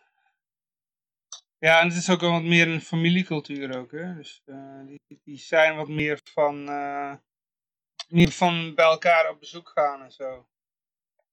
Ja, ook niet iedereen, maar nou, allicht. Ja, maar normaal ga je daar niet dood van, zeg maar. Dus, eh, nou, voor hun is dat wel heel erg. Als ze even niet bij hun familie op bezoek kunnen gaan. Uh, dat is voor hen heel erg, ik denk hoor. Dat, ik denk dat veel mensen beseffen dat als het puntje bij paaltje komt en je hebt een enorme tyrannieke overheid, dan is een familie het enige wat je nog hebt. Het enige waar je eigenlijk op kan vertrouwen. En uh, ja, heel veel mensen in Nederland die denken van, uh, ja, maar de overheid die, die geeft heel erg om mij en die zorgt voor mij met een uitkering en die, die zorgt dat ik geen domme dingen doe door mijn veiligheidsgordel te verplichten en een helm en, uh, en een uh, coronamasker en een, nou ja, dus de overheid die zit, zit totaal ik lig helemaal wakker van de zorgen over mijn gezondheid en mijn welzijn. En mhm. ik denk dat heel veel van die mensen die uit uh, ja, zeg maar een wat dictatoriaal regime zijn weglopen. dat die wel weten van, uh, ja, het is allemaal bullshit. Uiteindelijk heb je alleen je familie maar als het erom op neerkomt. Ja, ik, weet, ik, ik heb vroeger wel zitten daten in het uh, Caribisch gebied, zeg maar. ik, ik woon in Rotterdam, hoor. Maar daar had je... Maar daar had je ook een Caribisch gebied in Rotterdam. voor mensen die daaruit afkomstig zijn. En, eh. Maar ja, je krijgt bij, bij zo'n meid krijg je dan de hele familie gewoon erbij cadeau, weet je wel. Dus uh, hm. ja, daar, ontkom je gewoon niet aan. Dus iedere dag zit je weer... Uh, of bij een broer, een zus of de moeder of wat dan ook. En, en ontzettend veel te eten natuurlijk. Heel veel te eten, ja, ja, ja. Heel veel gezelligheid. ja, het is wel heel gezellig hoor. Dat, dat Overal wel. waar je komt, er staat weer een groot stuk taart klaar. En ja, ja, en kip, heel veel kip. heel veel eten. Daar zijn ze de hele dag mee bezig. Maar dat is echt, eh, dat is echt die, die, familieband, dat is daar zo sterk. Dat is gewoon, uh, dan kun je gewoon, uh, ja, als je dat gaat proberen te breken, dan, uh, ja, dat gaat, gaat gewoon niet lukken. Dus, nou, maar ja, dat is, dat is toch wel iets wat overheden waar ze kwijlend ja. bij weglopen. Natuurlijk, ja, ja, Plato begon er al mee, maar Stalin die vond het ook geweldig. En Mao die vond het geweldig om kinderen tegen hun ouders op te zetten. Als je dat kan, dan heb je echt de ultieme macht, heb je dan. Hè? Ja. Gewoon dat kinderen hun ouders verraden. En dat, dat is nou in het Westen ook al gelukt. Wel, het wordt altijd individualistische maatschappij genoemd. Maar mhm. voor het laatst ook dat in, in Australië, er werden dan gewoon... Ja, er zaten zes mensen van de familie kerst te vieren. En de buren die belden gewoon de politie op. En, uh, en er worden gewoon twee naar buiten gesleept uh, in de sneeuw met blote voeten. En uh, ja, dat, mhm. dat, dat, dat zijn dan je buren, zeg maar. Daar, dat, dat uh, moet je wel even rekening mee houden. Dat dat, dat ook kan gebeuren. In, in, het kan bij ons gewoon net zo goed gebeuren. En het is natuurlijk ook gebeurd in Nederland. Is ook Anne Frank verraden. En dat soort, uh, ja, dat soort mensen heb je gewoon ertussendoor. Die zitten gewoon, die, die zien de overheid wel als hun vriend. En, en die denken, het is eigenlijk een goede zaak wat ze doen. En ze doen het voor mijn best wil. En ik zal ze een beetje meehelpen. En, en die blijven de overheid meehelpen totdat ze aan die greppel staan waar ze zelf in begraven worden.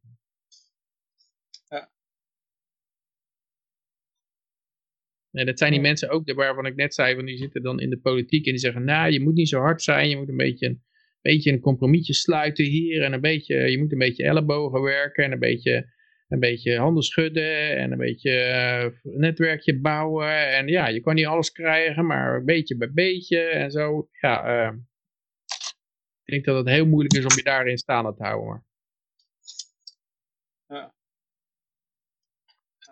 Ja, zo, zo je moeten kijken van wie zijn die verraders nu eigenlijk? Is daar ook een karakterprofiel van te maken? Of waarom doen ze dat? Nou ja, als ik uh, bij ons in de dorpsgroep uh, kijk van Facebook, als ik daar uh, kijk naar mensen die aanslaan op mijn provocaties van dat, want waren een paar dagen geleden waren een paar dagen, twee dagen achter elkaar maar één extra nieuwe, of één nieuwe besmetting per dag. Toen zei ik ook van ja, straks met die uh, avondklok, dan worden het gewoon min 10 uh, eh, nieuwe besmettingen per dag. en als je dan ziet hoe veel mensen erop reageren en ook dan nog in andere topics daar verder over praten, uh, dan ja, lijkt het alsof je wel bij wijze van spreken, of ze je willen lynchen. Ja. Omdat je, ja, ja omdat het niet respectvol naar het zorgpersoneel zou zijn. Hmm. Oh, man. En zij wel. Wij denken alleen maar aan het zorgpersoneel. Ja, als ze ja. jou lynchen, dan overbelasten ze het zorgpersoneel. Had je dat ook nog even erbij Niet als ze het gelijk goed doen.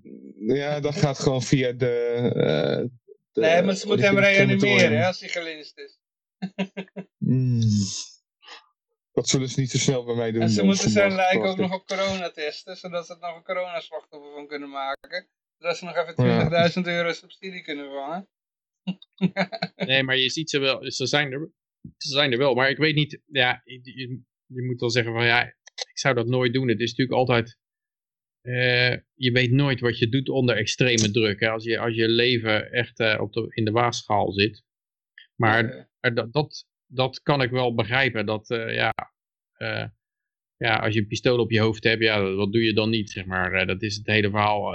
Anti-84 ook aan het einde je uiteindelijk je grootste liefde verraadt als je, als je zo bedreigd wordt. Maar uh, het is wel zo dat nu al mensen beginnen te, te patrouilleren en te, te, te uh, beschuldigen en vingerwijzen en beschimpen. Uh, terwijl het nog helemaal, je helemaal geen risico loopt als je het niet doet. Zeg maar.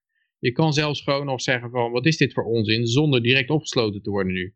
En er komt misschien een tijd dat het niet meer kan. Maar nu kan je gewoon nog eerlijk zijn en je hoeft in ieder geval niet actief aan de vervolgingen deel te nemen. En waarom doe je dat dan niet? Dat vind ik wel, wel, uh, wel vreemd. Ja. Je kan minimaal je bek houden. Je wordt nog niet vervolgd als je je, als je, je bek niet houdt, zeg maar. Je hoeft, je hoeft niet per se heil de grote leider te zeggen en, bij, en, en zijn beleid zij geprezen of zo. In Nederland. En, en ja, waarom zou je dat dan doen, zolang dat nog niet strikt van je geëist wordt? Ik bedoel, uh, vertraag dat zoveel mogelijk. Maar er zijn mensen die lopen inderdaad voor de muziek uit. Die, die, wat jij net zegt, van, er zijn mensen die, die willen je wel lynchen als je zegt van... Uh, ik ben het niet helemaal met dit beleid, beleid eens. Ik zag nog net uh, voor nog een filmpje voorbij komen op sociale media van een, een gast in een supermarkt die dan een jongen aanspreekt die geen mondkapje op heeft. De jongen zegt, nou ja, je kan toch ook gewoon doorlopen, er is niks aan de hand. Die probeert dan uh, een beetje heel rationeel met die gast te praten, maar die gast heeft dan echt een, een ding, doek over zijn hoofd, dat alleen nog zijn ogen zichtbaar zijn, weet je wel. Ze zitten helemaal in, in, in, ja, het ziet er heel gek uit, maar die, uh, die het einde van het lang verhaal kort te maken, aan het einde van het verhaal, wordt, het is in de supermarkt, in Albert Heijn, en aan het einde van de filmpje wordt die jongen dan, die dat ook nog filmt, helemaal in elkaar gebeukt door die gast. Weet je wel? Hmm. Dus die, die man, dus die helemaal uh, in de uh, een doek over zijn hoofd heeft, tegen de corona of zo. Die spreekt die jongen aan omdat hij bang is dat hij besmet wordt. Omdat die jongen geen mondkapje op heeft. En die gaat dan de hele tijd, want het filmpje duurt een kwartier, zit hij met die jongen in discussie. En gaat er vervolgens ook nog eens in elkaar slaan, omdat hij geen mondkapje op wil doen. Als je ergens risico mee loopt, dan is het wel het vuist-mondcontact. ja, het slaat ook... Maar die mensen zijn ook gewoon niet rationeel, weet je wel. Moet je daarna je handen wassen? Nee, het, heeft ook wel niks met rationaliteit te maken. nee, nee, nee. Ja, ik heb ook alleen maar begin en eind. Uh, in plaats van, dat kan, ja, dat kan je wel een beetje raden. Maar dat, dat escaleert natuurlijk. Maar uh, ja, goed. um, ja, hebben we nog een Duitsstalig iets? Ja, oh ja. oh, ja, Jij wilde, wel... je wilde in het Duits dus hier heb je je kans. Jij mag de titel doen, Peter. Hij komt voor jou. is een beetje met een Hitler, Ah, ik ga dus niet gewoest, hè? Moet je een beetje een, uh, een Boenedeutsch doen. Een Boenedeutsch. Dat klinkt een beetje als Hitler. ja, mooi, wat normaal. Ja, dit is met uh, overdreven, overdreven articuleren te maken, niet met schreeuwen. Een geheimes Bauproject. Sachsen plant, knascht voor Quarantäneweigerer. Wat er uh, gebeurt, en dat heeft ook internationaal nieuws al gehaald. Maar ik had hier alleen nog de Duitse uh, link van, maar inmiddels is er wel, uh, zijn er ook in ieder geval Engelstalig link van. Maar in Nederlands hebben we er niks van gezien, maar ook niet heel goed gekeken in het Nederlandse nieuws. Maar ze gaan een detentiecentrum bouwen voor quarantaineweigeraars. Dus uh, ja, uh, en, en dat doet me altijd denken van ja, wat hebben we nou eigenlijk geleerd van die Tweede Wereldoorlog? Hè? Want je denkt altijd van nou, ja, mensen in concentratiekampen opsluiten, dat is slecht. Hè? Maar dat is, dat is niet geleerd, want op een gegeven moment was het al Duitsers die mensen in concentratiekampen opsluiten is slecht. Maar als anderen doen, dan is het al, dan is het al, ja, dan moet je er niet zo gek van opkijken. En nou sluiten Duitsers dus weer mensen in concentratiekampen op, maar, maar ook dat is niet slecht als het motief maar niet racistisch is. Dat is eigenlijk, wordt steeds uh, fascisme is ook niet slecht. Je had eigenlijk, nazisme was eigenlijk fascisme gecombineerd met racisme. Die rassenleer. Uh, maar eigenlijk fascisme van Mussolini was helemaal niet uh, nog van die rassenleer voorzien. Dat heeft Hitler heeft daar de hele rassentoestand aan aangeknoopt. Maar eigenlijk is ook de les uit de Tweede Wereldoorlog niet, fascisme is niet slecht of zo. Je ziet nou ook weer enorme fascistische tafereelen bij de Biden-inauguratie met, met lichten die naar de hemel gaan en grote militaire kolonnes die, waar, waar de, de, de heerser langs rijdt. Dus fascisme is niet meer slecht. Het enige is fascisme in combinatie met racisme. Dat is slecht. racisme, daar moet je zo ver mogelijk van, van wegrollen. En ik heb ook wel eens het idee van het verleden moet je zo snel mogelijk van wegrollen. Want het kwaad, dat was dus geconcentreerd in, uh, in racistisch uh, geweld. En het was in het verleden. Dus als je maar progressief blijft en je holt vooruit, je holt vooruit en je zorgt dat racisme, dat is denk ik wat Antifa een beetje bezighoudt. Van, ja, je moet gewoon heel erg racisme afsferen en vooruit hollen. En dan, dan blijf je wel bij het kwaad weg. Maar je mag gewoon mensen dwingen jou, jouw speciale groet te brengen in een restaurant. Uh, om solidariteit met jouw politieke beweging te tonen. Dat is, dat is geen probleem. Je mag ook mensen intimideren. Je mag ook boeken verbranden. Er was laatst uh, Antifa, er was een boek gepubliceerd over het geweld van Antifa. En dat, dat boek moest uit de boekenwinkel gehaald worden in Portland, omdat Antifa de boekenhandel bedreig, bedreigde. Hm. Dus uh, ja, dat, dat, dus boekverbrandingen en censuur, dat is allemaal oké. En mensen opsluiten in kampen is ook oké, als het maar niet racistisch is. Dat is eigenlijk het enige wat er dan van geleerd is. Maar uh, als je dat component weghaalt, dan kunnen we gewoon verder uh, fascisme invoeren en ja, de, de merger of of uh, overheidsmacht en bedrijfsmacht, dat is allemaal corporaties, dat is allemaal prima. Je hebt gewoon corporaties die in naam van de overheid eigenlijk, in Amerika mag natuurlijk de overheid geen censuur doen en die mag een hele hoop dingen niet doen vanwege de, vanwege de grondwet. Dus er schakelen er gewoon allemaal bedrijven voor in. Overheid mag niet spioneren op eigen mensen, dat doen ze gewoon in buitenlandse veiligheidsdiensten en dan ruilen ze dat uit. Overheid mag geen schuld monetariseren, dus de, de Federal Reserve mag geen schuld monetariseren. Maar dat doen ze ook gewoon van, uh, met de swapline. Want wij monetariseren de schuld van uh, Groot-Brittannië en dan monetariseren zij onze schuld. En dan uh, is het grondwettelijk oké. Dus er wordt steeds een laagje tussen gedaan eigenlijk tussen de overheidstyrannie en, en de uitvoerder. Daar wordt, wordt iets tussen gezet en dan is het allemaal oké. En als je racisme weghaalt, dan is het ook allemaal oké. Ja. Tot zover mijn rant. Ja, nee, nee. Lekker.